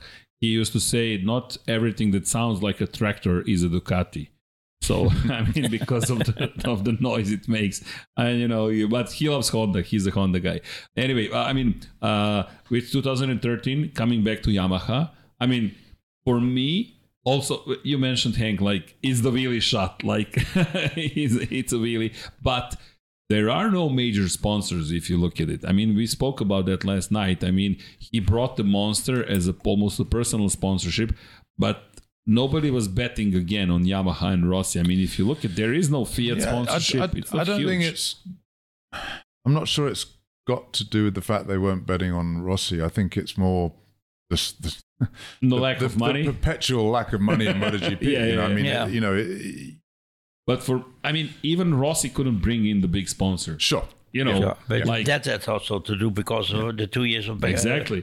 You know, five years previous, he would have bagged in a big sponsor immediately. Now Yeah, maybe. it was him. Maybe, that yeah. was my take. Sure. I'm Yeah, not sure. right. Yeah. But Yeah, you you could know, be right. Because if you if you look at it like who wouldn't sponsor number 46? Mm. Like it would be crazy if he had the opportunity. But back then, it was like, what is this guy doing? Like he's now 33 years old Yeah. can he really make a comeback? Any sort of comeback. And you know, he won one or two races that year, or it was 2000. He won in Assen. He won in that was Assen. it, I think. in Australia he won because Crutchlow had fallen in the last lap, but he was it's second. in the book. Marquez uh, fell down, if I remember well. Yeah. No, Marquez was disqualified. Actually, not on Phillip, Yeah, yeah, Phillip yeah. Island. No, I think you're Lorenzo won 14. to, I to think you're thinking of 2014. Yeah, yeah, yeah, 2014. It was 2014. But yeah, I mean, I mean he he, the thing is that he spent two years on the Ducati losing the front, and that's a very difficult thing to get out of your brain. yeah. You have to work. We were talking about it earlier about having to work up to the limit, you know, and uh, so he had to start that process all over again of of being of, of not being afraid Yeah. to, to to charge into a corner and just throw the bike in because he'd spent two years landing on his ass and getting quite beaten up. So it took him. I think Alex Briggs used the phrase. It took him like a year to get the the taste of the Ducati out of his mouth. So, but basically, he he just had to get used to riding 100 percent Yeah. again because when he was, the, especially the second year at Ducati, he was like, okay. I think his crash rate halved because he was basically like, you know what, I'm not going to push this anymore because I know what happened. So, so he'd got used to not riding at 100, percent and it takes is- a wide while to kind of work his way back up to living on the edge, if you, Yeah, you and know. people are creatures of habit. yeah, exactly, yeah, yeah. So Yeah. you, there's loss of habit. And next year, I mean, slowly, I mean, working without 2000, I love this shot. You mentioned it. He's looking at you, actually. Yeah.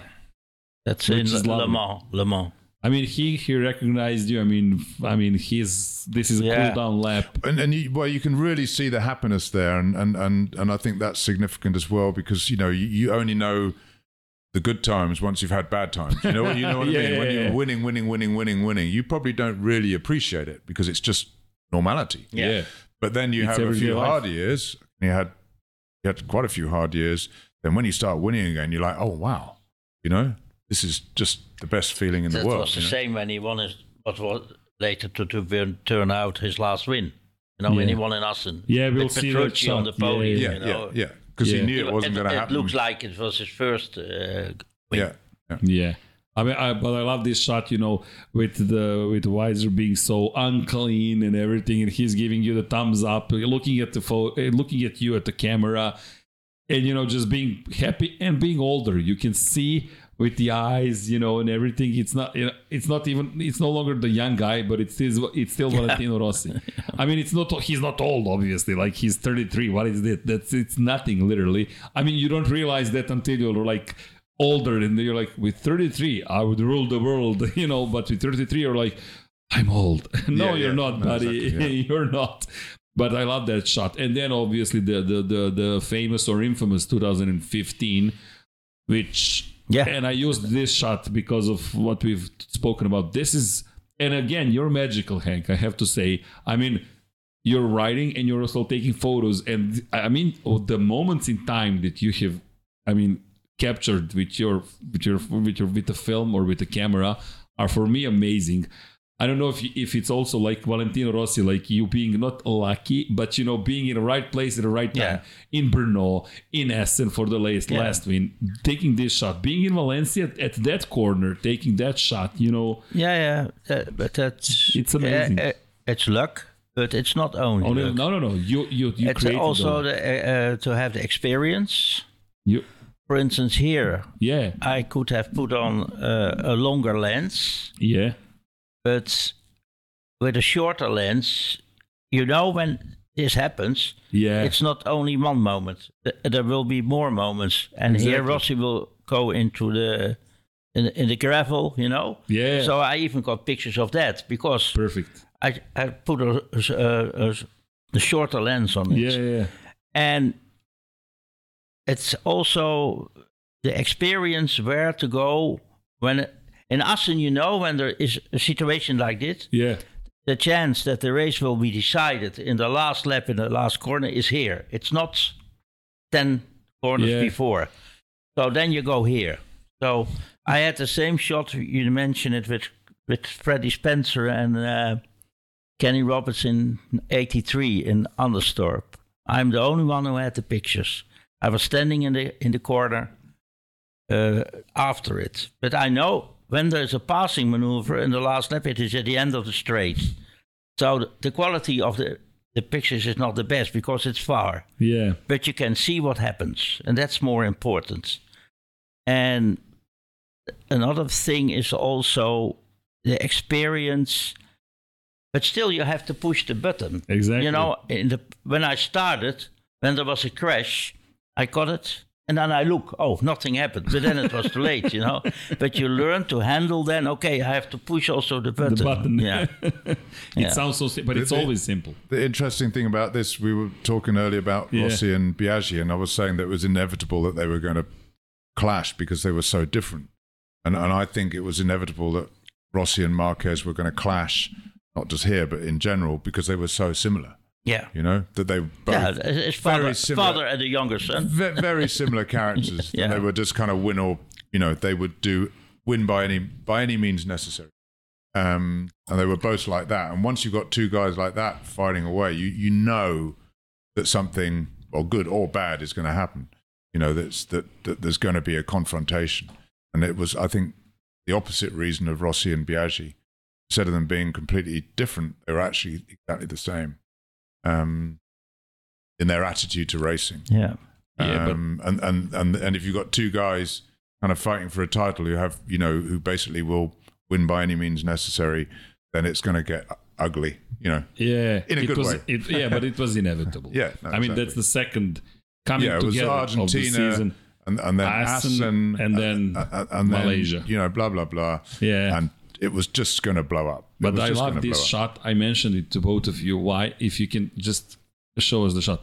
If you look at the guy yeah left of the, the, the letter E holding his head and just he knows he, He knows, knows. he Yeah. knows he knows like everything has went to hell like this is the moment like and i love that because you have the moment Yeah, yeah. i mean this i mean in argentina you can subscribe that you know racing rossi covered the line Marc was inexperienced although Marc said i learned a lot today from valentin Yeah. Yeah, no, exactly. He, I, he I was- won't say he did it on purpose but he knew what he was doing yeah, yeah, yeah. I mean, and those guys know how to race. And and then this comes along, and with Valentino going with a scooter through the gravel on Thursday evening and everything, you know, it's like, and you have the shot. That's why, I like, but this is one frame. And it speaks so many things. I mean, I, I love it because you can see the the, the, the the circuit snaking. You know, you know where where they're going to go, and you know what's going to happen, where the Valentino oh, is going to go. I think in total I've got 10 or 15 pictures of it. No, that's amazing. Yeah. I mean, what you do is, for me, I mean, it's literally art. I know sports photography is viewed as, you know, like action almost, but this is art. This is beauty. This is this is literally a moment in time. This is historical moment for all of us who love MotoGP. It, it doesn't matter who, who people cheer for, Marc or somebody else or Valentino. Like this is history, and you can tell with their the angle of the, the bikes and their heads, like Yeah. they don't care. Like you know, whatever may come. You know, like look at Marc. He's not looking left. He's like he'll, he's watching his line. He knows what's going to happen at this moment. I believe so strongly. Yeah, and Valentino yeah. is like, well, you can just see Valentino just closing him down, going, yeah, You're no not way. through. No way. we're you're not coming No. through. Yeah, We're either both going down yeah, or it's the I'm same getting through. as you know? uh, in Laguna. Exactly. Yeah, yeah, yeah. same. Yeah, same. exactly. Same. Except this guy was not going to you know back back down. No.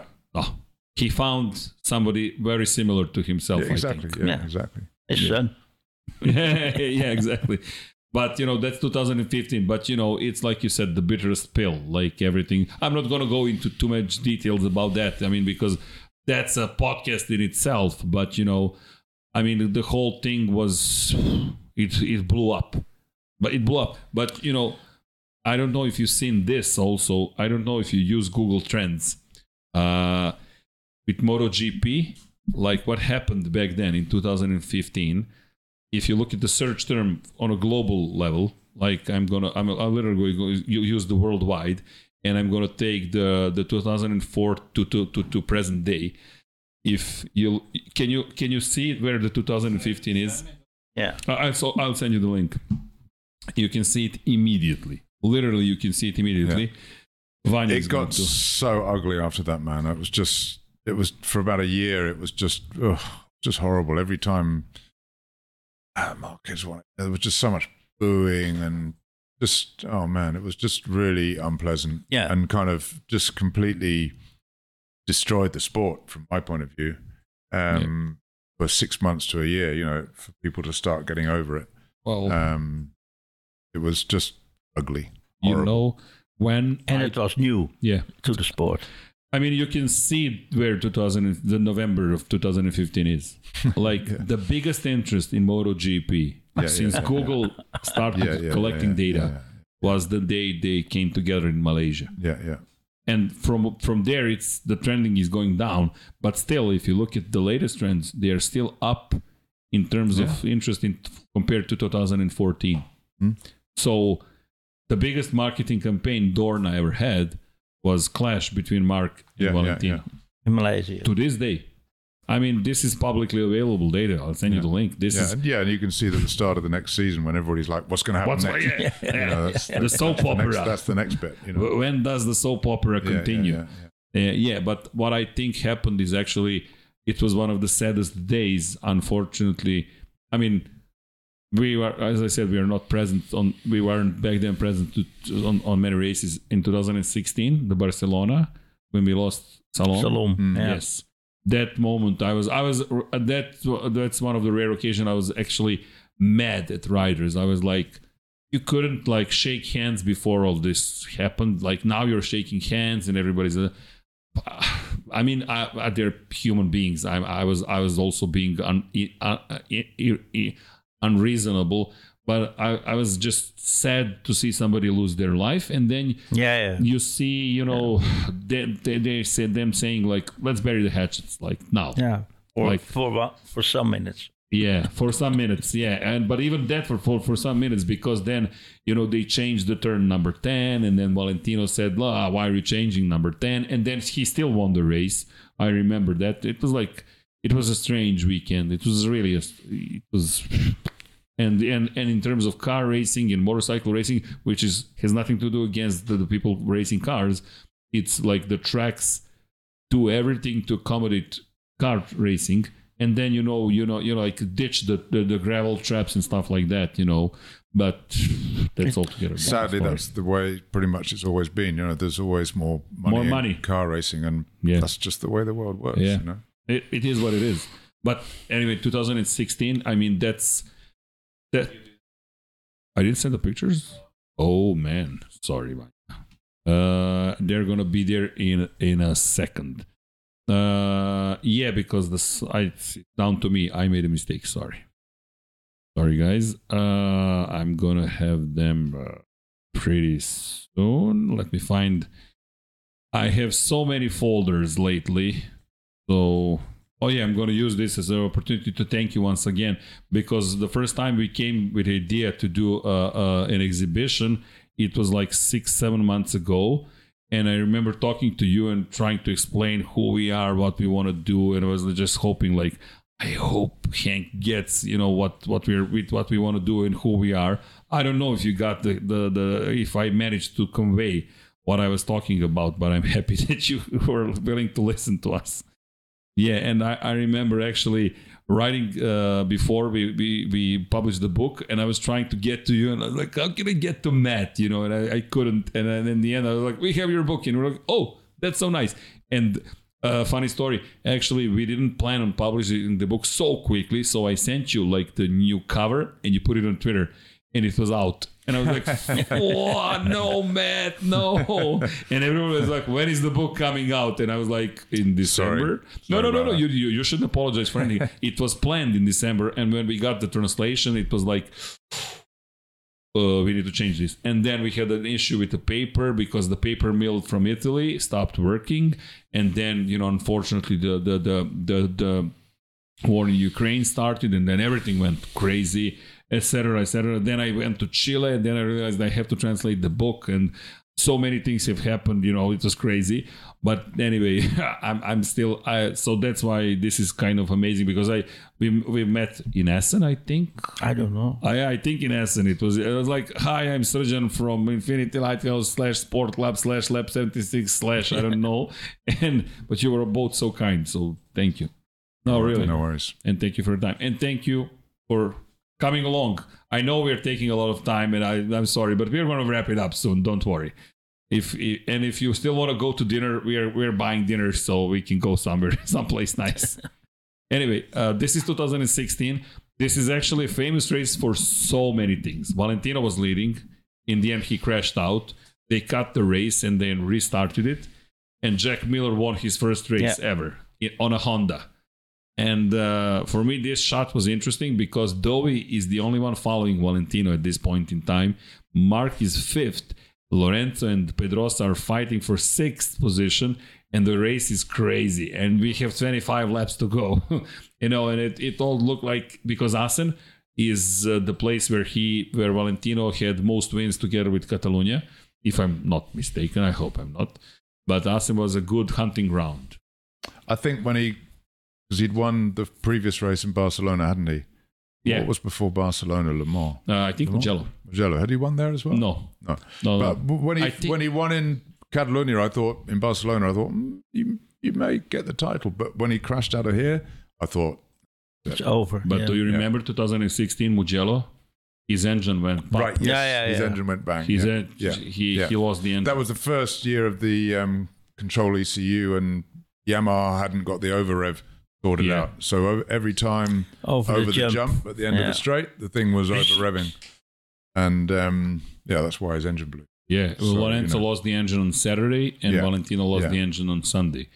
I remember because a lot of people from from from over here went to the race, and you know I think that was the quietest race ever. Like everybody's oh, "Eh, wah," Mugello, typical Yeah. silence. Yeah. Si- complete Yeah. silence. Well, generally when he crashed or or blew up at Mugello, everyone went home. Yeah. That's Yeah. just basically what. Yeah, but but that was like uh, again after 2015, what happened and everything. You know, like Mugello was like like a band aid. Now this is going to be good. You know, it for for all of his fans, and then all of a sudden, like the, just a puff of smoke, and you're like, no way. Like, and the last Uh, and it was a nice. Nice, yeah, it was a yeah, nice, nice smoke. Yeah, but the last, actually, the shot that you gave us with the scream, it's the last time he won in Mugello. Yeah. That's the last time, 2008. Mm. And this was like eight years later, redemption is coming, Yeah. except No. it was not to be. And this is obviously Assen. And now our friend, our- colleague from the sales has taken over the place of Vanya's. So if we can move on to 2017, I mean, this year was actually for me it was more about Lorenzo and Rossi being against each other and leaving Marc to you know fix the bike mid-season and say, well, thank you guys, no, no, you know, I'm gonna I'm gonna take this title, and Lorenzo leaving for Ducati. And this is an amazing shot because this is like the oldest kid you can see Yeah. In MotoGP. Like Uh-huh. literally, it, the, the his face is like this is not for television. This is not for, for photo photo No, sure, sure, opportunity. sure. This is like just pure sheer happiness. Yeah. Yeah, happy. like I said, he and, and, Yeah. and he knows it's not going to happen very often again. Yeah, and it didn't happen. It ever didn't again, happen ever again. So you know, I think he kind of um, he knew that every time he won that point, then it was a, A bonus, huge deal. bonus. huge deal. And and and that was a weird race because it was drizzling, wasn't it? And, Yeah. and Yeah, yeah. So it was a dangerous race because they were all on slicks, and Assen is very fast, and you crash there through one of the fast corners, you're in trouble. Um, and and I was amazed. You know, I mean, Petrucci had never won a race at that point, so he had nothing to lose. Yeah. Valentino was kind of already out the title, I think, by then. He had nothing to lose. And wow, they, they I think they just disappeared from everyone else. didn't Yeah. they? No, and then Petrucci had the bad luck with Rins Right. Yeah. yeah, yeah. overtaking in Yeah. the last Yeah. lap. Yeah. Yeah. I mean, He, was, in the way. he was of- in the way. Yeah. Yeah, yeah, he cost him. He was a lap lap down. Actually, that's the year he fell in Le Mans when he missed the the braking in number eight down at the museum, Yeah. and then Vinales overtook him for the first place, and then they went into Yeah. into last Yeah, yeah, sector, yeah, and yeah. And he then he lost. it. crashed. Yeah, Yeah, he crashed. I remember that because of the kids in the in the stands. One of the kids was crying, and Dorna was showing the kid who was expecting Valentino to win at first, and I recall start I to the last lap. Yeah. I said, "This is his race to win or lose. Literally, this this is up to him now. He he's ahead of Vinales. It's not easy, and he later, if I remember well, he missed the braking marker by one meter. Yeah. But at that speed, you know, The, the, the problem was when they went when it, when it, when it went, went to Michelin in 2016. You know the the Yamaha is a corner speed bike, and if you use a lot of corner speed, you you you, you have to use the front tire really hard, yeah, and that had worked fantastically. Not Uh, with the Michelin. um, the the Yamaha on Bridgestones, especially with Lorenzo on it. Um, but with the you know they were just losing the front all the time, which is exactly yeah, Yeah, But that race and his the the camera was showing him like showing the rider and him looking at the camera, just pushing the bike, and that was like, and I, that that's the moment that I said, well, that's it, because that's in you know you can sense that he needs everything to happen perfectly, and for him to be perfect at every race, to act perfect to get the maximum out of each and every one mm-hmm. race to be in contention, and then this moment is like. I have the race victory, like 115, and I was laughing because I was like, if you if you count down count the numbers, it's like they they come in so rarely now, and this guy has 115. It's amazing. Like the only two guys ever above 100 are still Giacomo and Valentino. No one mm-hmm. else. 90 mm-hmm. victories are for Angel Nieto, and Marc is at 85. I mean, still amazing, 85 or 90, but you know, and this is it. And you have the shot in Brno, first victory, and you have the shot Yeah. last victory, last. number 115. This is 2017. Actually, one of my friends, Igor, he was always, because he was present, and he's a huge Rossi fan, he was always cheering afterwards that this is his last victory, so he can say he was present at his last victory. Yeah. I said, You're selfish, man. But, you know, it's just good fun. Vanya, 2018. I mean, we are slowly now going to towards the the latter years. This is also a happy hunting ground, but you can all, already see the change of times. I mean, Marc is leading. There is Lorenzo on a on a on a on a Ducati that he can use. I mean, that's after his win in Mugello. This is the second win also. I mean, Tito Rabat on the left, Dani Pedrosa, Dovi chasing his his friend, and then Zarco on a on a monster Yamaha. And the, in the background, you can already see the KTM's.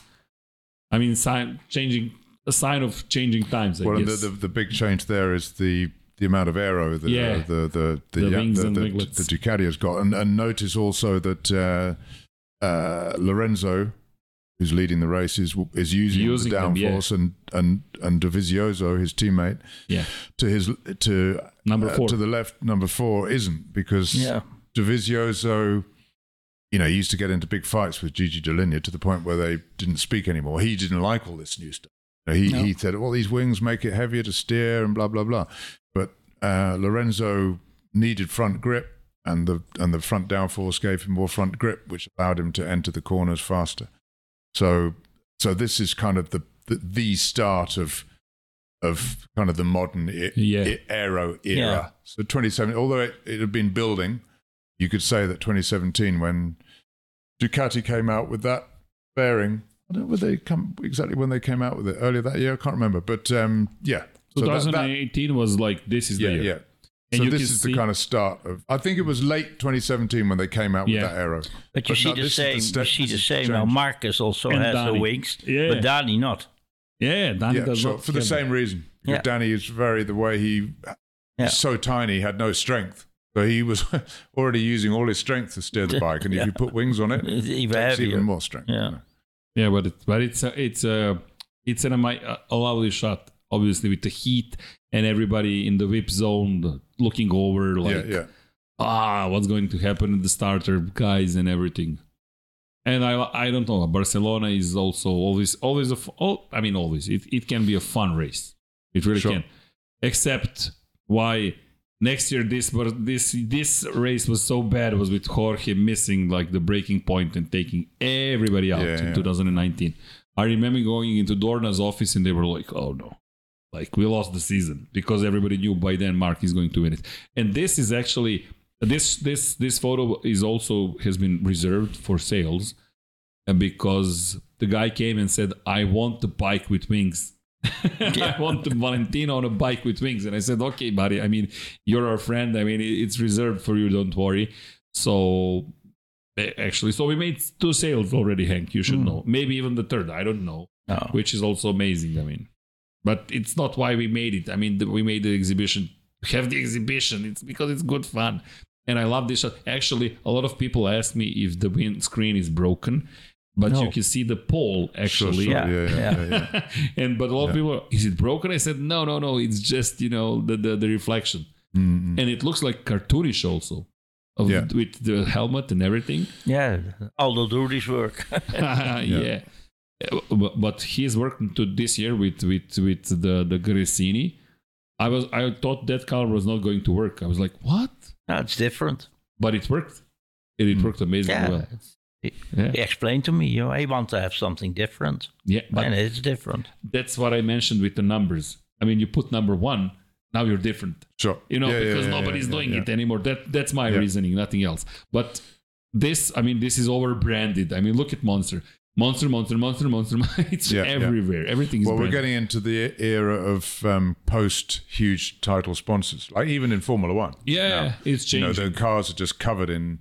It's when it was tobacco, the companies There could was one. afford they could buy the whole car, which or the whole motorcycle, which is why they look great because they weren't Only one big covered with sponsor. a hundred yeah. stickers. yeah, Whereas now, no one wants to put in the budget on. their own. yeah. So it's just a Oh, combination you, of you see the same, just a mess. for instance, in uh, Red Bull Formula One. You Mm. know, it Yeah, has I mean, much more sponsors. I mean, on if you look at it, the Red Bull is not the biggest, the biggest brand you can brand No. logo. The biggest logo is Oracle, which Yeah. paid half a billion dollars Yeah. for a five-year contract with Red Bull, hundred million dollars per year. I mean, and Oracle is the biggest sponsor. I mean, Red Bull is obviously the name of the team, and you can see the balls you, and everything. you wouldn't have a hundred million pound sponsorship on the whole MotoGP grid. no. I mean, or dollars or whatever. or whatever. dollar, whatever. Yeah. I mean, but uh, but that's just one car. Yeah. Uh, yes, it's a championship winning car. grid. But- Way. if we sp- speak about Petronas with Mercedes, like Petronas could buy, I mean, the whole Moto 2. I mean, I, they can sponsor, they can make it a cup competition with that money Yeah. Um, uh, five times. No, it's amazing how less money there is in MotoGP compared to Formula One. Yeah. And or the show you can is say the other way around. the other way around. Yeah.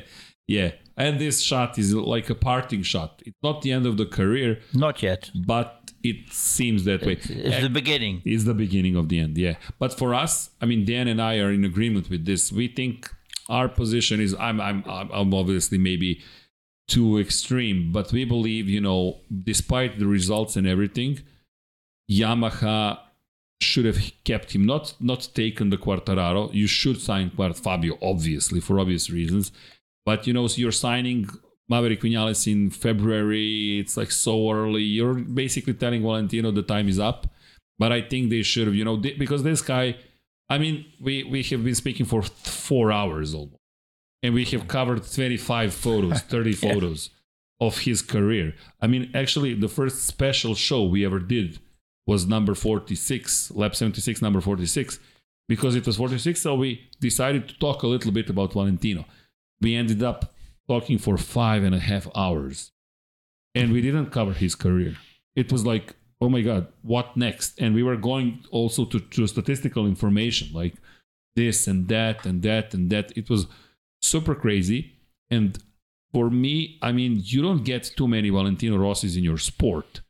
So I believe you should use them, you know. And I, I have a sense like it cost Yamaha dearly this year. I mentioned that to you. I don't know. I don't know if it makes any sense to you guys, but Fabio had nobody to talk to. Pecco had Valentino on the phone, and Pecco had Casey on the phone. And I think that's important for them because they never went through this. Fabio was not alone, but who do you have? I mean, who do you call to tell you, to help you out? I don't know if he needs it. Yeah, I don't know if he needs it. That, that's for sure. But you know, it looked to me at one point in time that help of that kind might work for Fabio. But I'm not obviously trying to say Fabio does not know how to just do needed it. another 20 horsepower. That's what he ah, needed. okay, then, well, Yeah. yeah. I mean, but if you don't have it, what do you do? Yeah, no, exactly. I mean, he was just, you know, once Ducati got their problem sorted out, No, Yeah. game over, really. almost. yeah. Because, you know, on that Yamaha, if, if you're in a, surrounded by two, three, four Ducatis and a Honda, you can't do anything.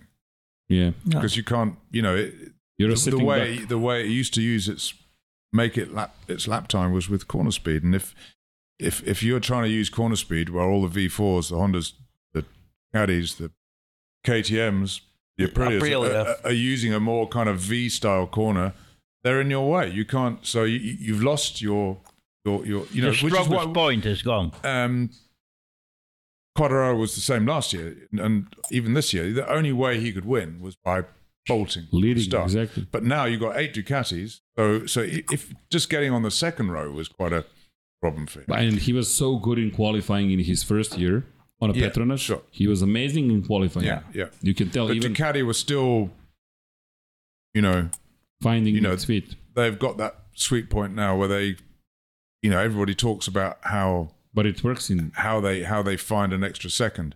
Are they playing with tire pressure? You know, probably because tire pressures aren't policed in qualifying. It will be next year. Yeah. um, uh, tire pressures were policed in this this season, but if you broke them, broke the rules, what happens. nothing. Nothing. so are they So, police? so this year was was like a wild west. I would say you were allowed observed. to cheat, and and everybody knew it was the last chance. So next year, when everybody has to, I mean, it's just such a boring thing to speak about tire pressures. Gee. You know, but I mean, the, Yeah, the- the problem is that it, that it's that, that that it's the most important performance factor now. you know? And and next year the limit is going to be 1.9. And if you get to two, 1.9 bar on the front tire, the front tire is the important one. If you get to 2.1 bar, it starts to be a problem. If you get to 2.2, it starts to be a real problem. You get 2.3, you crash. Yeah. 2.2, 2.3, you crash Yeah. unless you slow right down. So you, you're dealing with, you need to be between 1.9 and 2.1 bar for the 45 minutes. It's going to be a problem. yeah, it's going to be a problem. It's going to be a problem. Maybe only one, not for the one who's leading. No, exactly, exactly. but if they didn't know they were going to be leading, so they've set their tire pressure to be in the pack, and then they're leading, tire Yeah. they're, they're going to be under pressure, and they're going to they're, they're, they're going to get thrown out the race. Yeah. So you, whichever way you go, Yeah. it's it could be a real It will be interesting. could be a yeah, but be. this year, it no, it- you could do whatever you basically. want. You could Yeah. do whatever you want, and I got into a lot of trouble for um, publishing a for tire talking about it. well, actually, it was mentioned here. You know, we were quoting you quite a lot, extensively, Yeah. Yeah, and everybody's saying, "So what now?" Well, nothing. We can only observe it and say. Yeah, yeah. I mean, I spent the rest of the season trying to get tire sheets from anybody that I could think of, and no one would give me any more. But I would love to see the full season to see who was cheating the most. Well, the issue know. is it's not you who are supposed to be, you know, doing it, but somebody else. But that's okay. Yeah. But yeah, I don't want to go that way because it, No, no, it- no. it's a it's a can of worms. I mean, I would love to, but I think you know we have one more season to go, basically. But I still think you know it could have ended differently. And watching it, Valentino last year actually, and this year with Franco Morbidelli, both Dan and I were like, "Uh, was he really so slow? You know, I'm not saying he should have stayed any longer, but you know it looks better than it used when it did 12 months ago. You know, because Franco this year he disappeared. Uh, It's a very hard thing to work out. But then on the other hand, it isn't. Maybe he, has just kind of lost that ability to just stick it out there and risk his life, to, Yeah. to put it bluntly. No, Yeah. maybe he's just like, you know, and if you've, if, if you're knocking it back a tenth a second now, That's it. which is like 0.01% in performance terms. If you break a lap time down into percentage points, it's tiny. If, so if you're just knocking it back by 0. point something percent, that's it, game over. You're going to Yeah. be 10th instead Tenth, of first. Um, but also, I mean, I, I'm speaking to some a particular crew chief who works for a factory I won't mention, whose results last year weren't very good. And he said, 100%, I promise you that we never went under the tire pressure limit on, on the tire. A lot of teams, obviously. This team, I'm not going to mention them because I'll Yeah. get into trouble. They said, and their, te- their results weren't very good. And they were like, no, we, we are not going to go under. So, Let's wait and see. yeah, it, it could be, it could change everything. It might change nothing, but it really, it really will, will you, you, you, you may get a good idea of who was cheating this year. Who and, was you know, flexing the rules? But I think also the, the, the riders and the, they're all trying to make the bikes easier to ride when the front tire is ballooning, basically. And what, what happens when the pressure goes up? Front tire Goes balloons Yeah. and it gets stiffer, so the contact patches, the contact patch smaller. gets smaller, so you have less grip. Yep. So you're more likely to crash and, and you have less turning. So it's a very cru- crucial part. Um, so we're going to see that next year. And, and will the races be slower? Will there be more crashes? Will the people who were in front this year be behind this year? You, you know what I mean? That It's um, it could be really interesting And in a there is- good or and- bad way. I don't know. And there is the fact: is the winner the winner? Because when they are on the podium, they're still analyzing pressure. well, I, I, I would hope they would. They're going to. They need to check Yeah. it pretty bloody That- quickly yeah. after the race That- Be- that's because an if, you, if you're question. having yeah, if if you are having wins being taken away because some guy was one point 0.1 bar under the uh, limit. Well, even if you have some a guy crossing the line first and then 10 second, what, two minutes later, um, he's not the winner. That's you could not imagine anything worse for a championship. yeah, but that can happen now. Absolutely, absolutely. Yeah, but you know that's something we have discussed in quite of detail, in depth, in terms of even in Formula One. I mean, you have Leclerc being punished in Japan. Yeah, and and then Verstappen doesn't know he's world champion. Yeah. that that was ridiculous. It was like, and the rules, the way they were they actually. Was Yeah. that for tire pressure? No, no, no, no, No, no. it's- no, no, He- because he got he- the the chicane. chicane. Yeah. he, got- he Right, got right, five seconds penalty. Yeah, So he dropped back, and that means that Verstappen. Verstappen was world champion. but only if they get full points. Except they were driving for less than a half a race. yeah, and that was not clear. and that was not clear because they forgot the whole amendment and amendment and the, the way they were they actually in february they said we don't want a repeat of last year's belgian Yeah. grand prix so we are introducing like if this percentage of uh, laps is finished you get this number of points this Yeah, and we all were looking at that rule and saying well verstappen is not a big, uh, not a champion except there was one guy in liberty media who runs the graphics department obviously who was putting out the full amount of points and saying max verstappen is a world champion.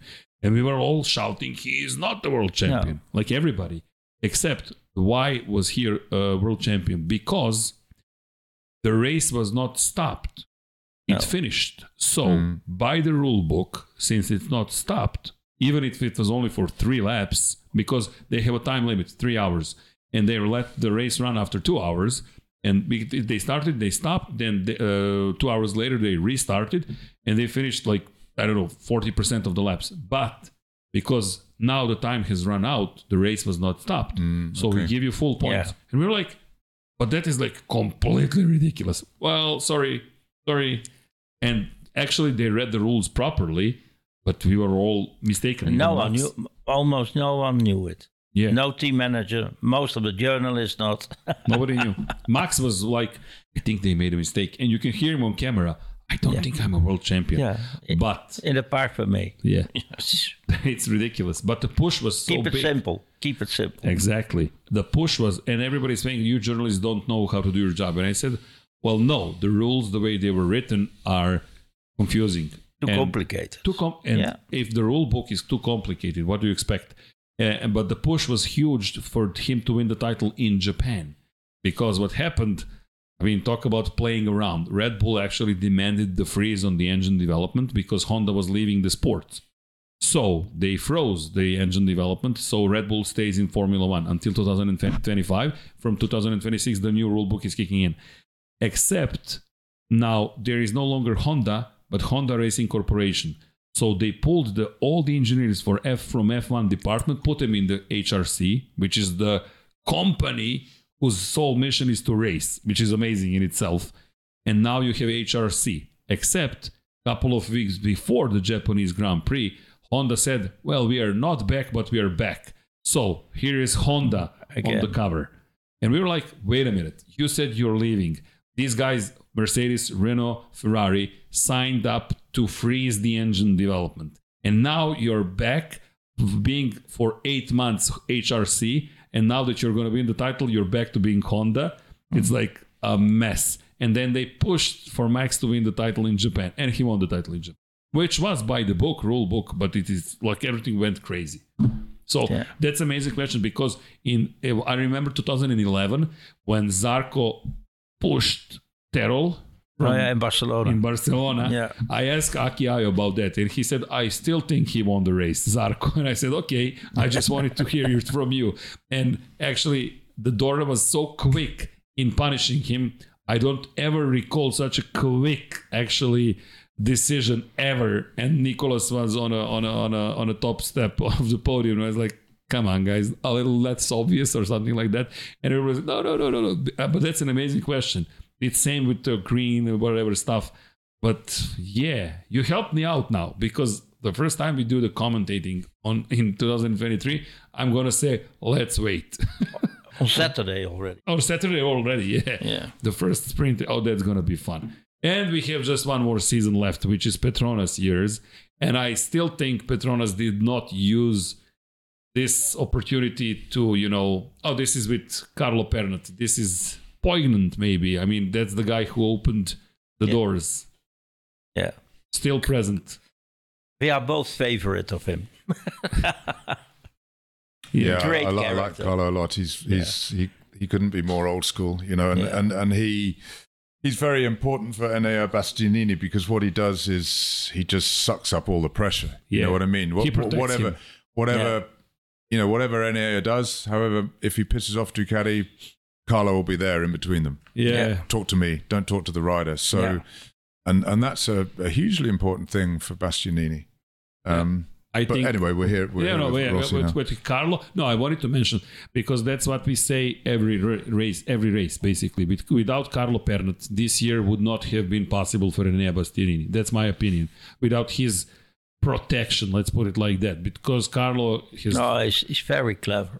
Uh, he for sure is, and all the doors are open for him. That's what that's funny for me. You can see him in any garage he's interested in. He just strolls in, ciao, ciao, and everybody's like, and his champagne podcast, I love it.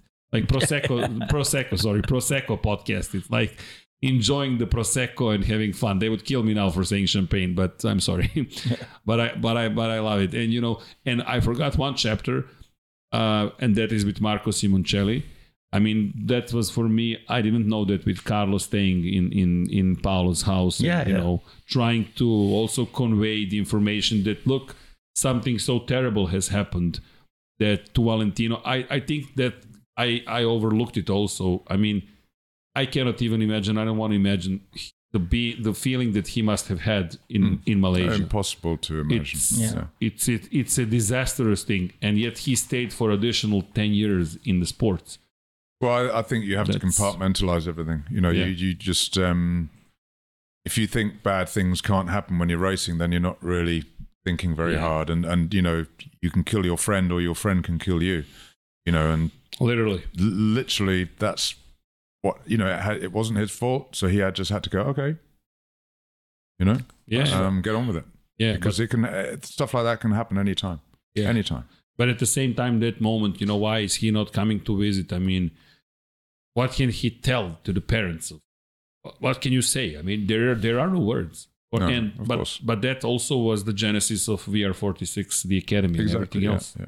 So you know, a lot of good came out of that. I mean, I'm sure everybody would exchange that for having Marco present. But still, you know, you, you I mean, what he did was he actually became for me. He became the the National Federation of Italy, Motorcycle Federation of, of of Italy, because again, coming back to what we spoke with Marco, like 11 years ago, is like he's he's also was saying like, you know, there are no young riders, etc. And I think Valentino is actually giving them the the the, the, the not even the platform, the environment in which you can thrive as a motorcycle racer. And that, for me, that that's that's one of the chapters that is we didn't cover it in the exhibition, but VR 46 Academy is like like a true testimony for somebody. But if we can go back just to Petronas, I think like this is like his last ever bike. For me, this is like um, at the same time so amazing and, and not sad. I won't say sad because he had such an amazing career. But you know, for me, it's like they didn't use this opportunity. I would have had the prettiest bike ever. And I would have given me given him any amount of money just to have this for photo opportunity at each and every one of his races that year. Just to have just imagine Lewis Hamilton in Mercedes and Valentino Rossi on a Petronas Yamaha in the same year. You know, the Petronas Towers, they would be Hamilton Rossi for like, this one is mm-hmm. Hamilton's, that one is Rossi's. Like those are like can you can it get bigger than that? This guy has seven titles in Formula One, 103 victories. This guy has nine titles, seven of which in MotoGP and 115 victories. I mean, Yeah. talk about history. And this is history. Yeah, and this is literally the end. I mean, he was sweating. it was like he was not. But what amazed me afterwards, they were celebrating. Everybody who approached him, he was taking selfies and taking selfies all day long. It was it was it was quite a day. And yeah, just a, a short note. Like I would have preferred Dorna making a much bigger celebration because I think they missed a huge opportunity of just having the reruns of Valentino Rossi's last race. They can On they can start doing that next year. You know, yeah, yeah, yeah. No, no, but they. I think they should have made a, a huge celebration. But that's beside the point. He concluded the career. What an amazing career! I, I don't know what to say even. And the and the, the, the turtle was still there. Yeah. yeah, yeah, yeah. the the turtle from the mini motos was still there. Guys, we talked so much. I don't know if you're aware. Like it's been four hours. what? Four and a half hours. Yeah, I. We should go. To, if you still are up uh, up for it, we should go to dinner or something like that. I don't know if you like. Uh, Marhin is going to kill me probably. I No, no, apologize no. for holding you so long. No, She, thank you. She knows that. She knows that that can happen. Yeah, I'm sorry, but I guess we like talking about motorcycle racing. yeah. Go on Yeah. forever. Yeah, could go, but we have to stop at some point in time. Sorry, yeah, Vanya. because, because well, we only talk about Rossi. Yeah, we Yeah. talk about Rossi. Yeah, this is about. if we go back to Roberts, uh, Schwantz, uh, of Lucchinelli and Sheene, yeah, it's gonna last a lifetime, basically. yeah, Well, but yeah, but thank you for everything that you do, basically, above all else, and and thank you for for being here and being here tonight. Thank you for the time you have dedicated Not at to all all. this. It's been great. Yeah. Enjoyed being here. Yeah, that that's Thanks. No, thank you, and And thanks for people watching or listening or whatever. yeah, yeah, you've lasted this long. yeah, we have to translate this for everybody who, who for everyone who doesn't speak English. But, but I mean, this was uh, for me. I, I I'm telling I, I don't want to repeat myself, but this is really amazing. Uh, and uh, as they were asking, is this going to last six hours? uh, and so, yeah, and people are getting upset, upset about the soccer. I mean, we are losing three two to Switzerland at the moment. But that might mean that the restaurant is going to be empty. Yeah, that's good. you know, looking at uh, at some things. Anyway, I don't want to hold you up anymore, and uh, I'm just going to switch to Serbian for the for the end. Uh, thank you once again, Hank, for everything. It's really a, a huge Okay. honor. Matt, thank you also. Thank you. Huge honor. Especially, it's it's it's not even a double honor. It's like squared honor having you both at the same table. That's been great. No, and and and and hopefully we'll do some more books. Uh, For sure, we'll see each other. And if the road ever takes you this way, you have a place to to be. We'll we'll make sure that you have good hosts. So Okay. if Thanks. you come along, I'm not sure, but you know, if it, if it, who knows, maybe make another exhibition. So we Who make knows? this a tradition. Yeah. but with with shorter podcast. anyway, I'm gonna switch to Serbian. Uh, ljudi, nadam se da ste uživali. Ne znam šta bih vam više rekao, mi smo ovde uživali, ja sam bar uživao, Vanja će me malo ubiti, ali dobro Vanja gubimo, pazi, gledaj to tako, ali ako prokrenemo na 4-3, onda idemo dalje, ja se nadam da će se to desiti pa ćeš me ipak ubiti, bolje da reprezentacija prođe dalje, ali čuli ste Meta Oxley, čuli ste Henka Kolimasa, bukvalno su legende u pitanju i jedan i drugi rade ovo mnogo dugo, mi od njih non stop učimo, privilegije i čast da su nam u studiju na kraju univerzuma, pomalo nestvarno, nadrealno, i ko želi, ko sluša ovo u vremenu i prostoru koje je u, u decembru 2022. od 1. do 7. i dalje je izložba Valentino Rossi sve njegove sezone u galeriji, galerija Štab, dođite, pogledajte fotografije svakoga dana od 10 ujutru do 10 uveče, ko sluša večeras ili dovoljno je odslušao, sutra u 10 ujutru će Henk i Matt biti tamo da potpišu fotografije, časkaju, slikaju se šta god želite fotografišu, dođite, bit će zabavno ako ništa drugo. Ko je sa nama večeras, hvala vam. Znam da je trebalo odvojiti vreme od utakmice, ali udrite like, udrite subscribe i sve ostale lepe stvari. I Vanja, hoćemo ono naše pa da se odjavljujemo, da ispoštujemo sve ljude koji nas podržavaju. So what I'm going to do might seem a little bit crazy, but it's not because I strongly believe in respecting everybody who is supporting us, respecting the community that we have. So I'm going to read aloud around 200 names because with Patreons and YouTube members, I always like to personally thank everybody. So this this has also become kind of a salute from the whole Infinity Lighthouse. And Ciao Svima is something that we often use. And now you will hear the music, and I'm going to read aloud every single one of them. So don't mind if this sounds a little bit crazy. So thank you to Din, Din Stero, Vuk, Đorđe Janjić, MS13, Drago Veković, korespondent, korespondent Tatjana Lemajić, Kosta Berić, Koja 7, Ivan Vincetić, Bojan Gitarić, Igor Ninić, literally everybody, Milan Bačić, Ljiljana Milutinović. I mean, these are the people who are not only supporting us in terms of watching, sub liking, subscribing, they also support us financially because they're members of the YouTube channel. Actually, I don't know if you know, but you have these guys and boys and girls and everybody in the book. I don't know if you're aware of that. In the Serbian edition, uh, the last page actually contains all the names. Sorry, eh, help, help. So you will see there. So everybody who supported us, we put their names in the book because you know, so they forever until well the books exist, they will be there.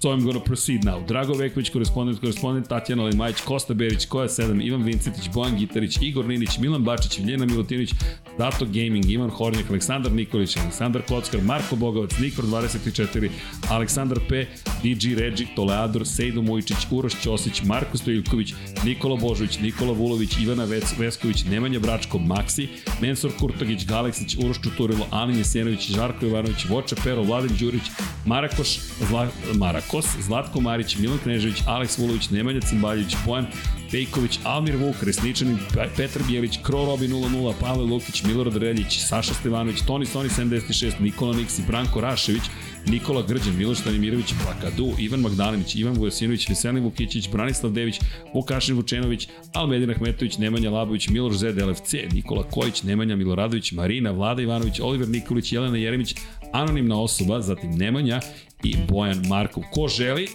može da klikne join i da nam se pridruži na YouTube-u. S druge strane, ko želi da nas podrži i na drugi način, patreon.com kroz Infinity Lighthouse i možete da budete naši pokrovitelji i da nas podržite u daljem radu, jer kao što vidite, sad vidite gde trošimo vaše pare, da organizujemo izložbe, da doću Meti, Henk i tako dalje i tako dalje. Hvala vam na tome, nadam se da ste zadovoljni, samo da vidim da nisam propustio neko pitanje naših Patreona, da ne budem čovek koji je promašio priliku da postavi pitanja koje ste vi postavili. E, samo da vidim.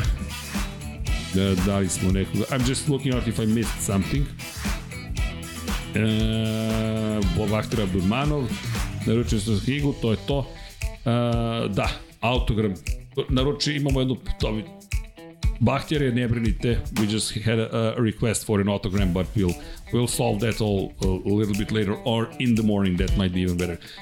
Dakle, hvala patronima 352, Đurđica Martinović, Salim Okanović, Matija Binoto. We have a Matija Binoto supporting us. At least that's the guys the, the way he signed himself. So like I don't know if I'm not sure if it's really Matija Binot. I'm, I'm pretty sure it's not.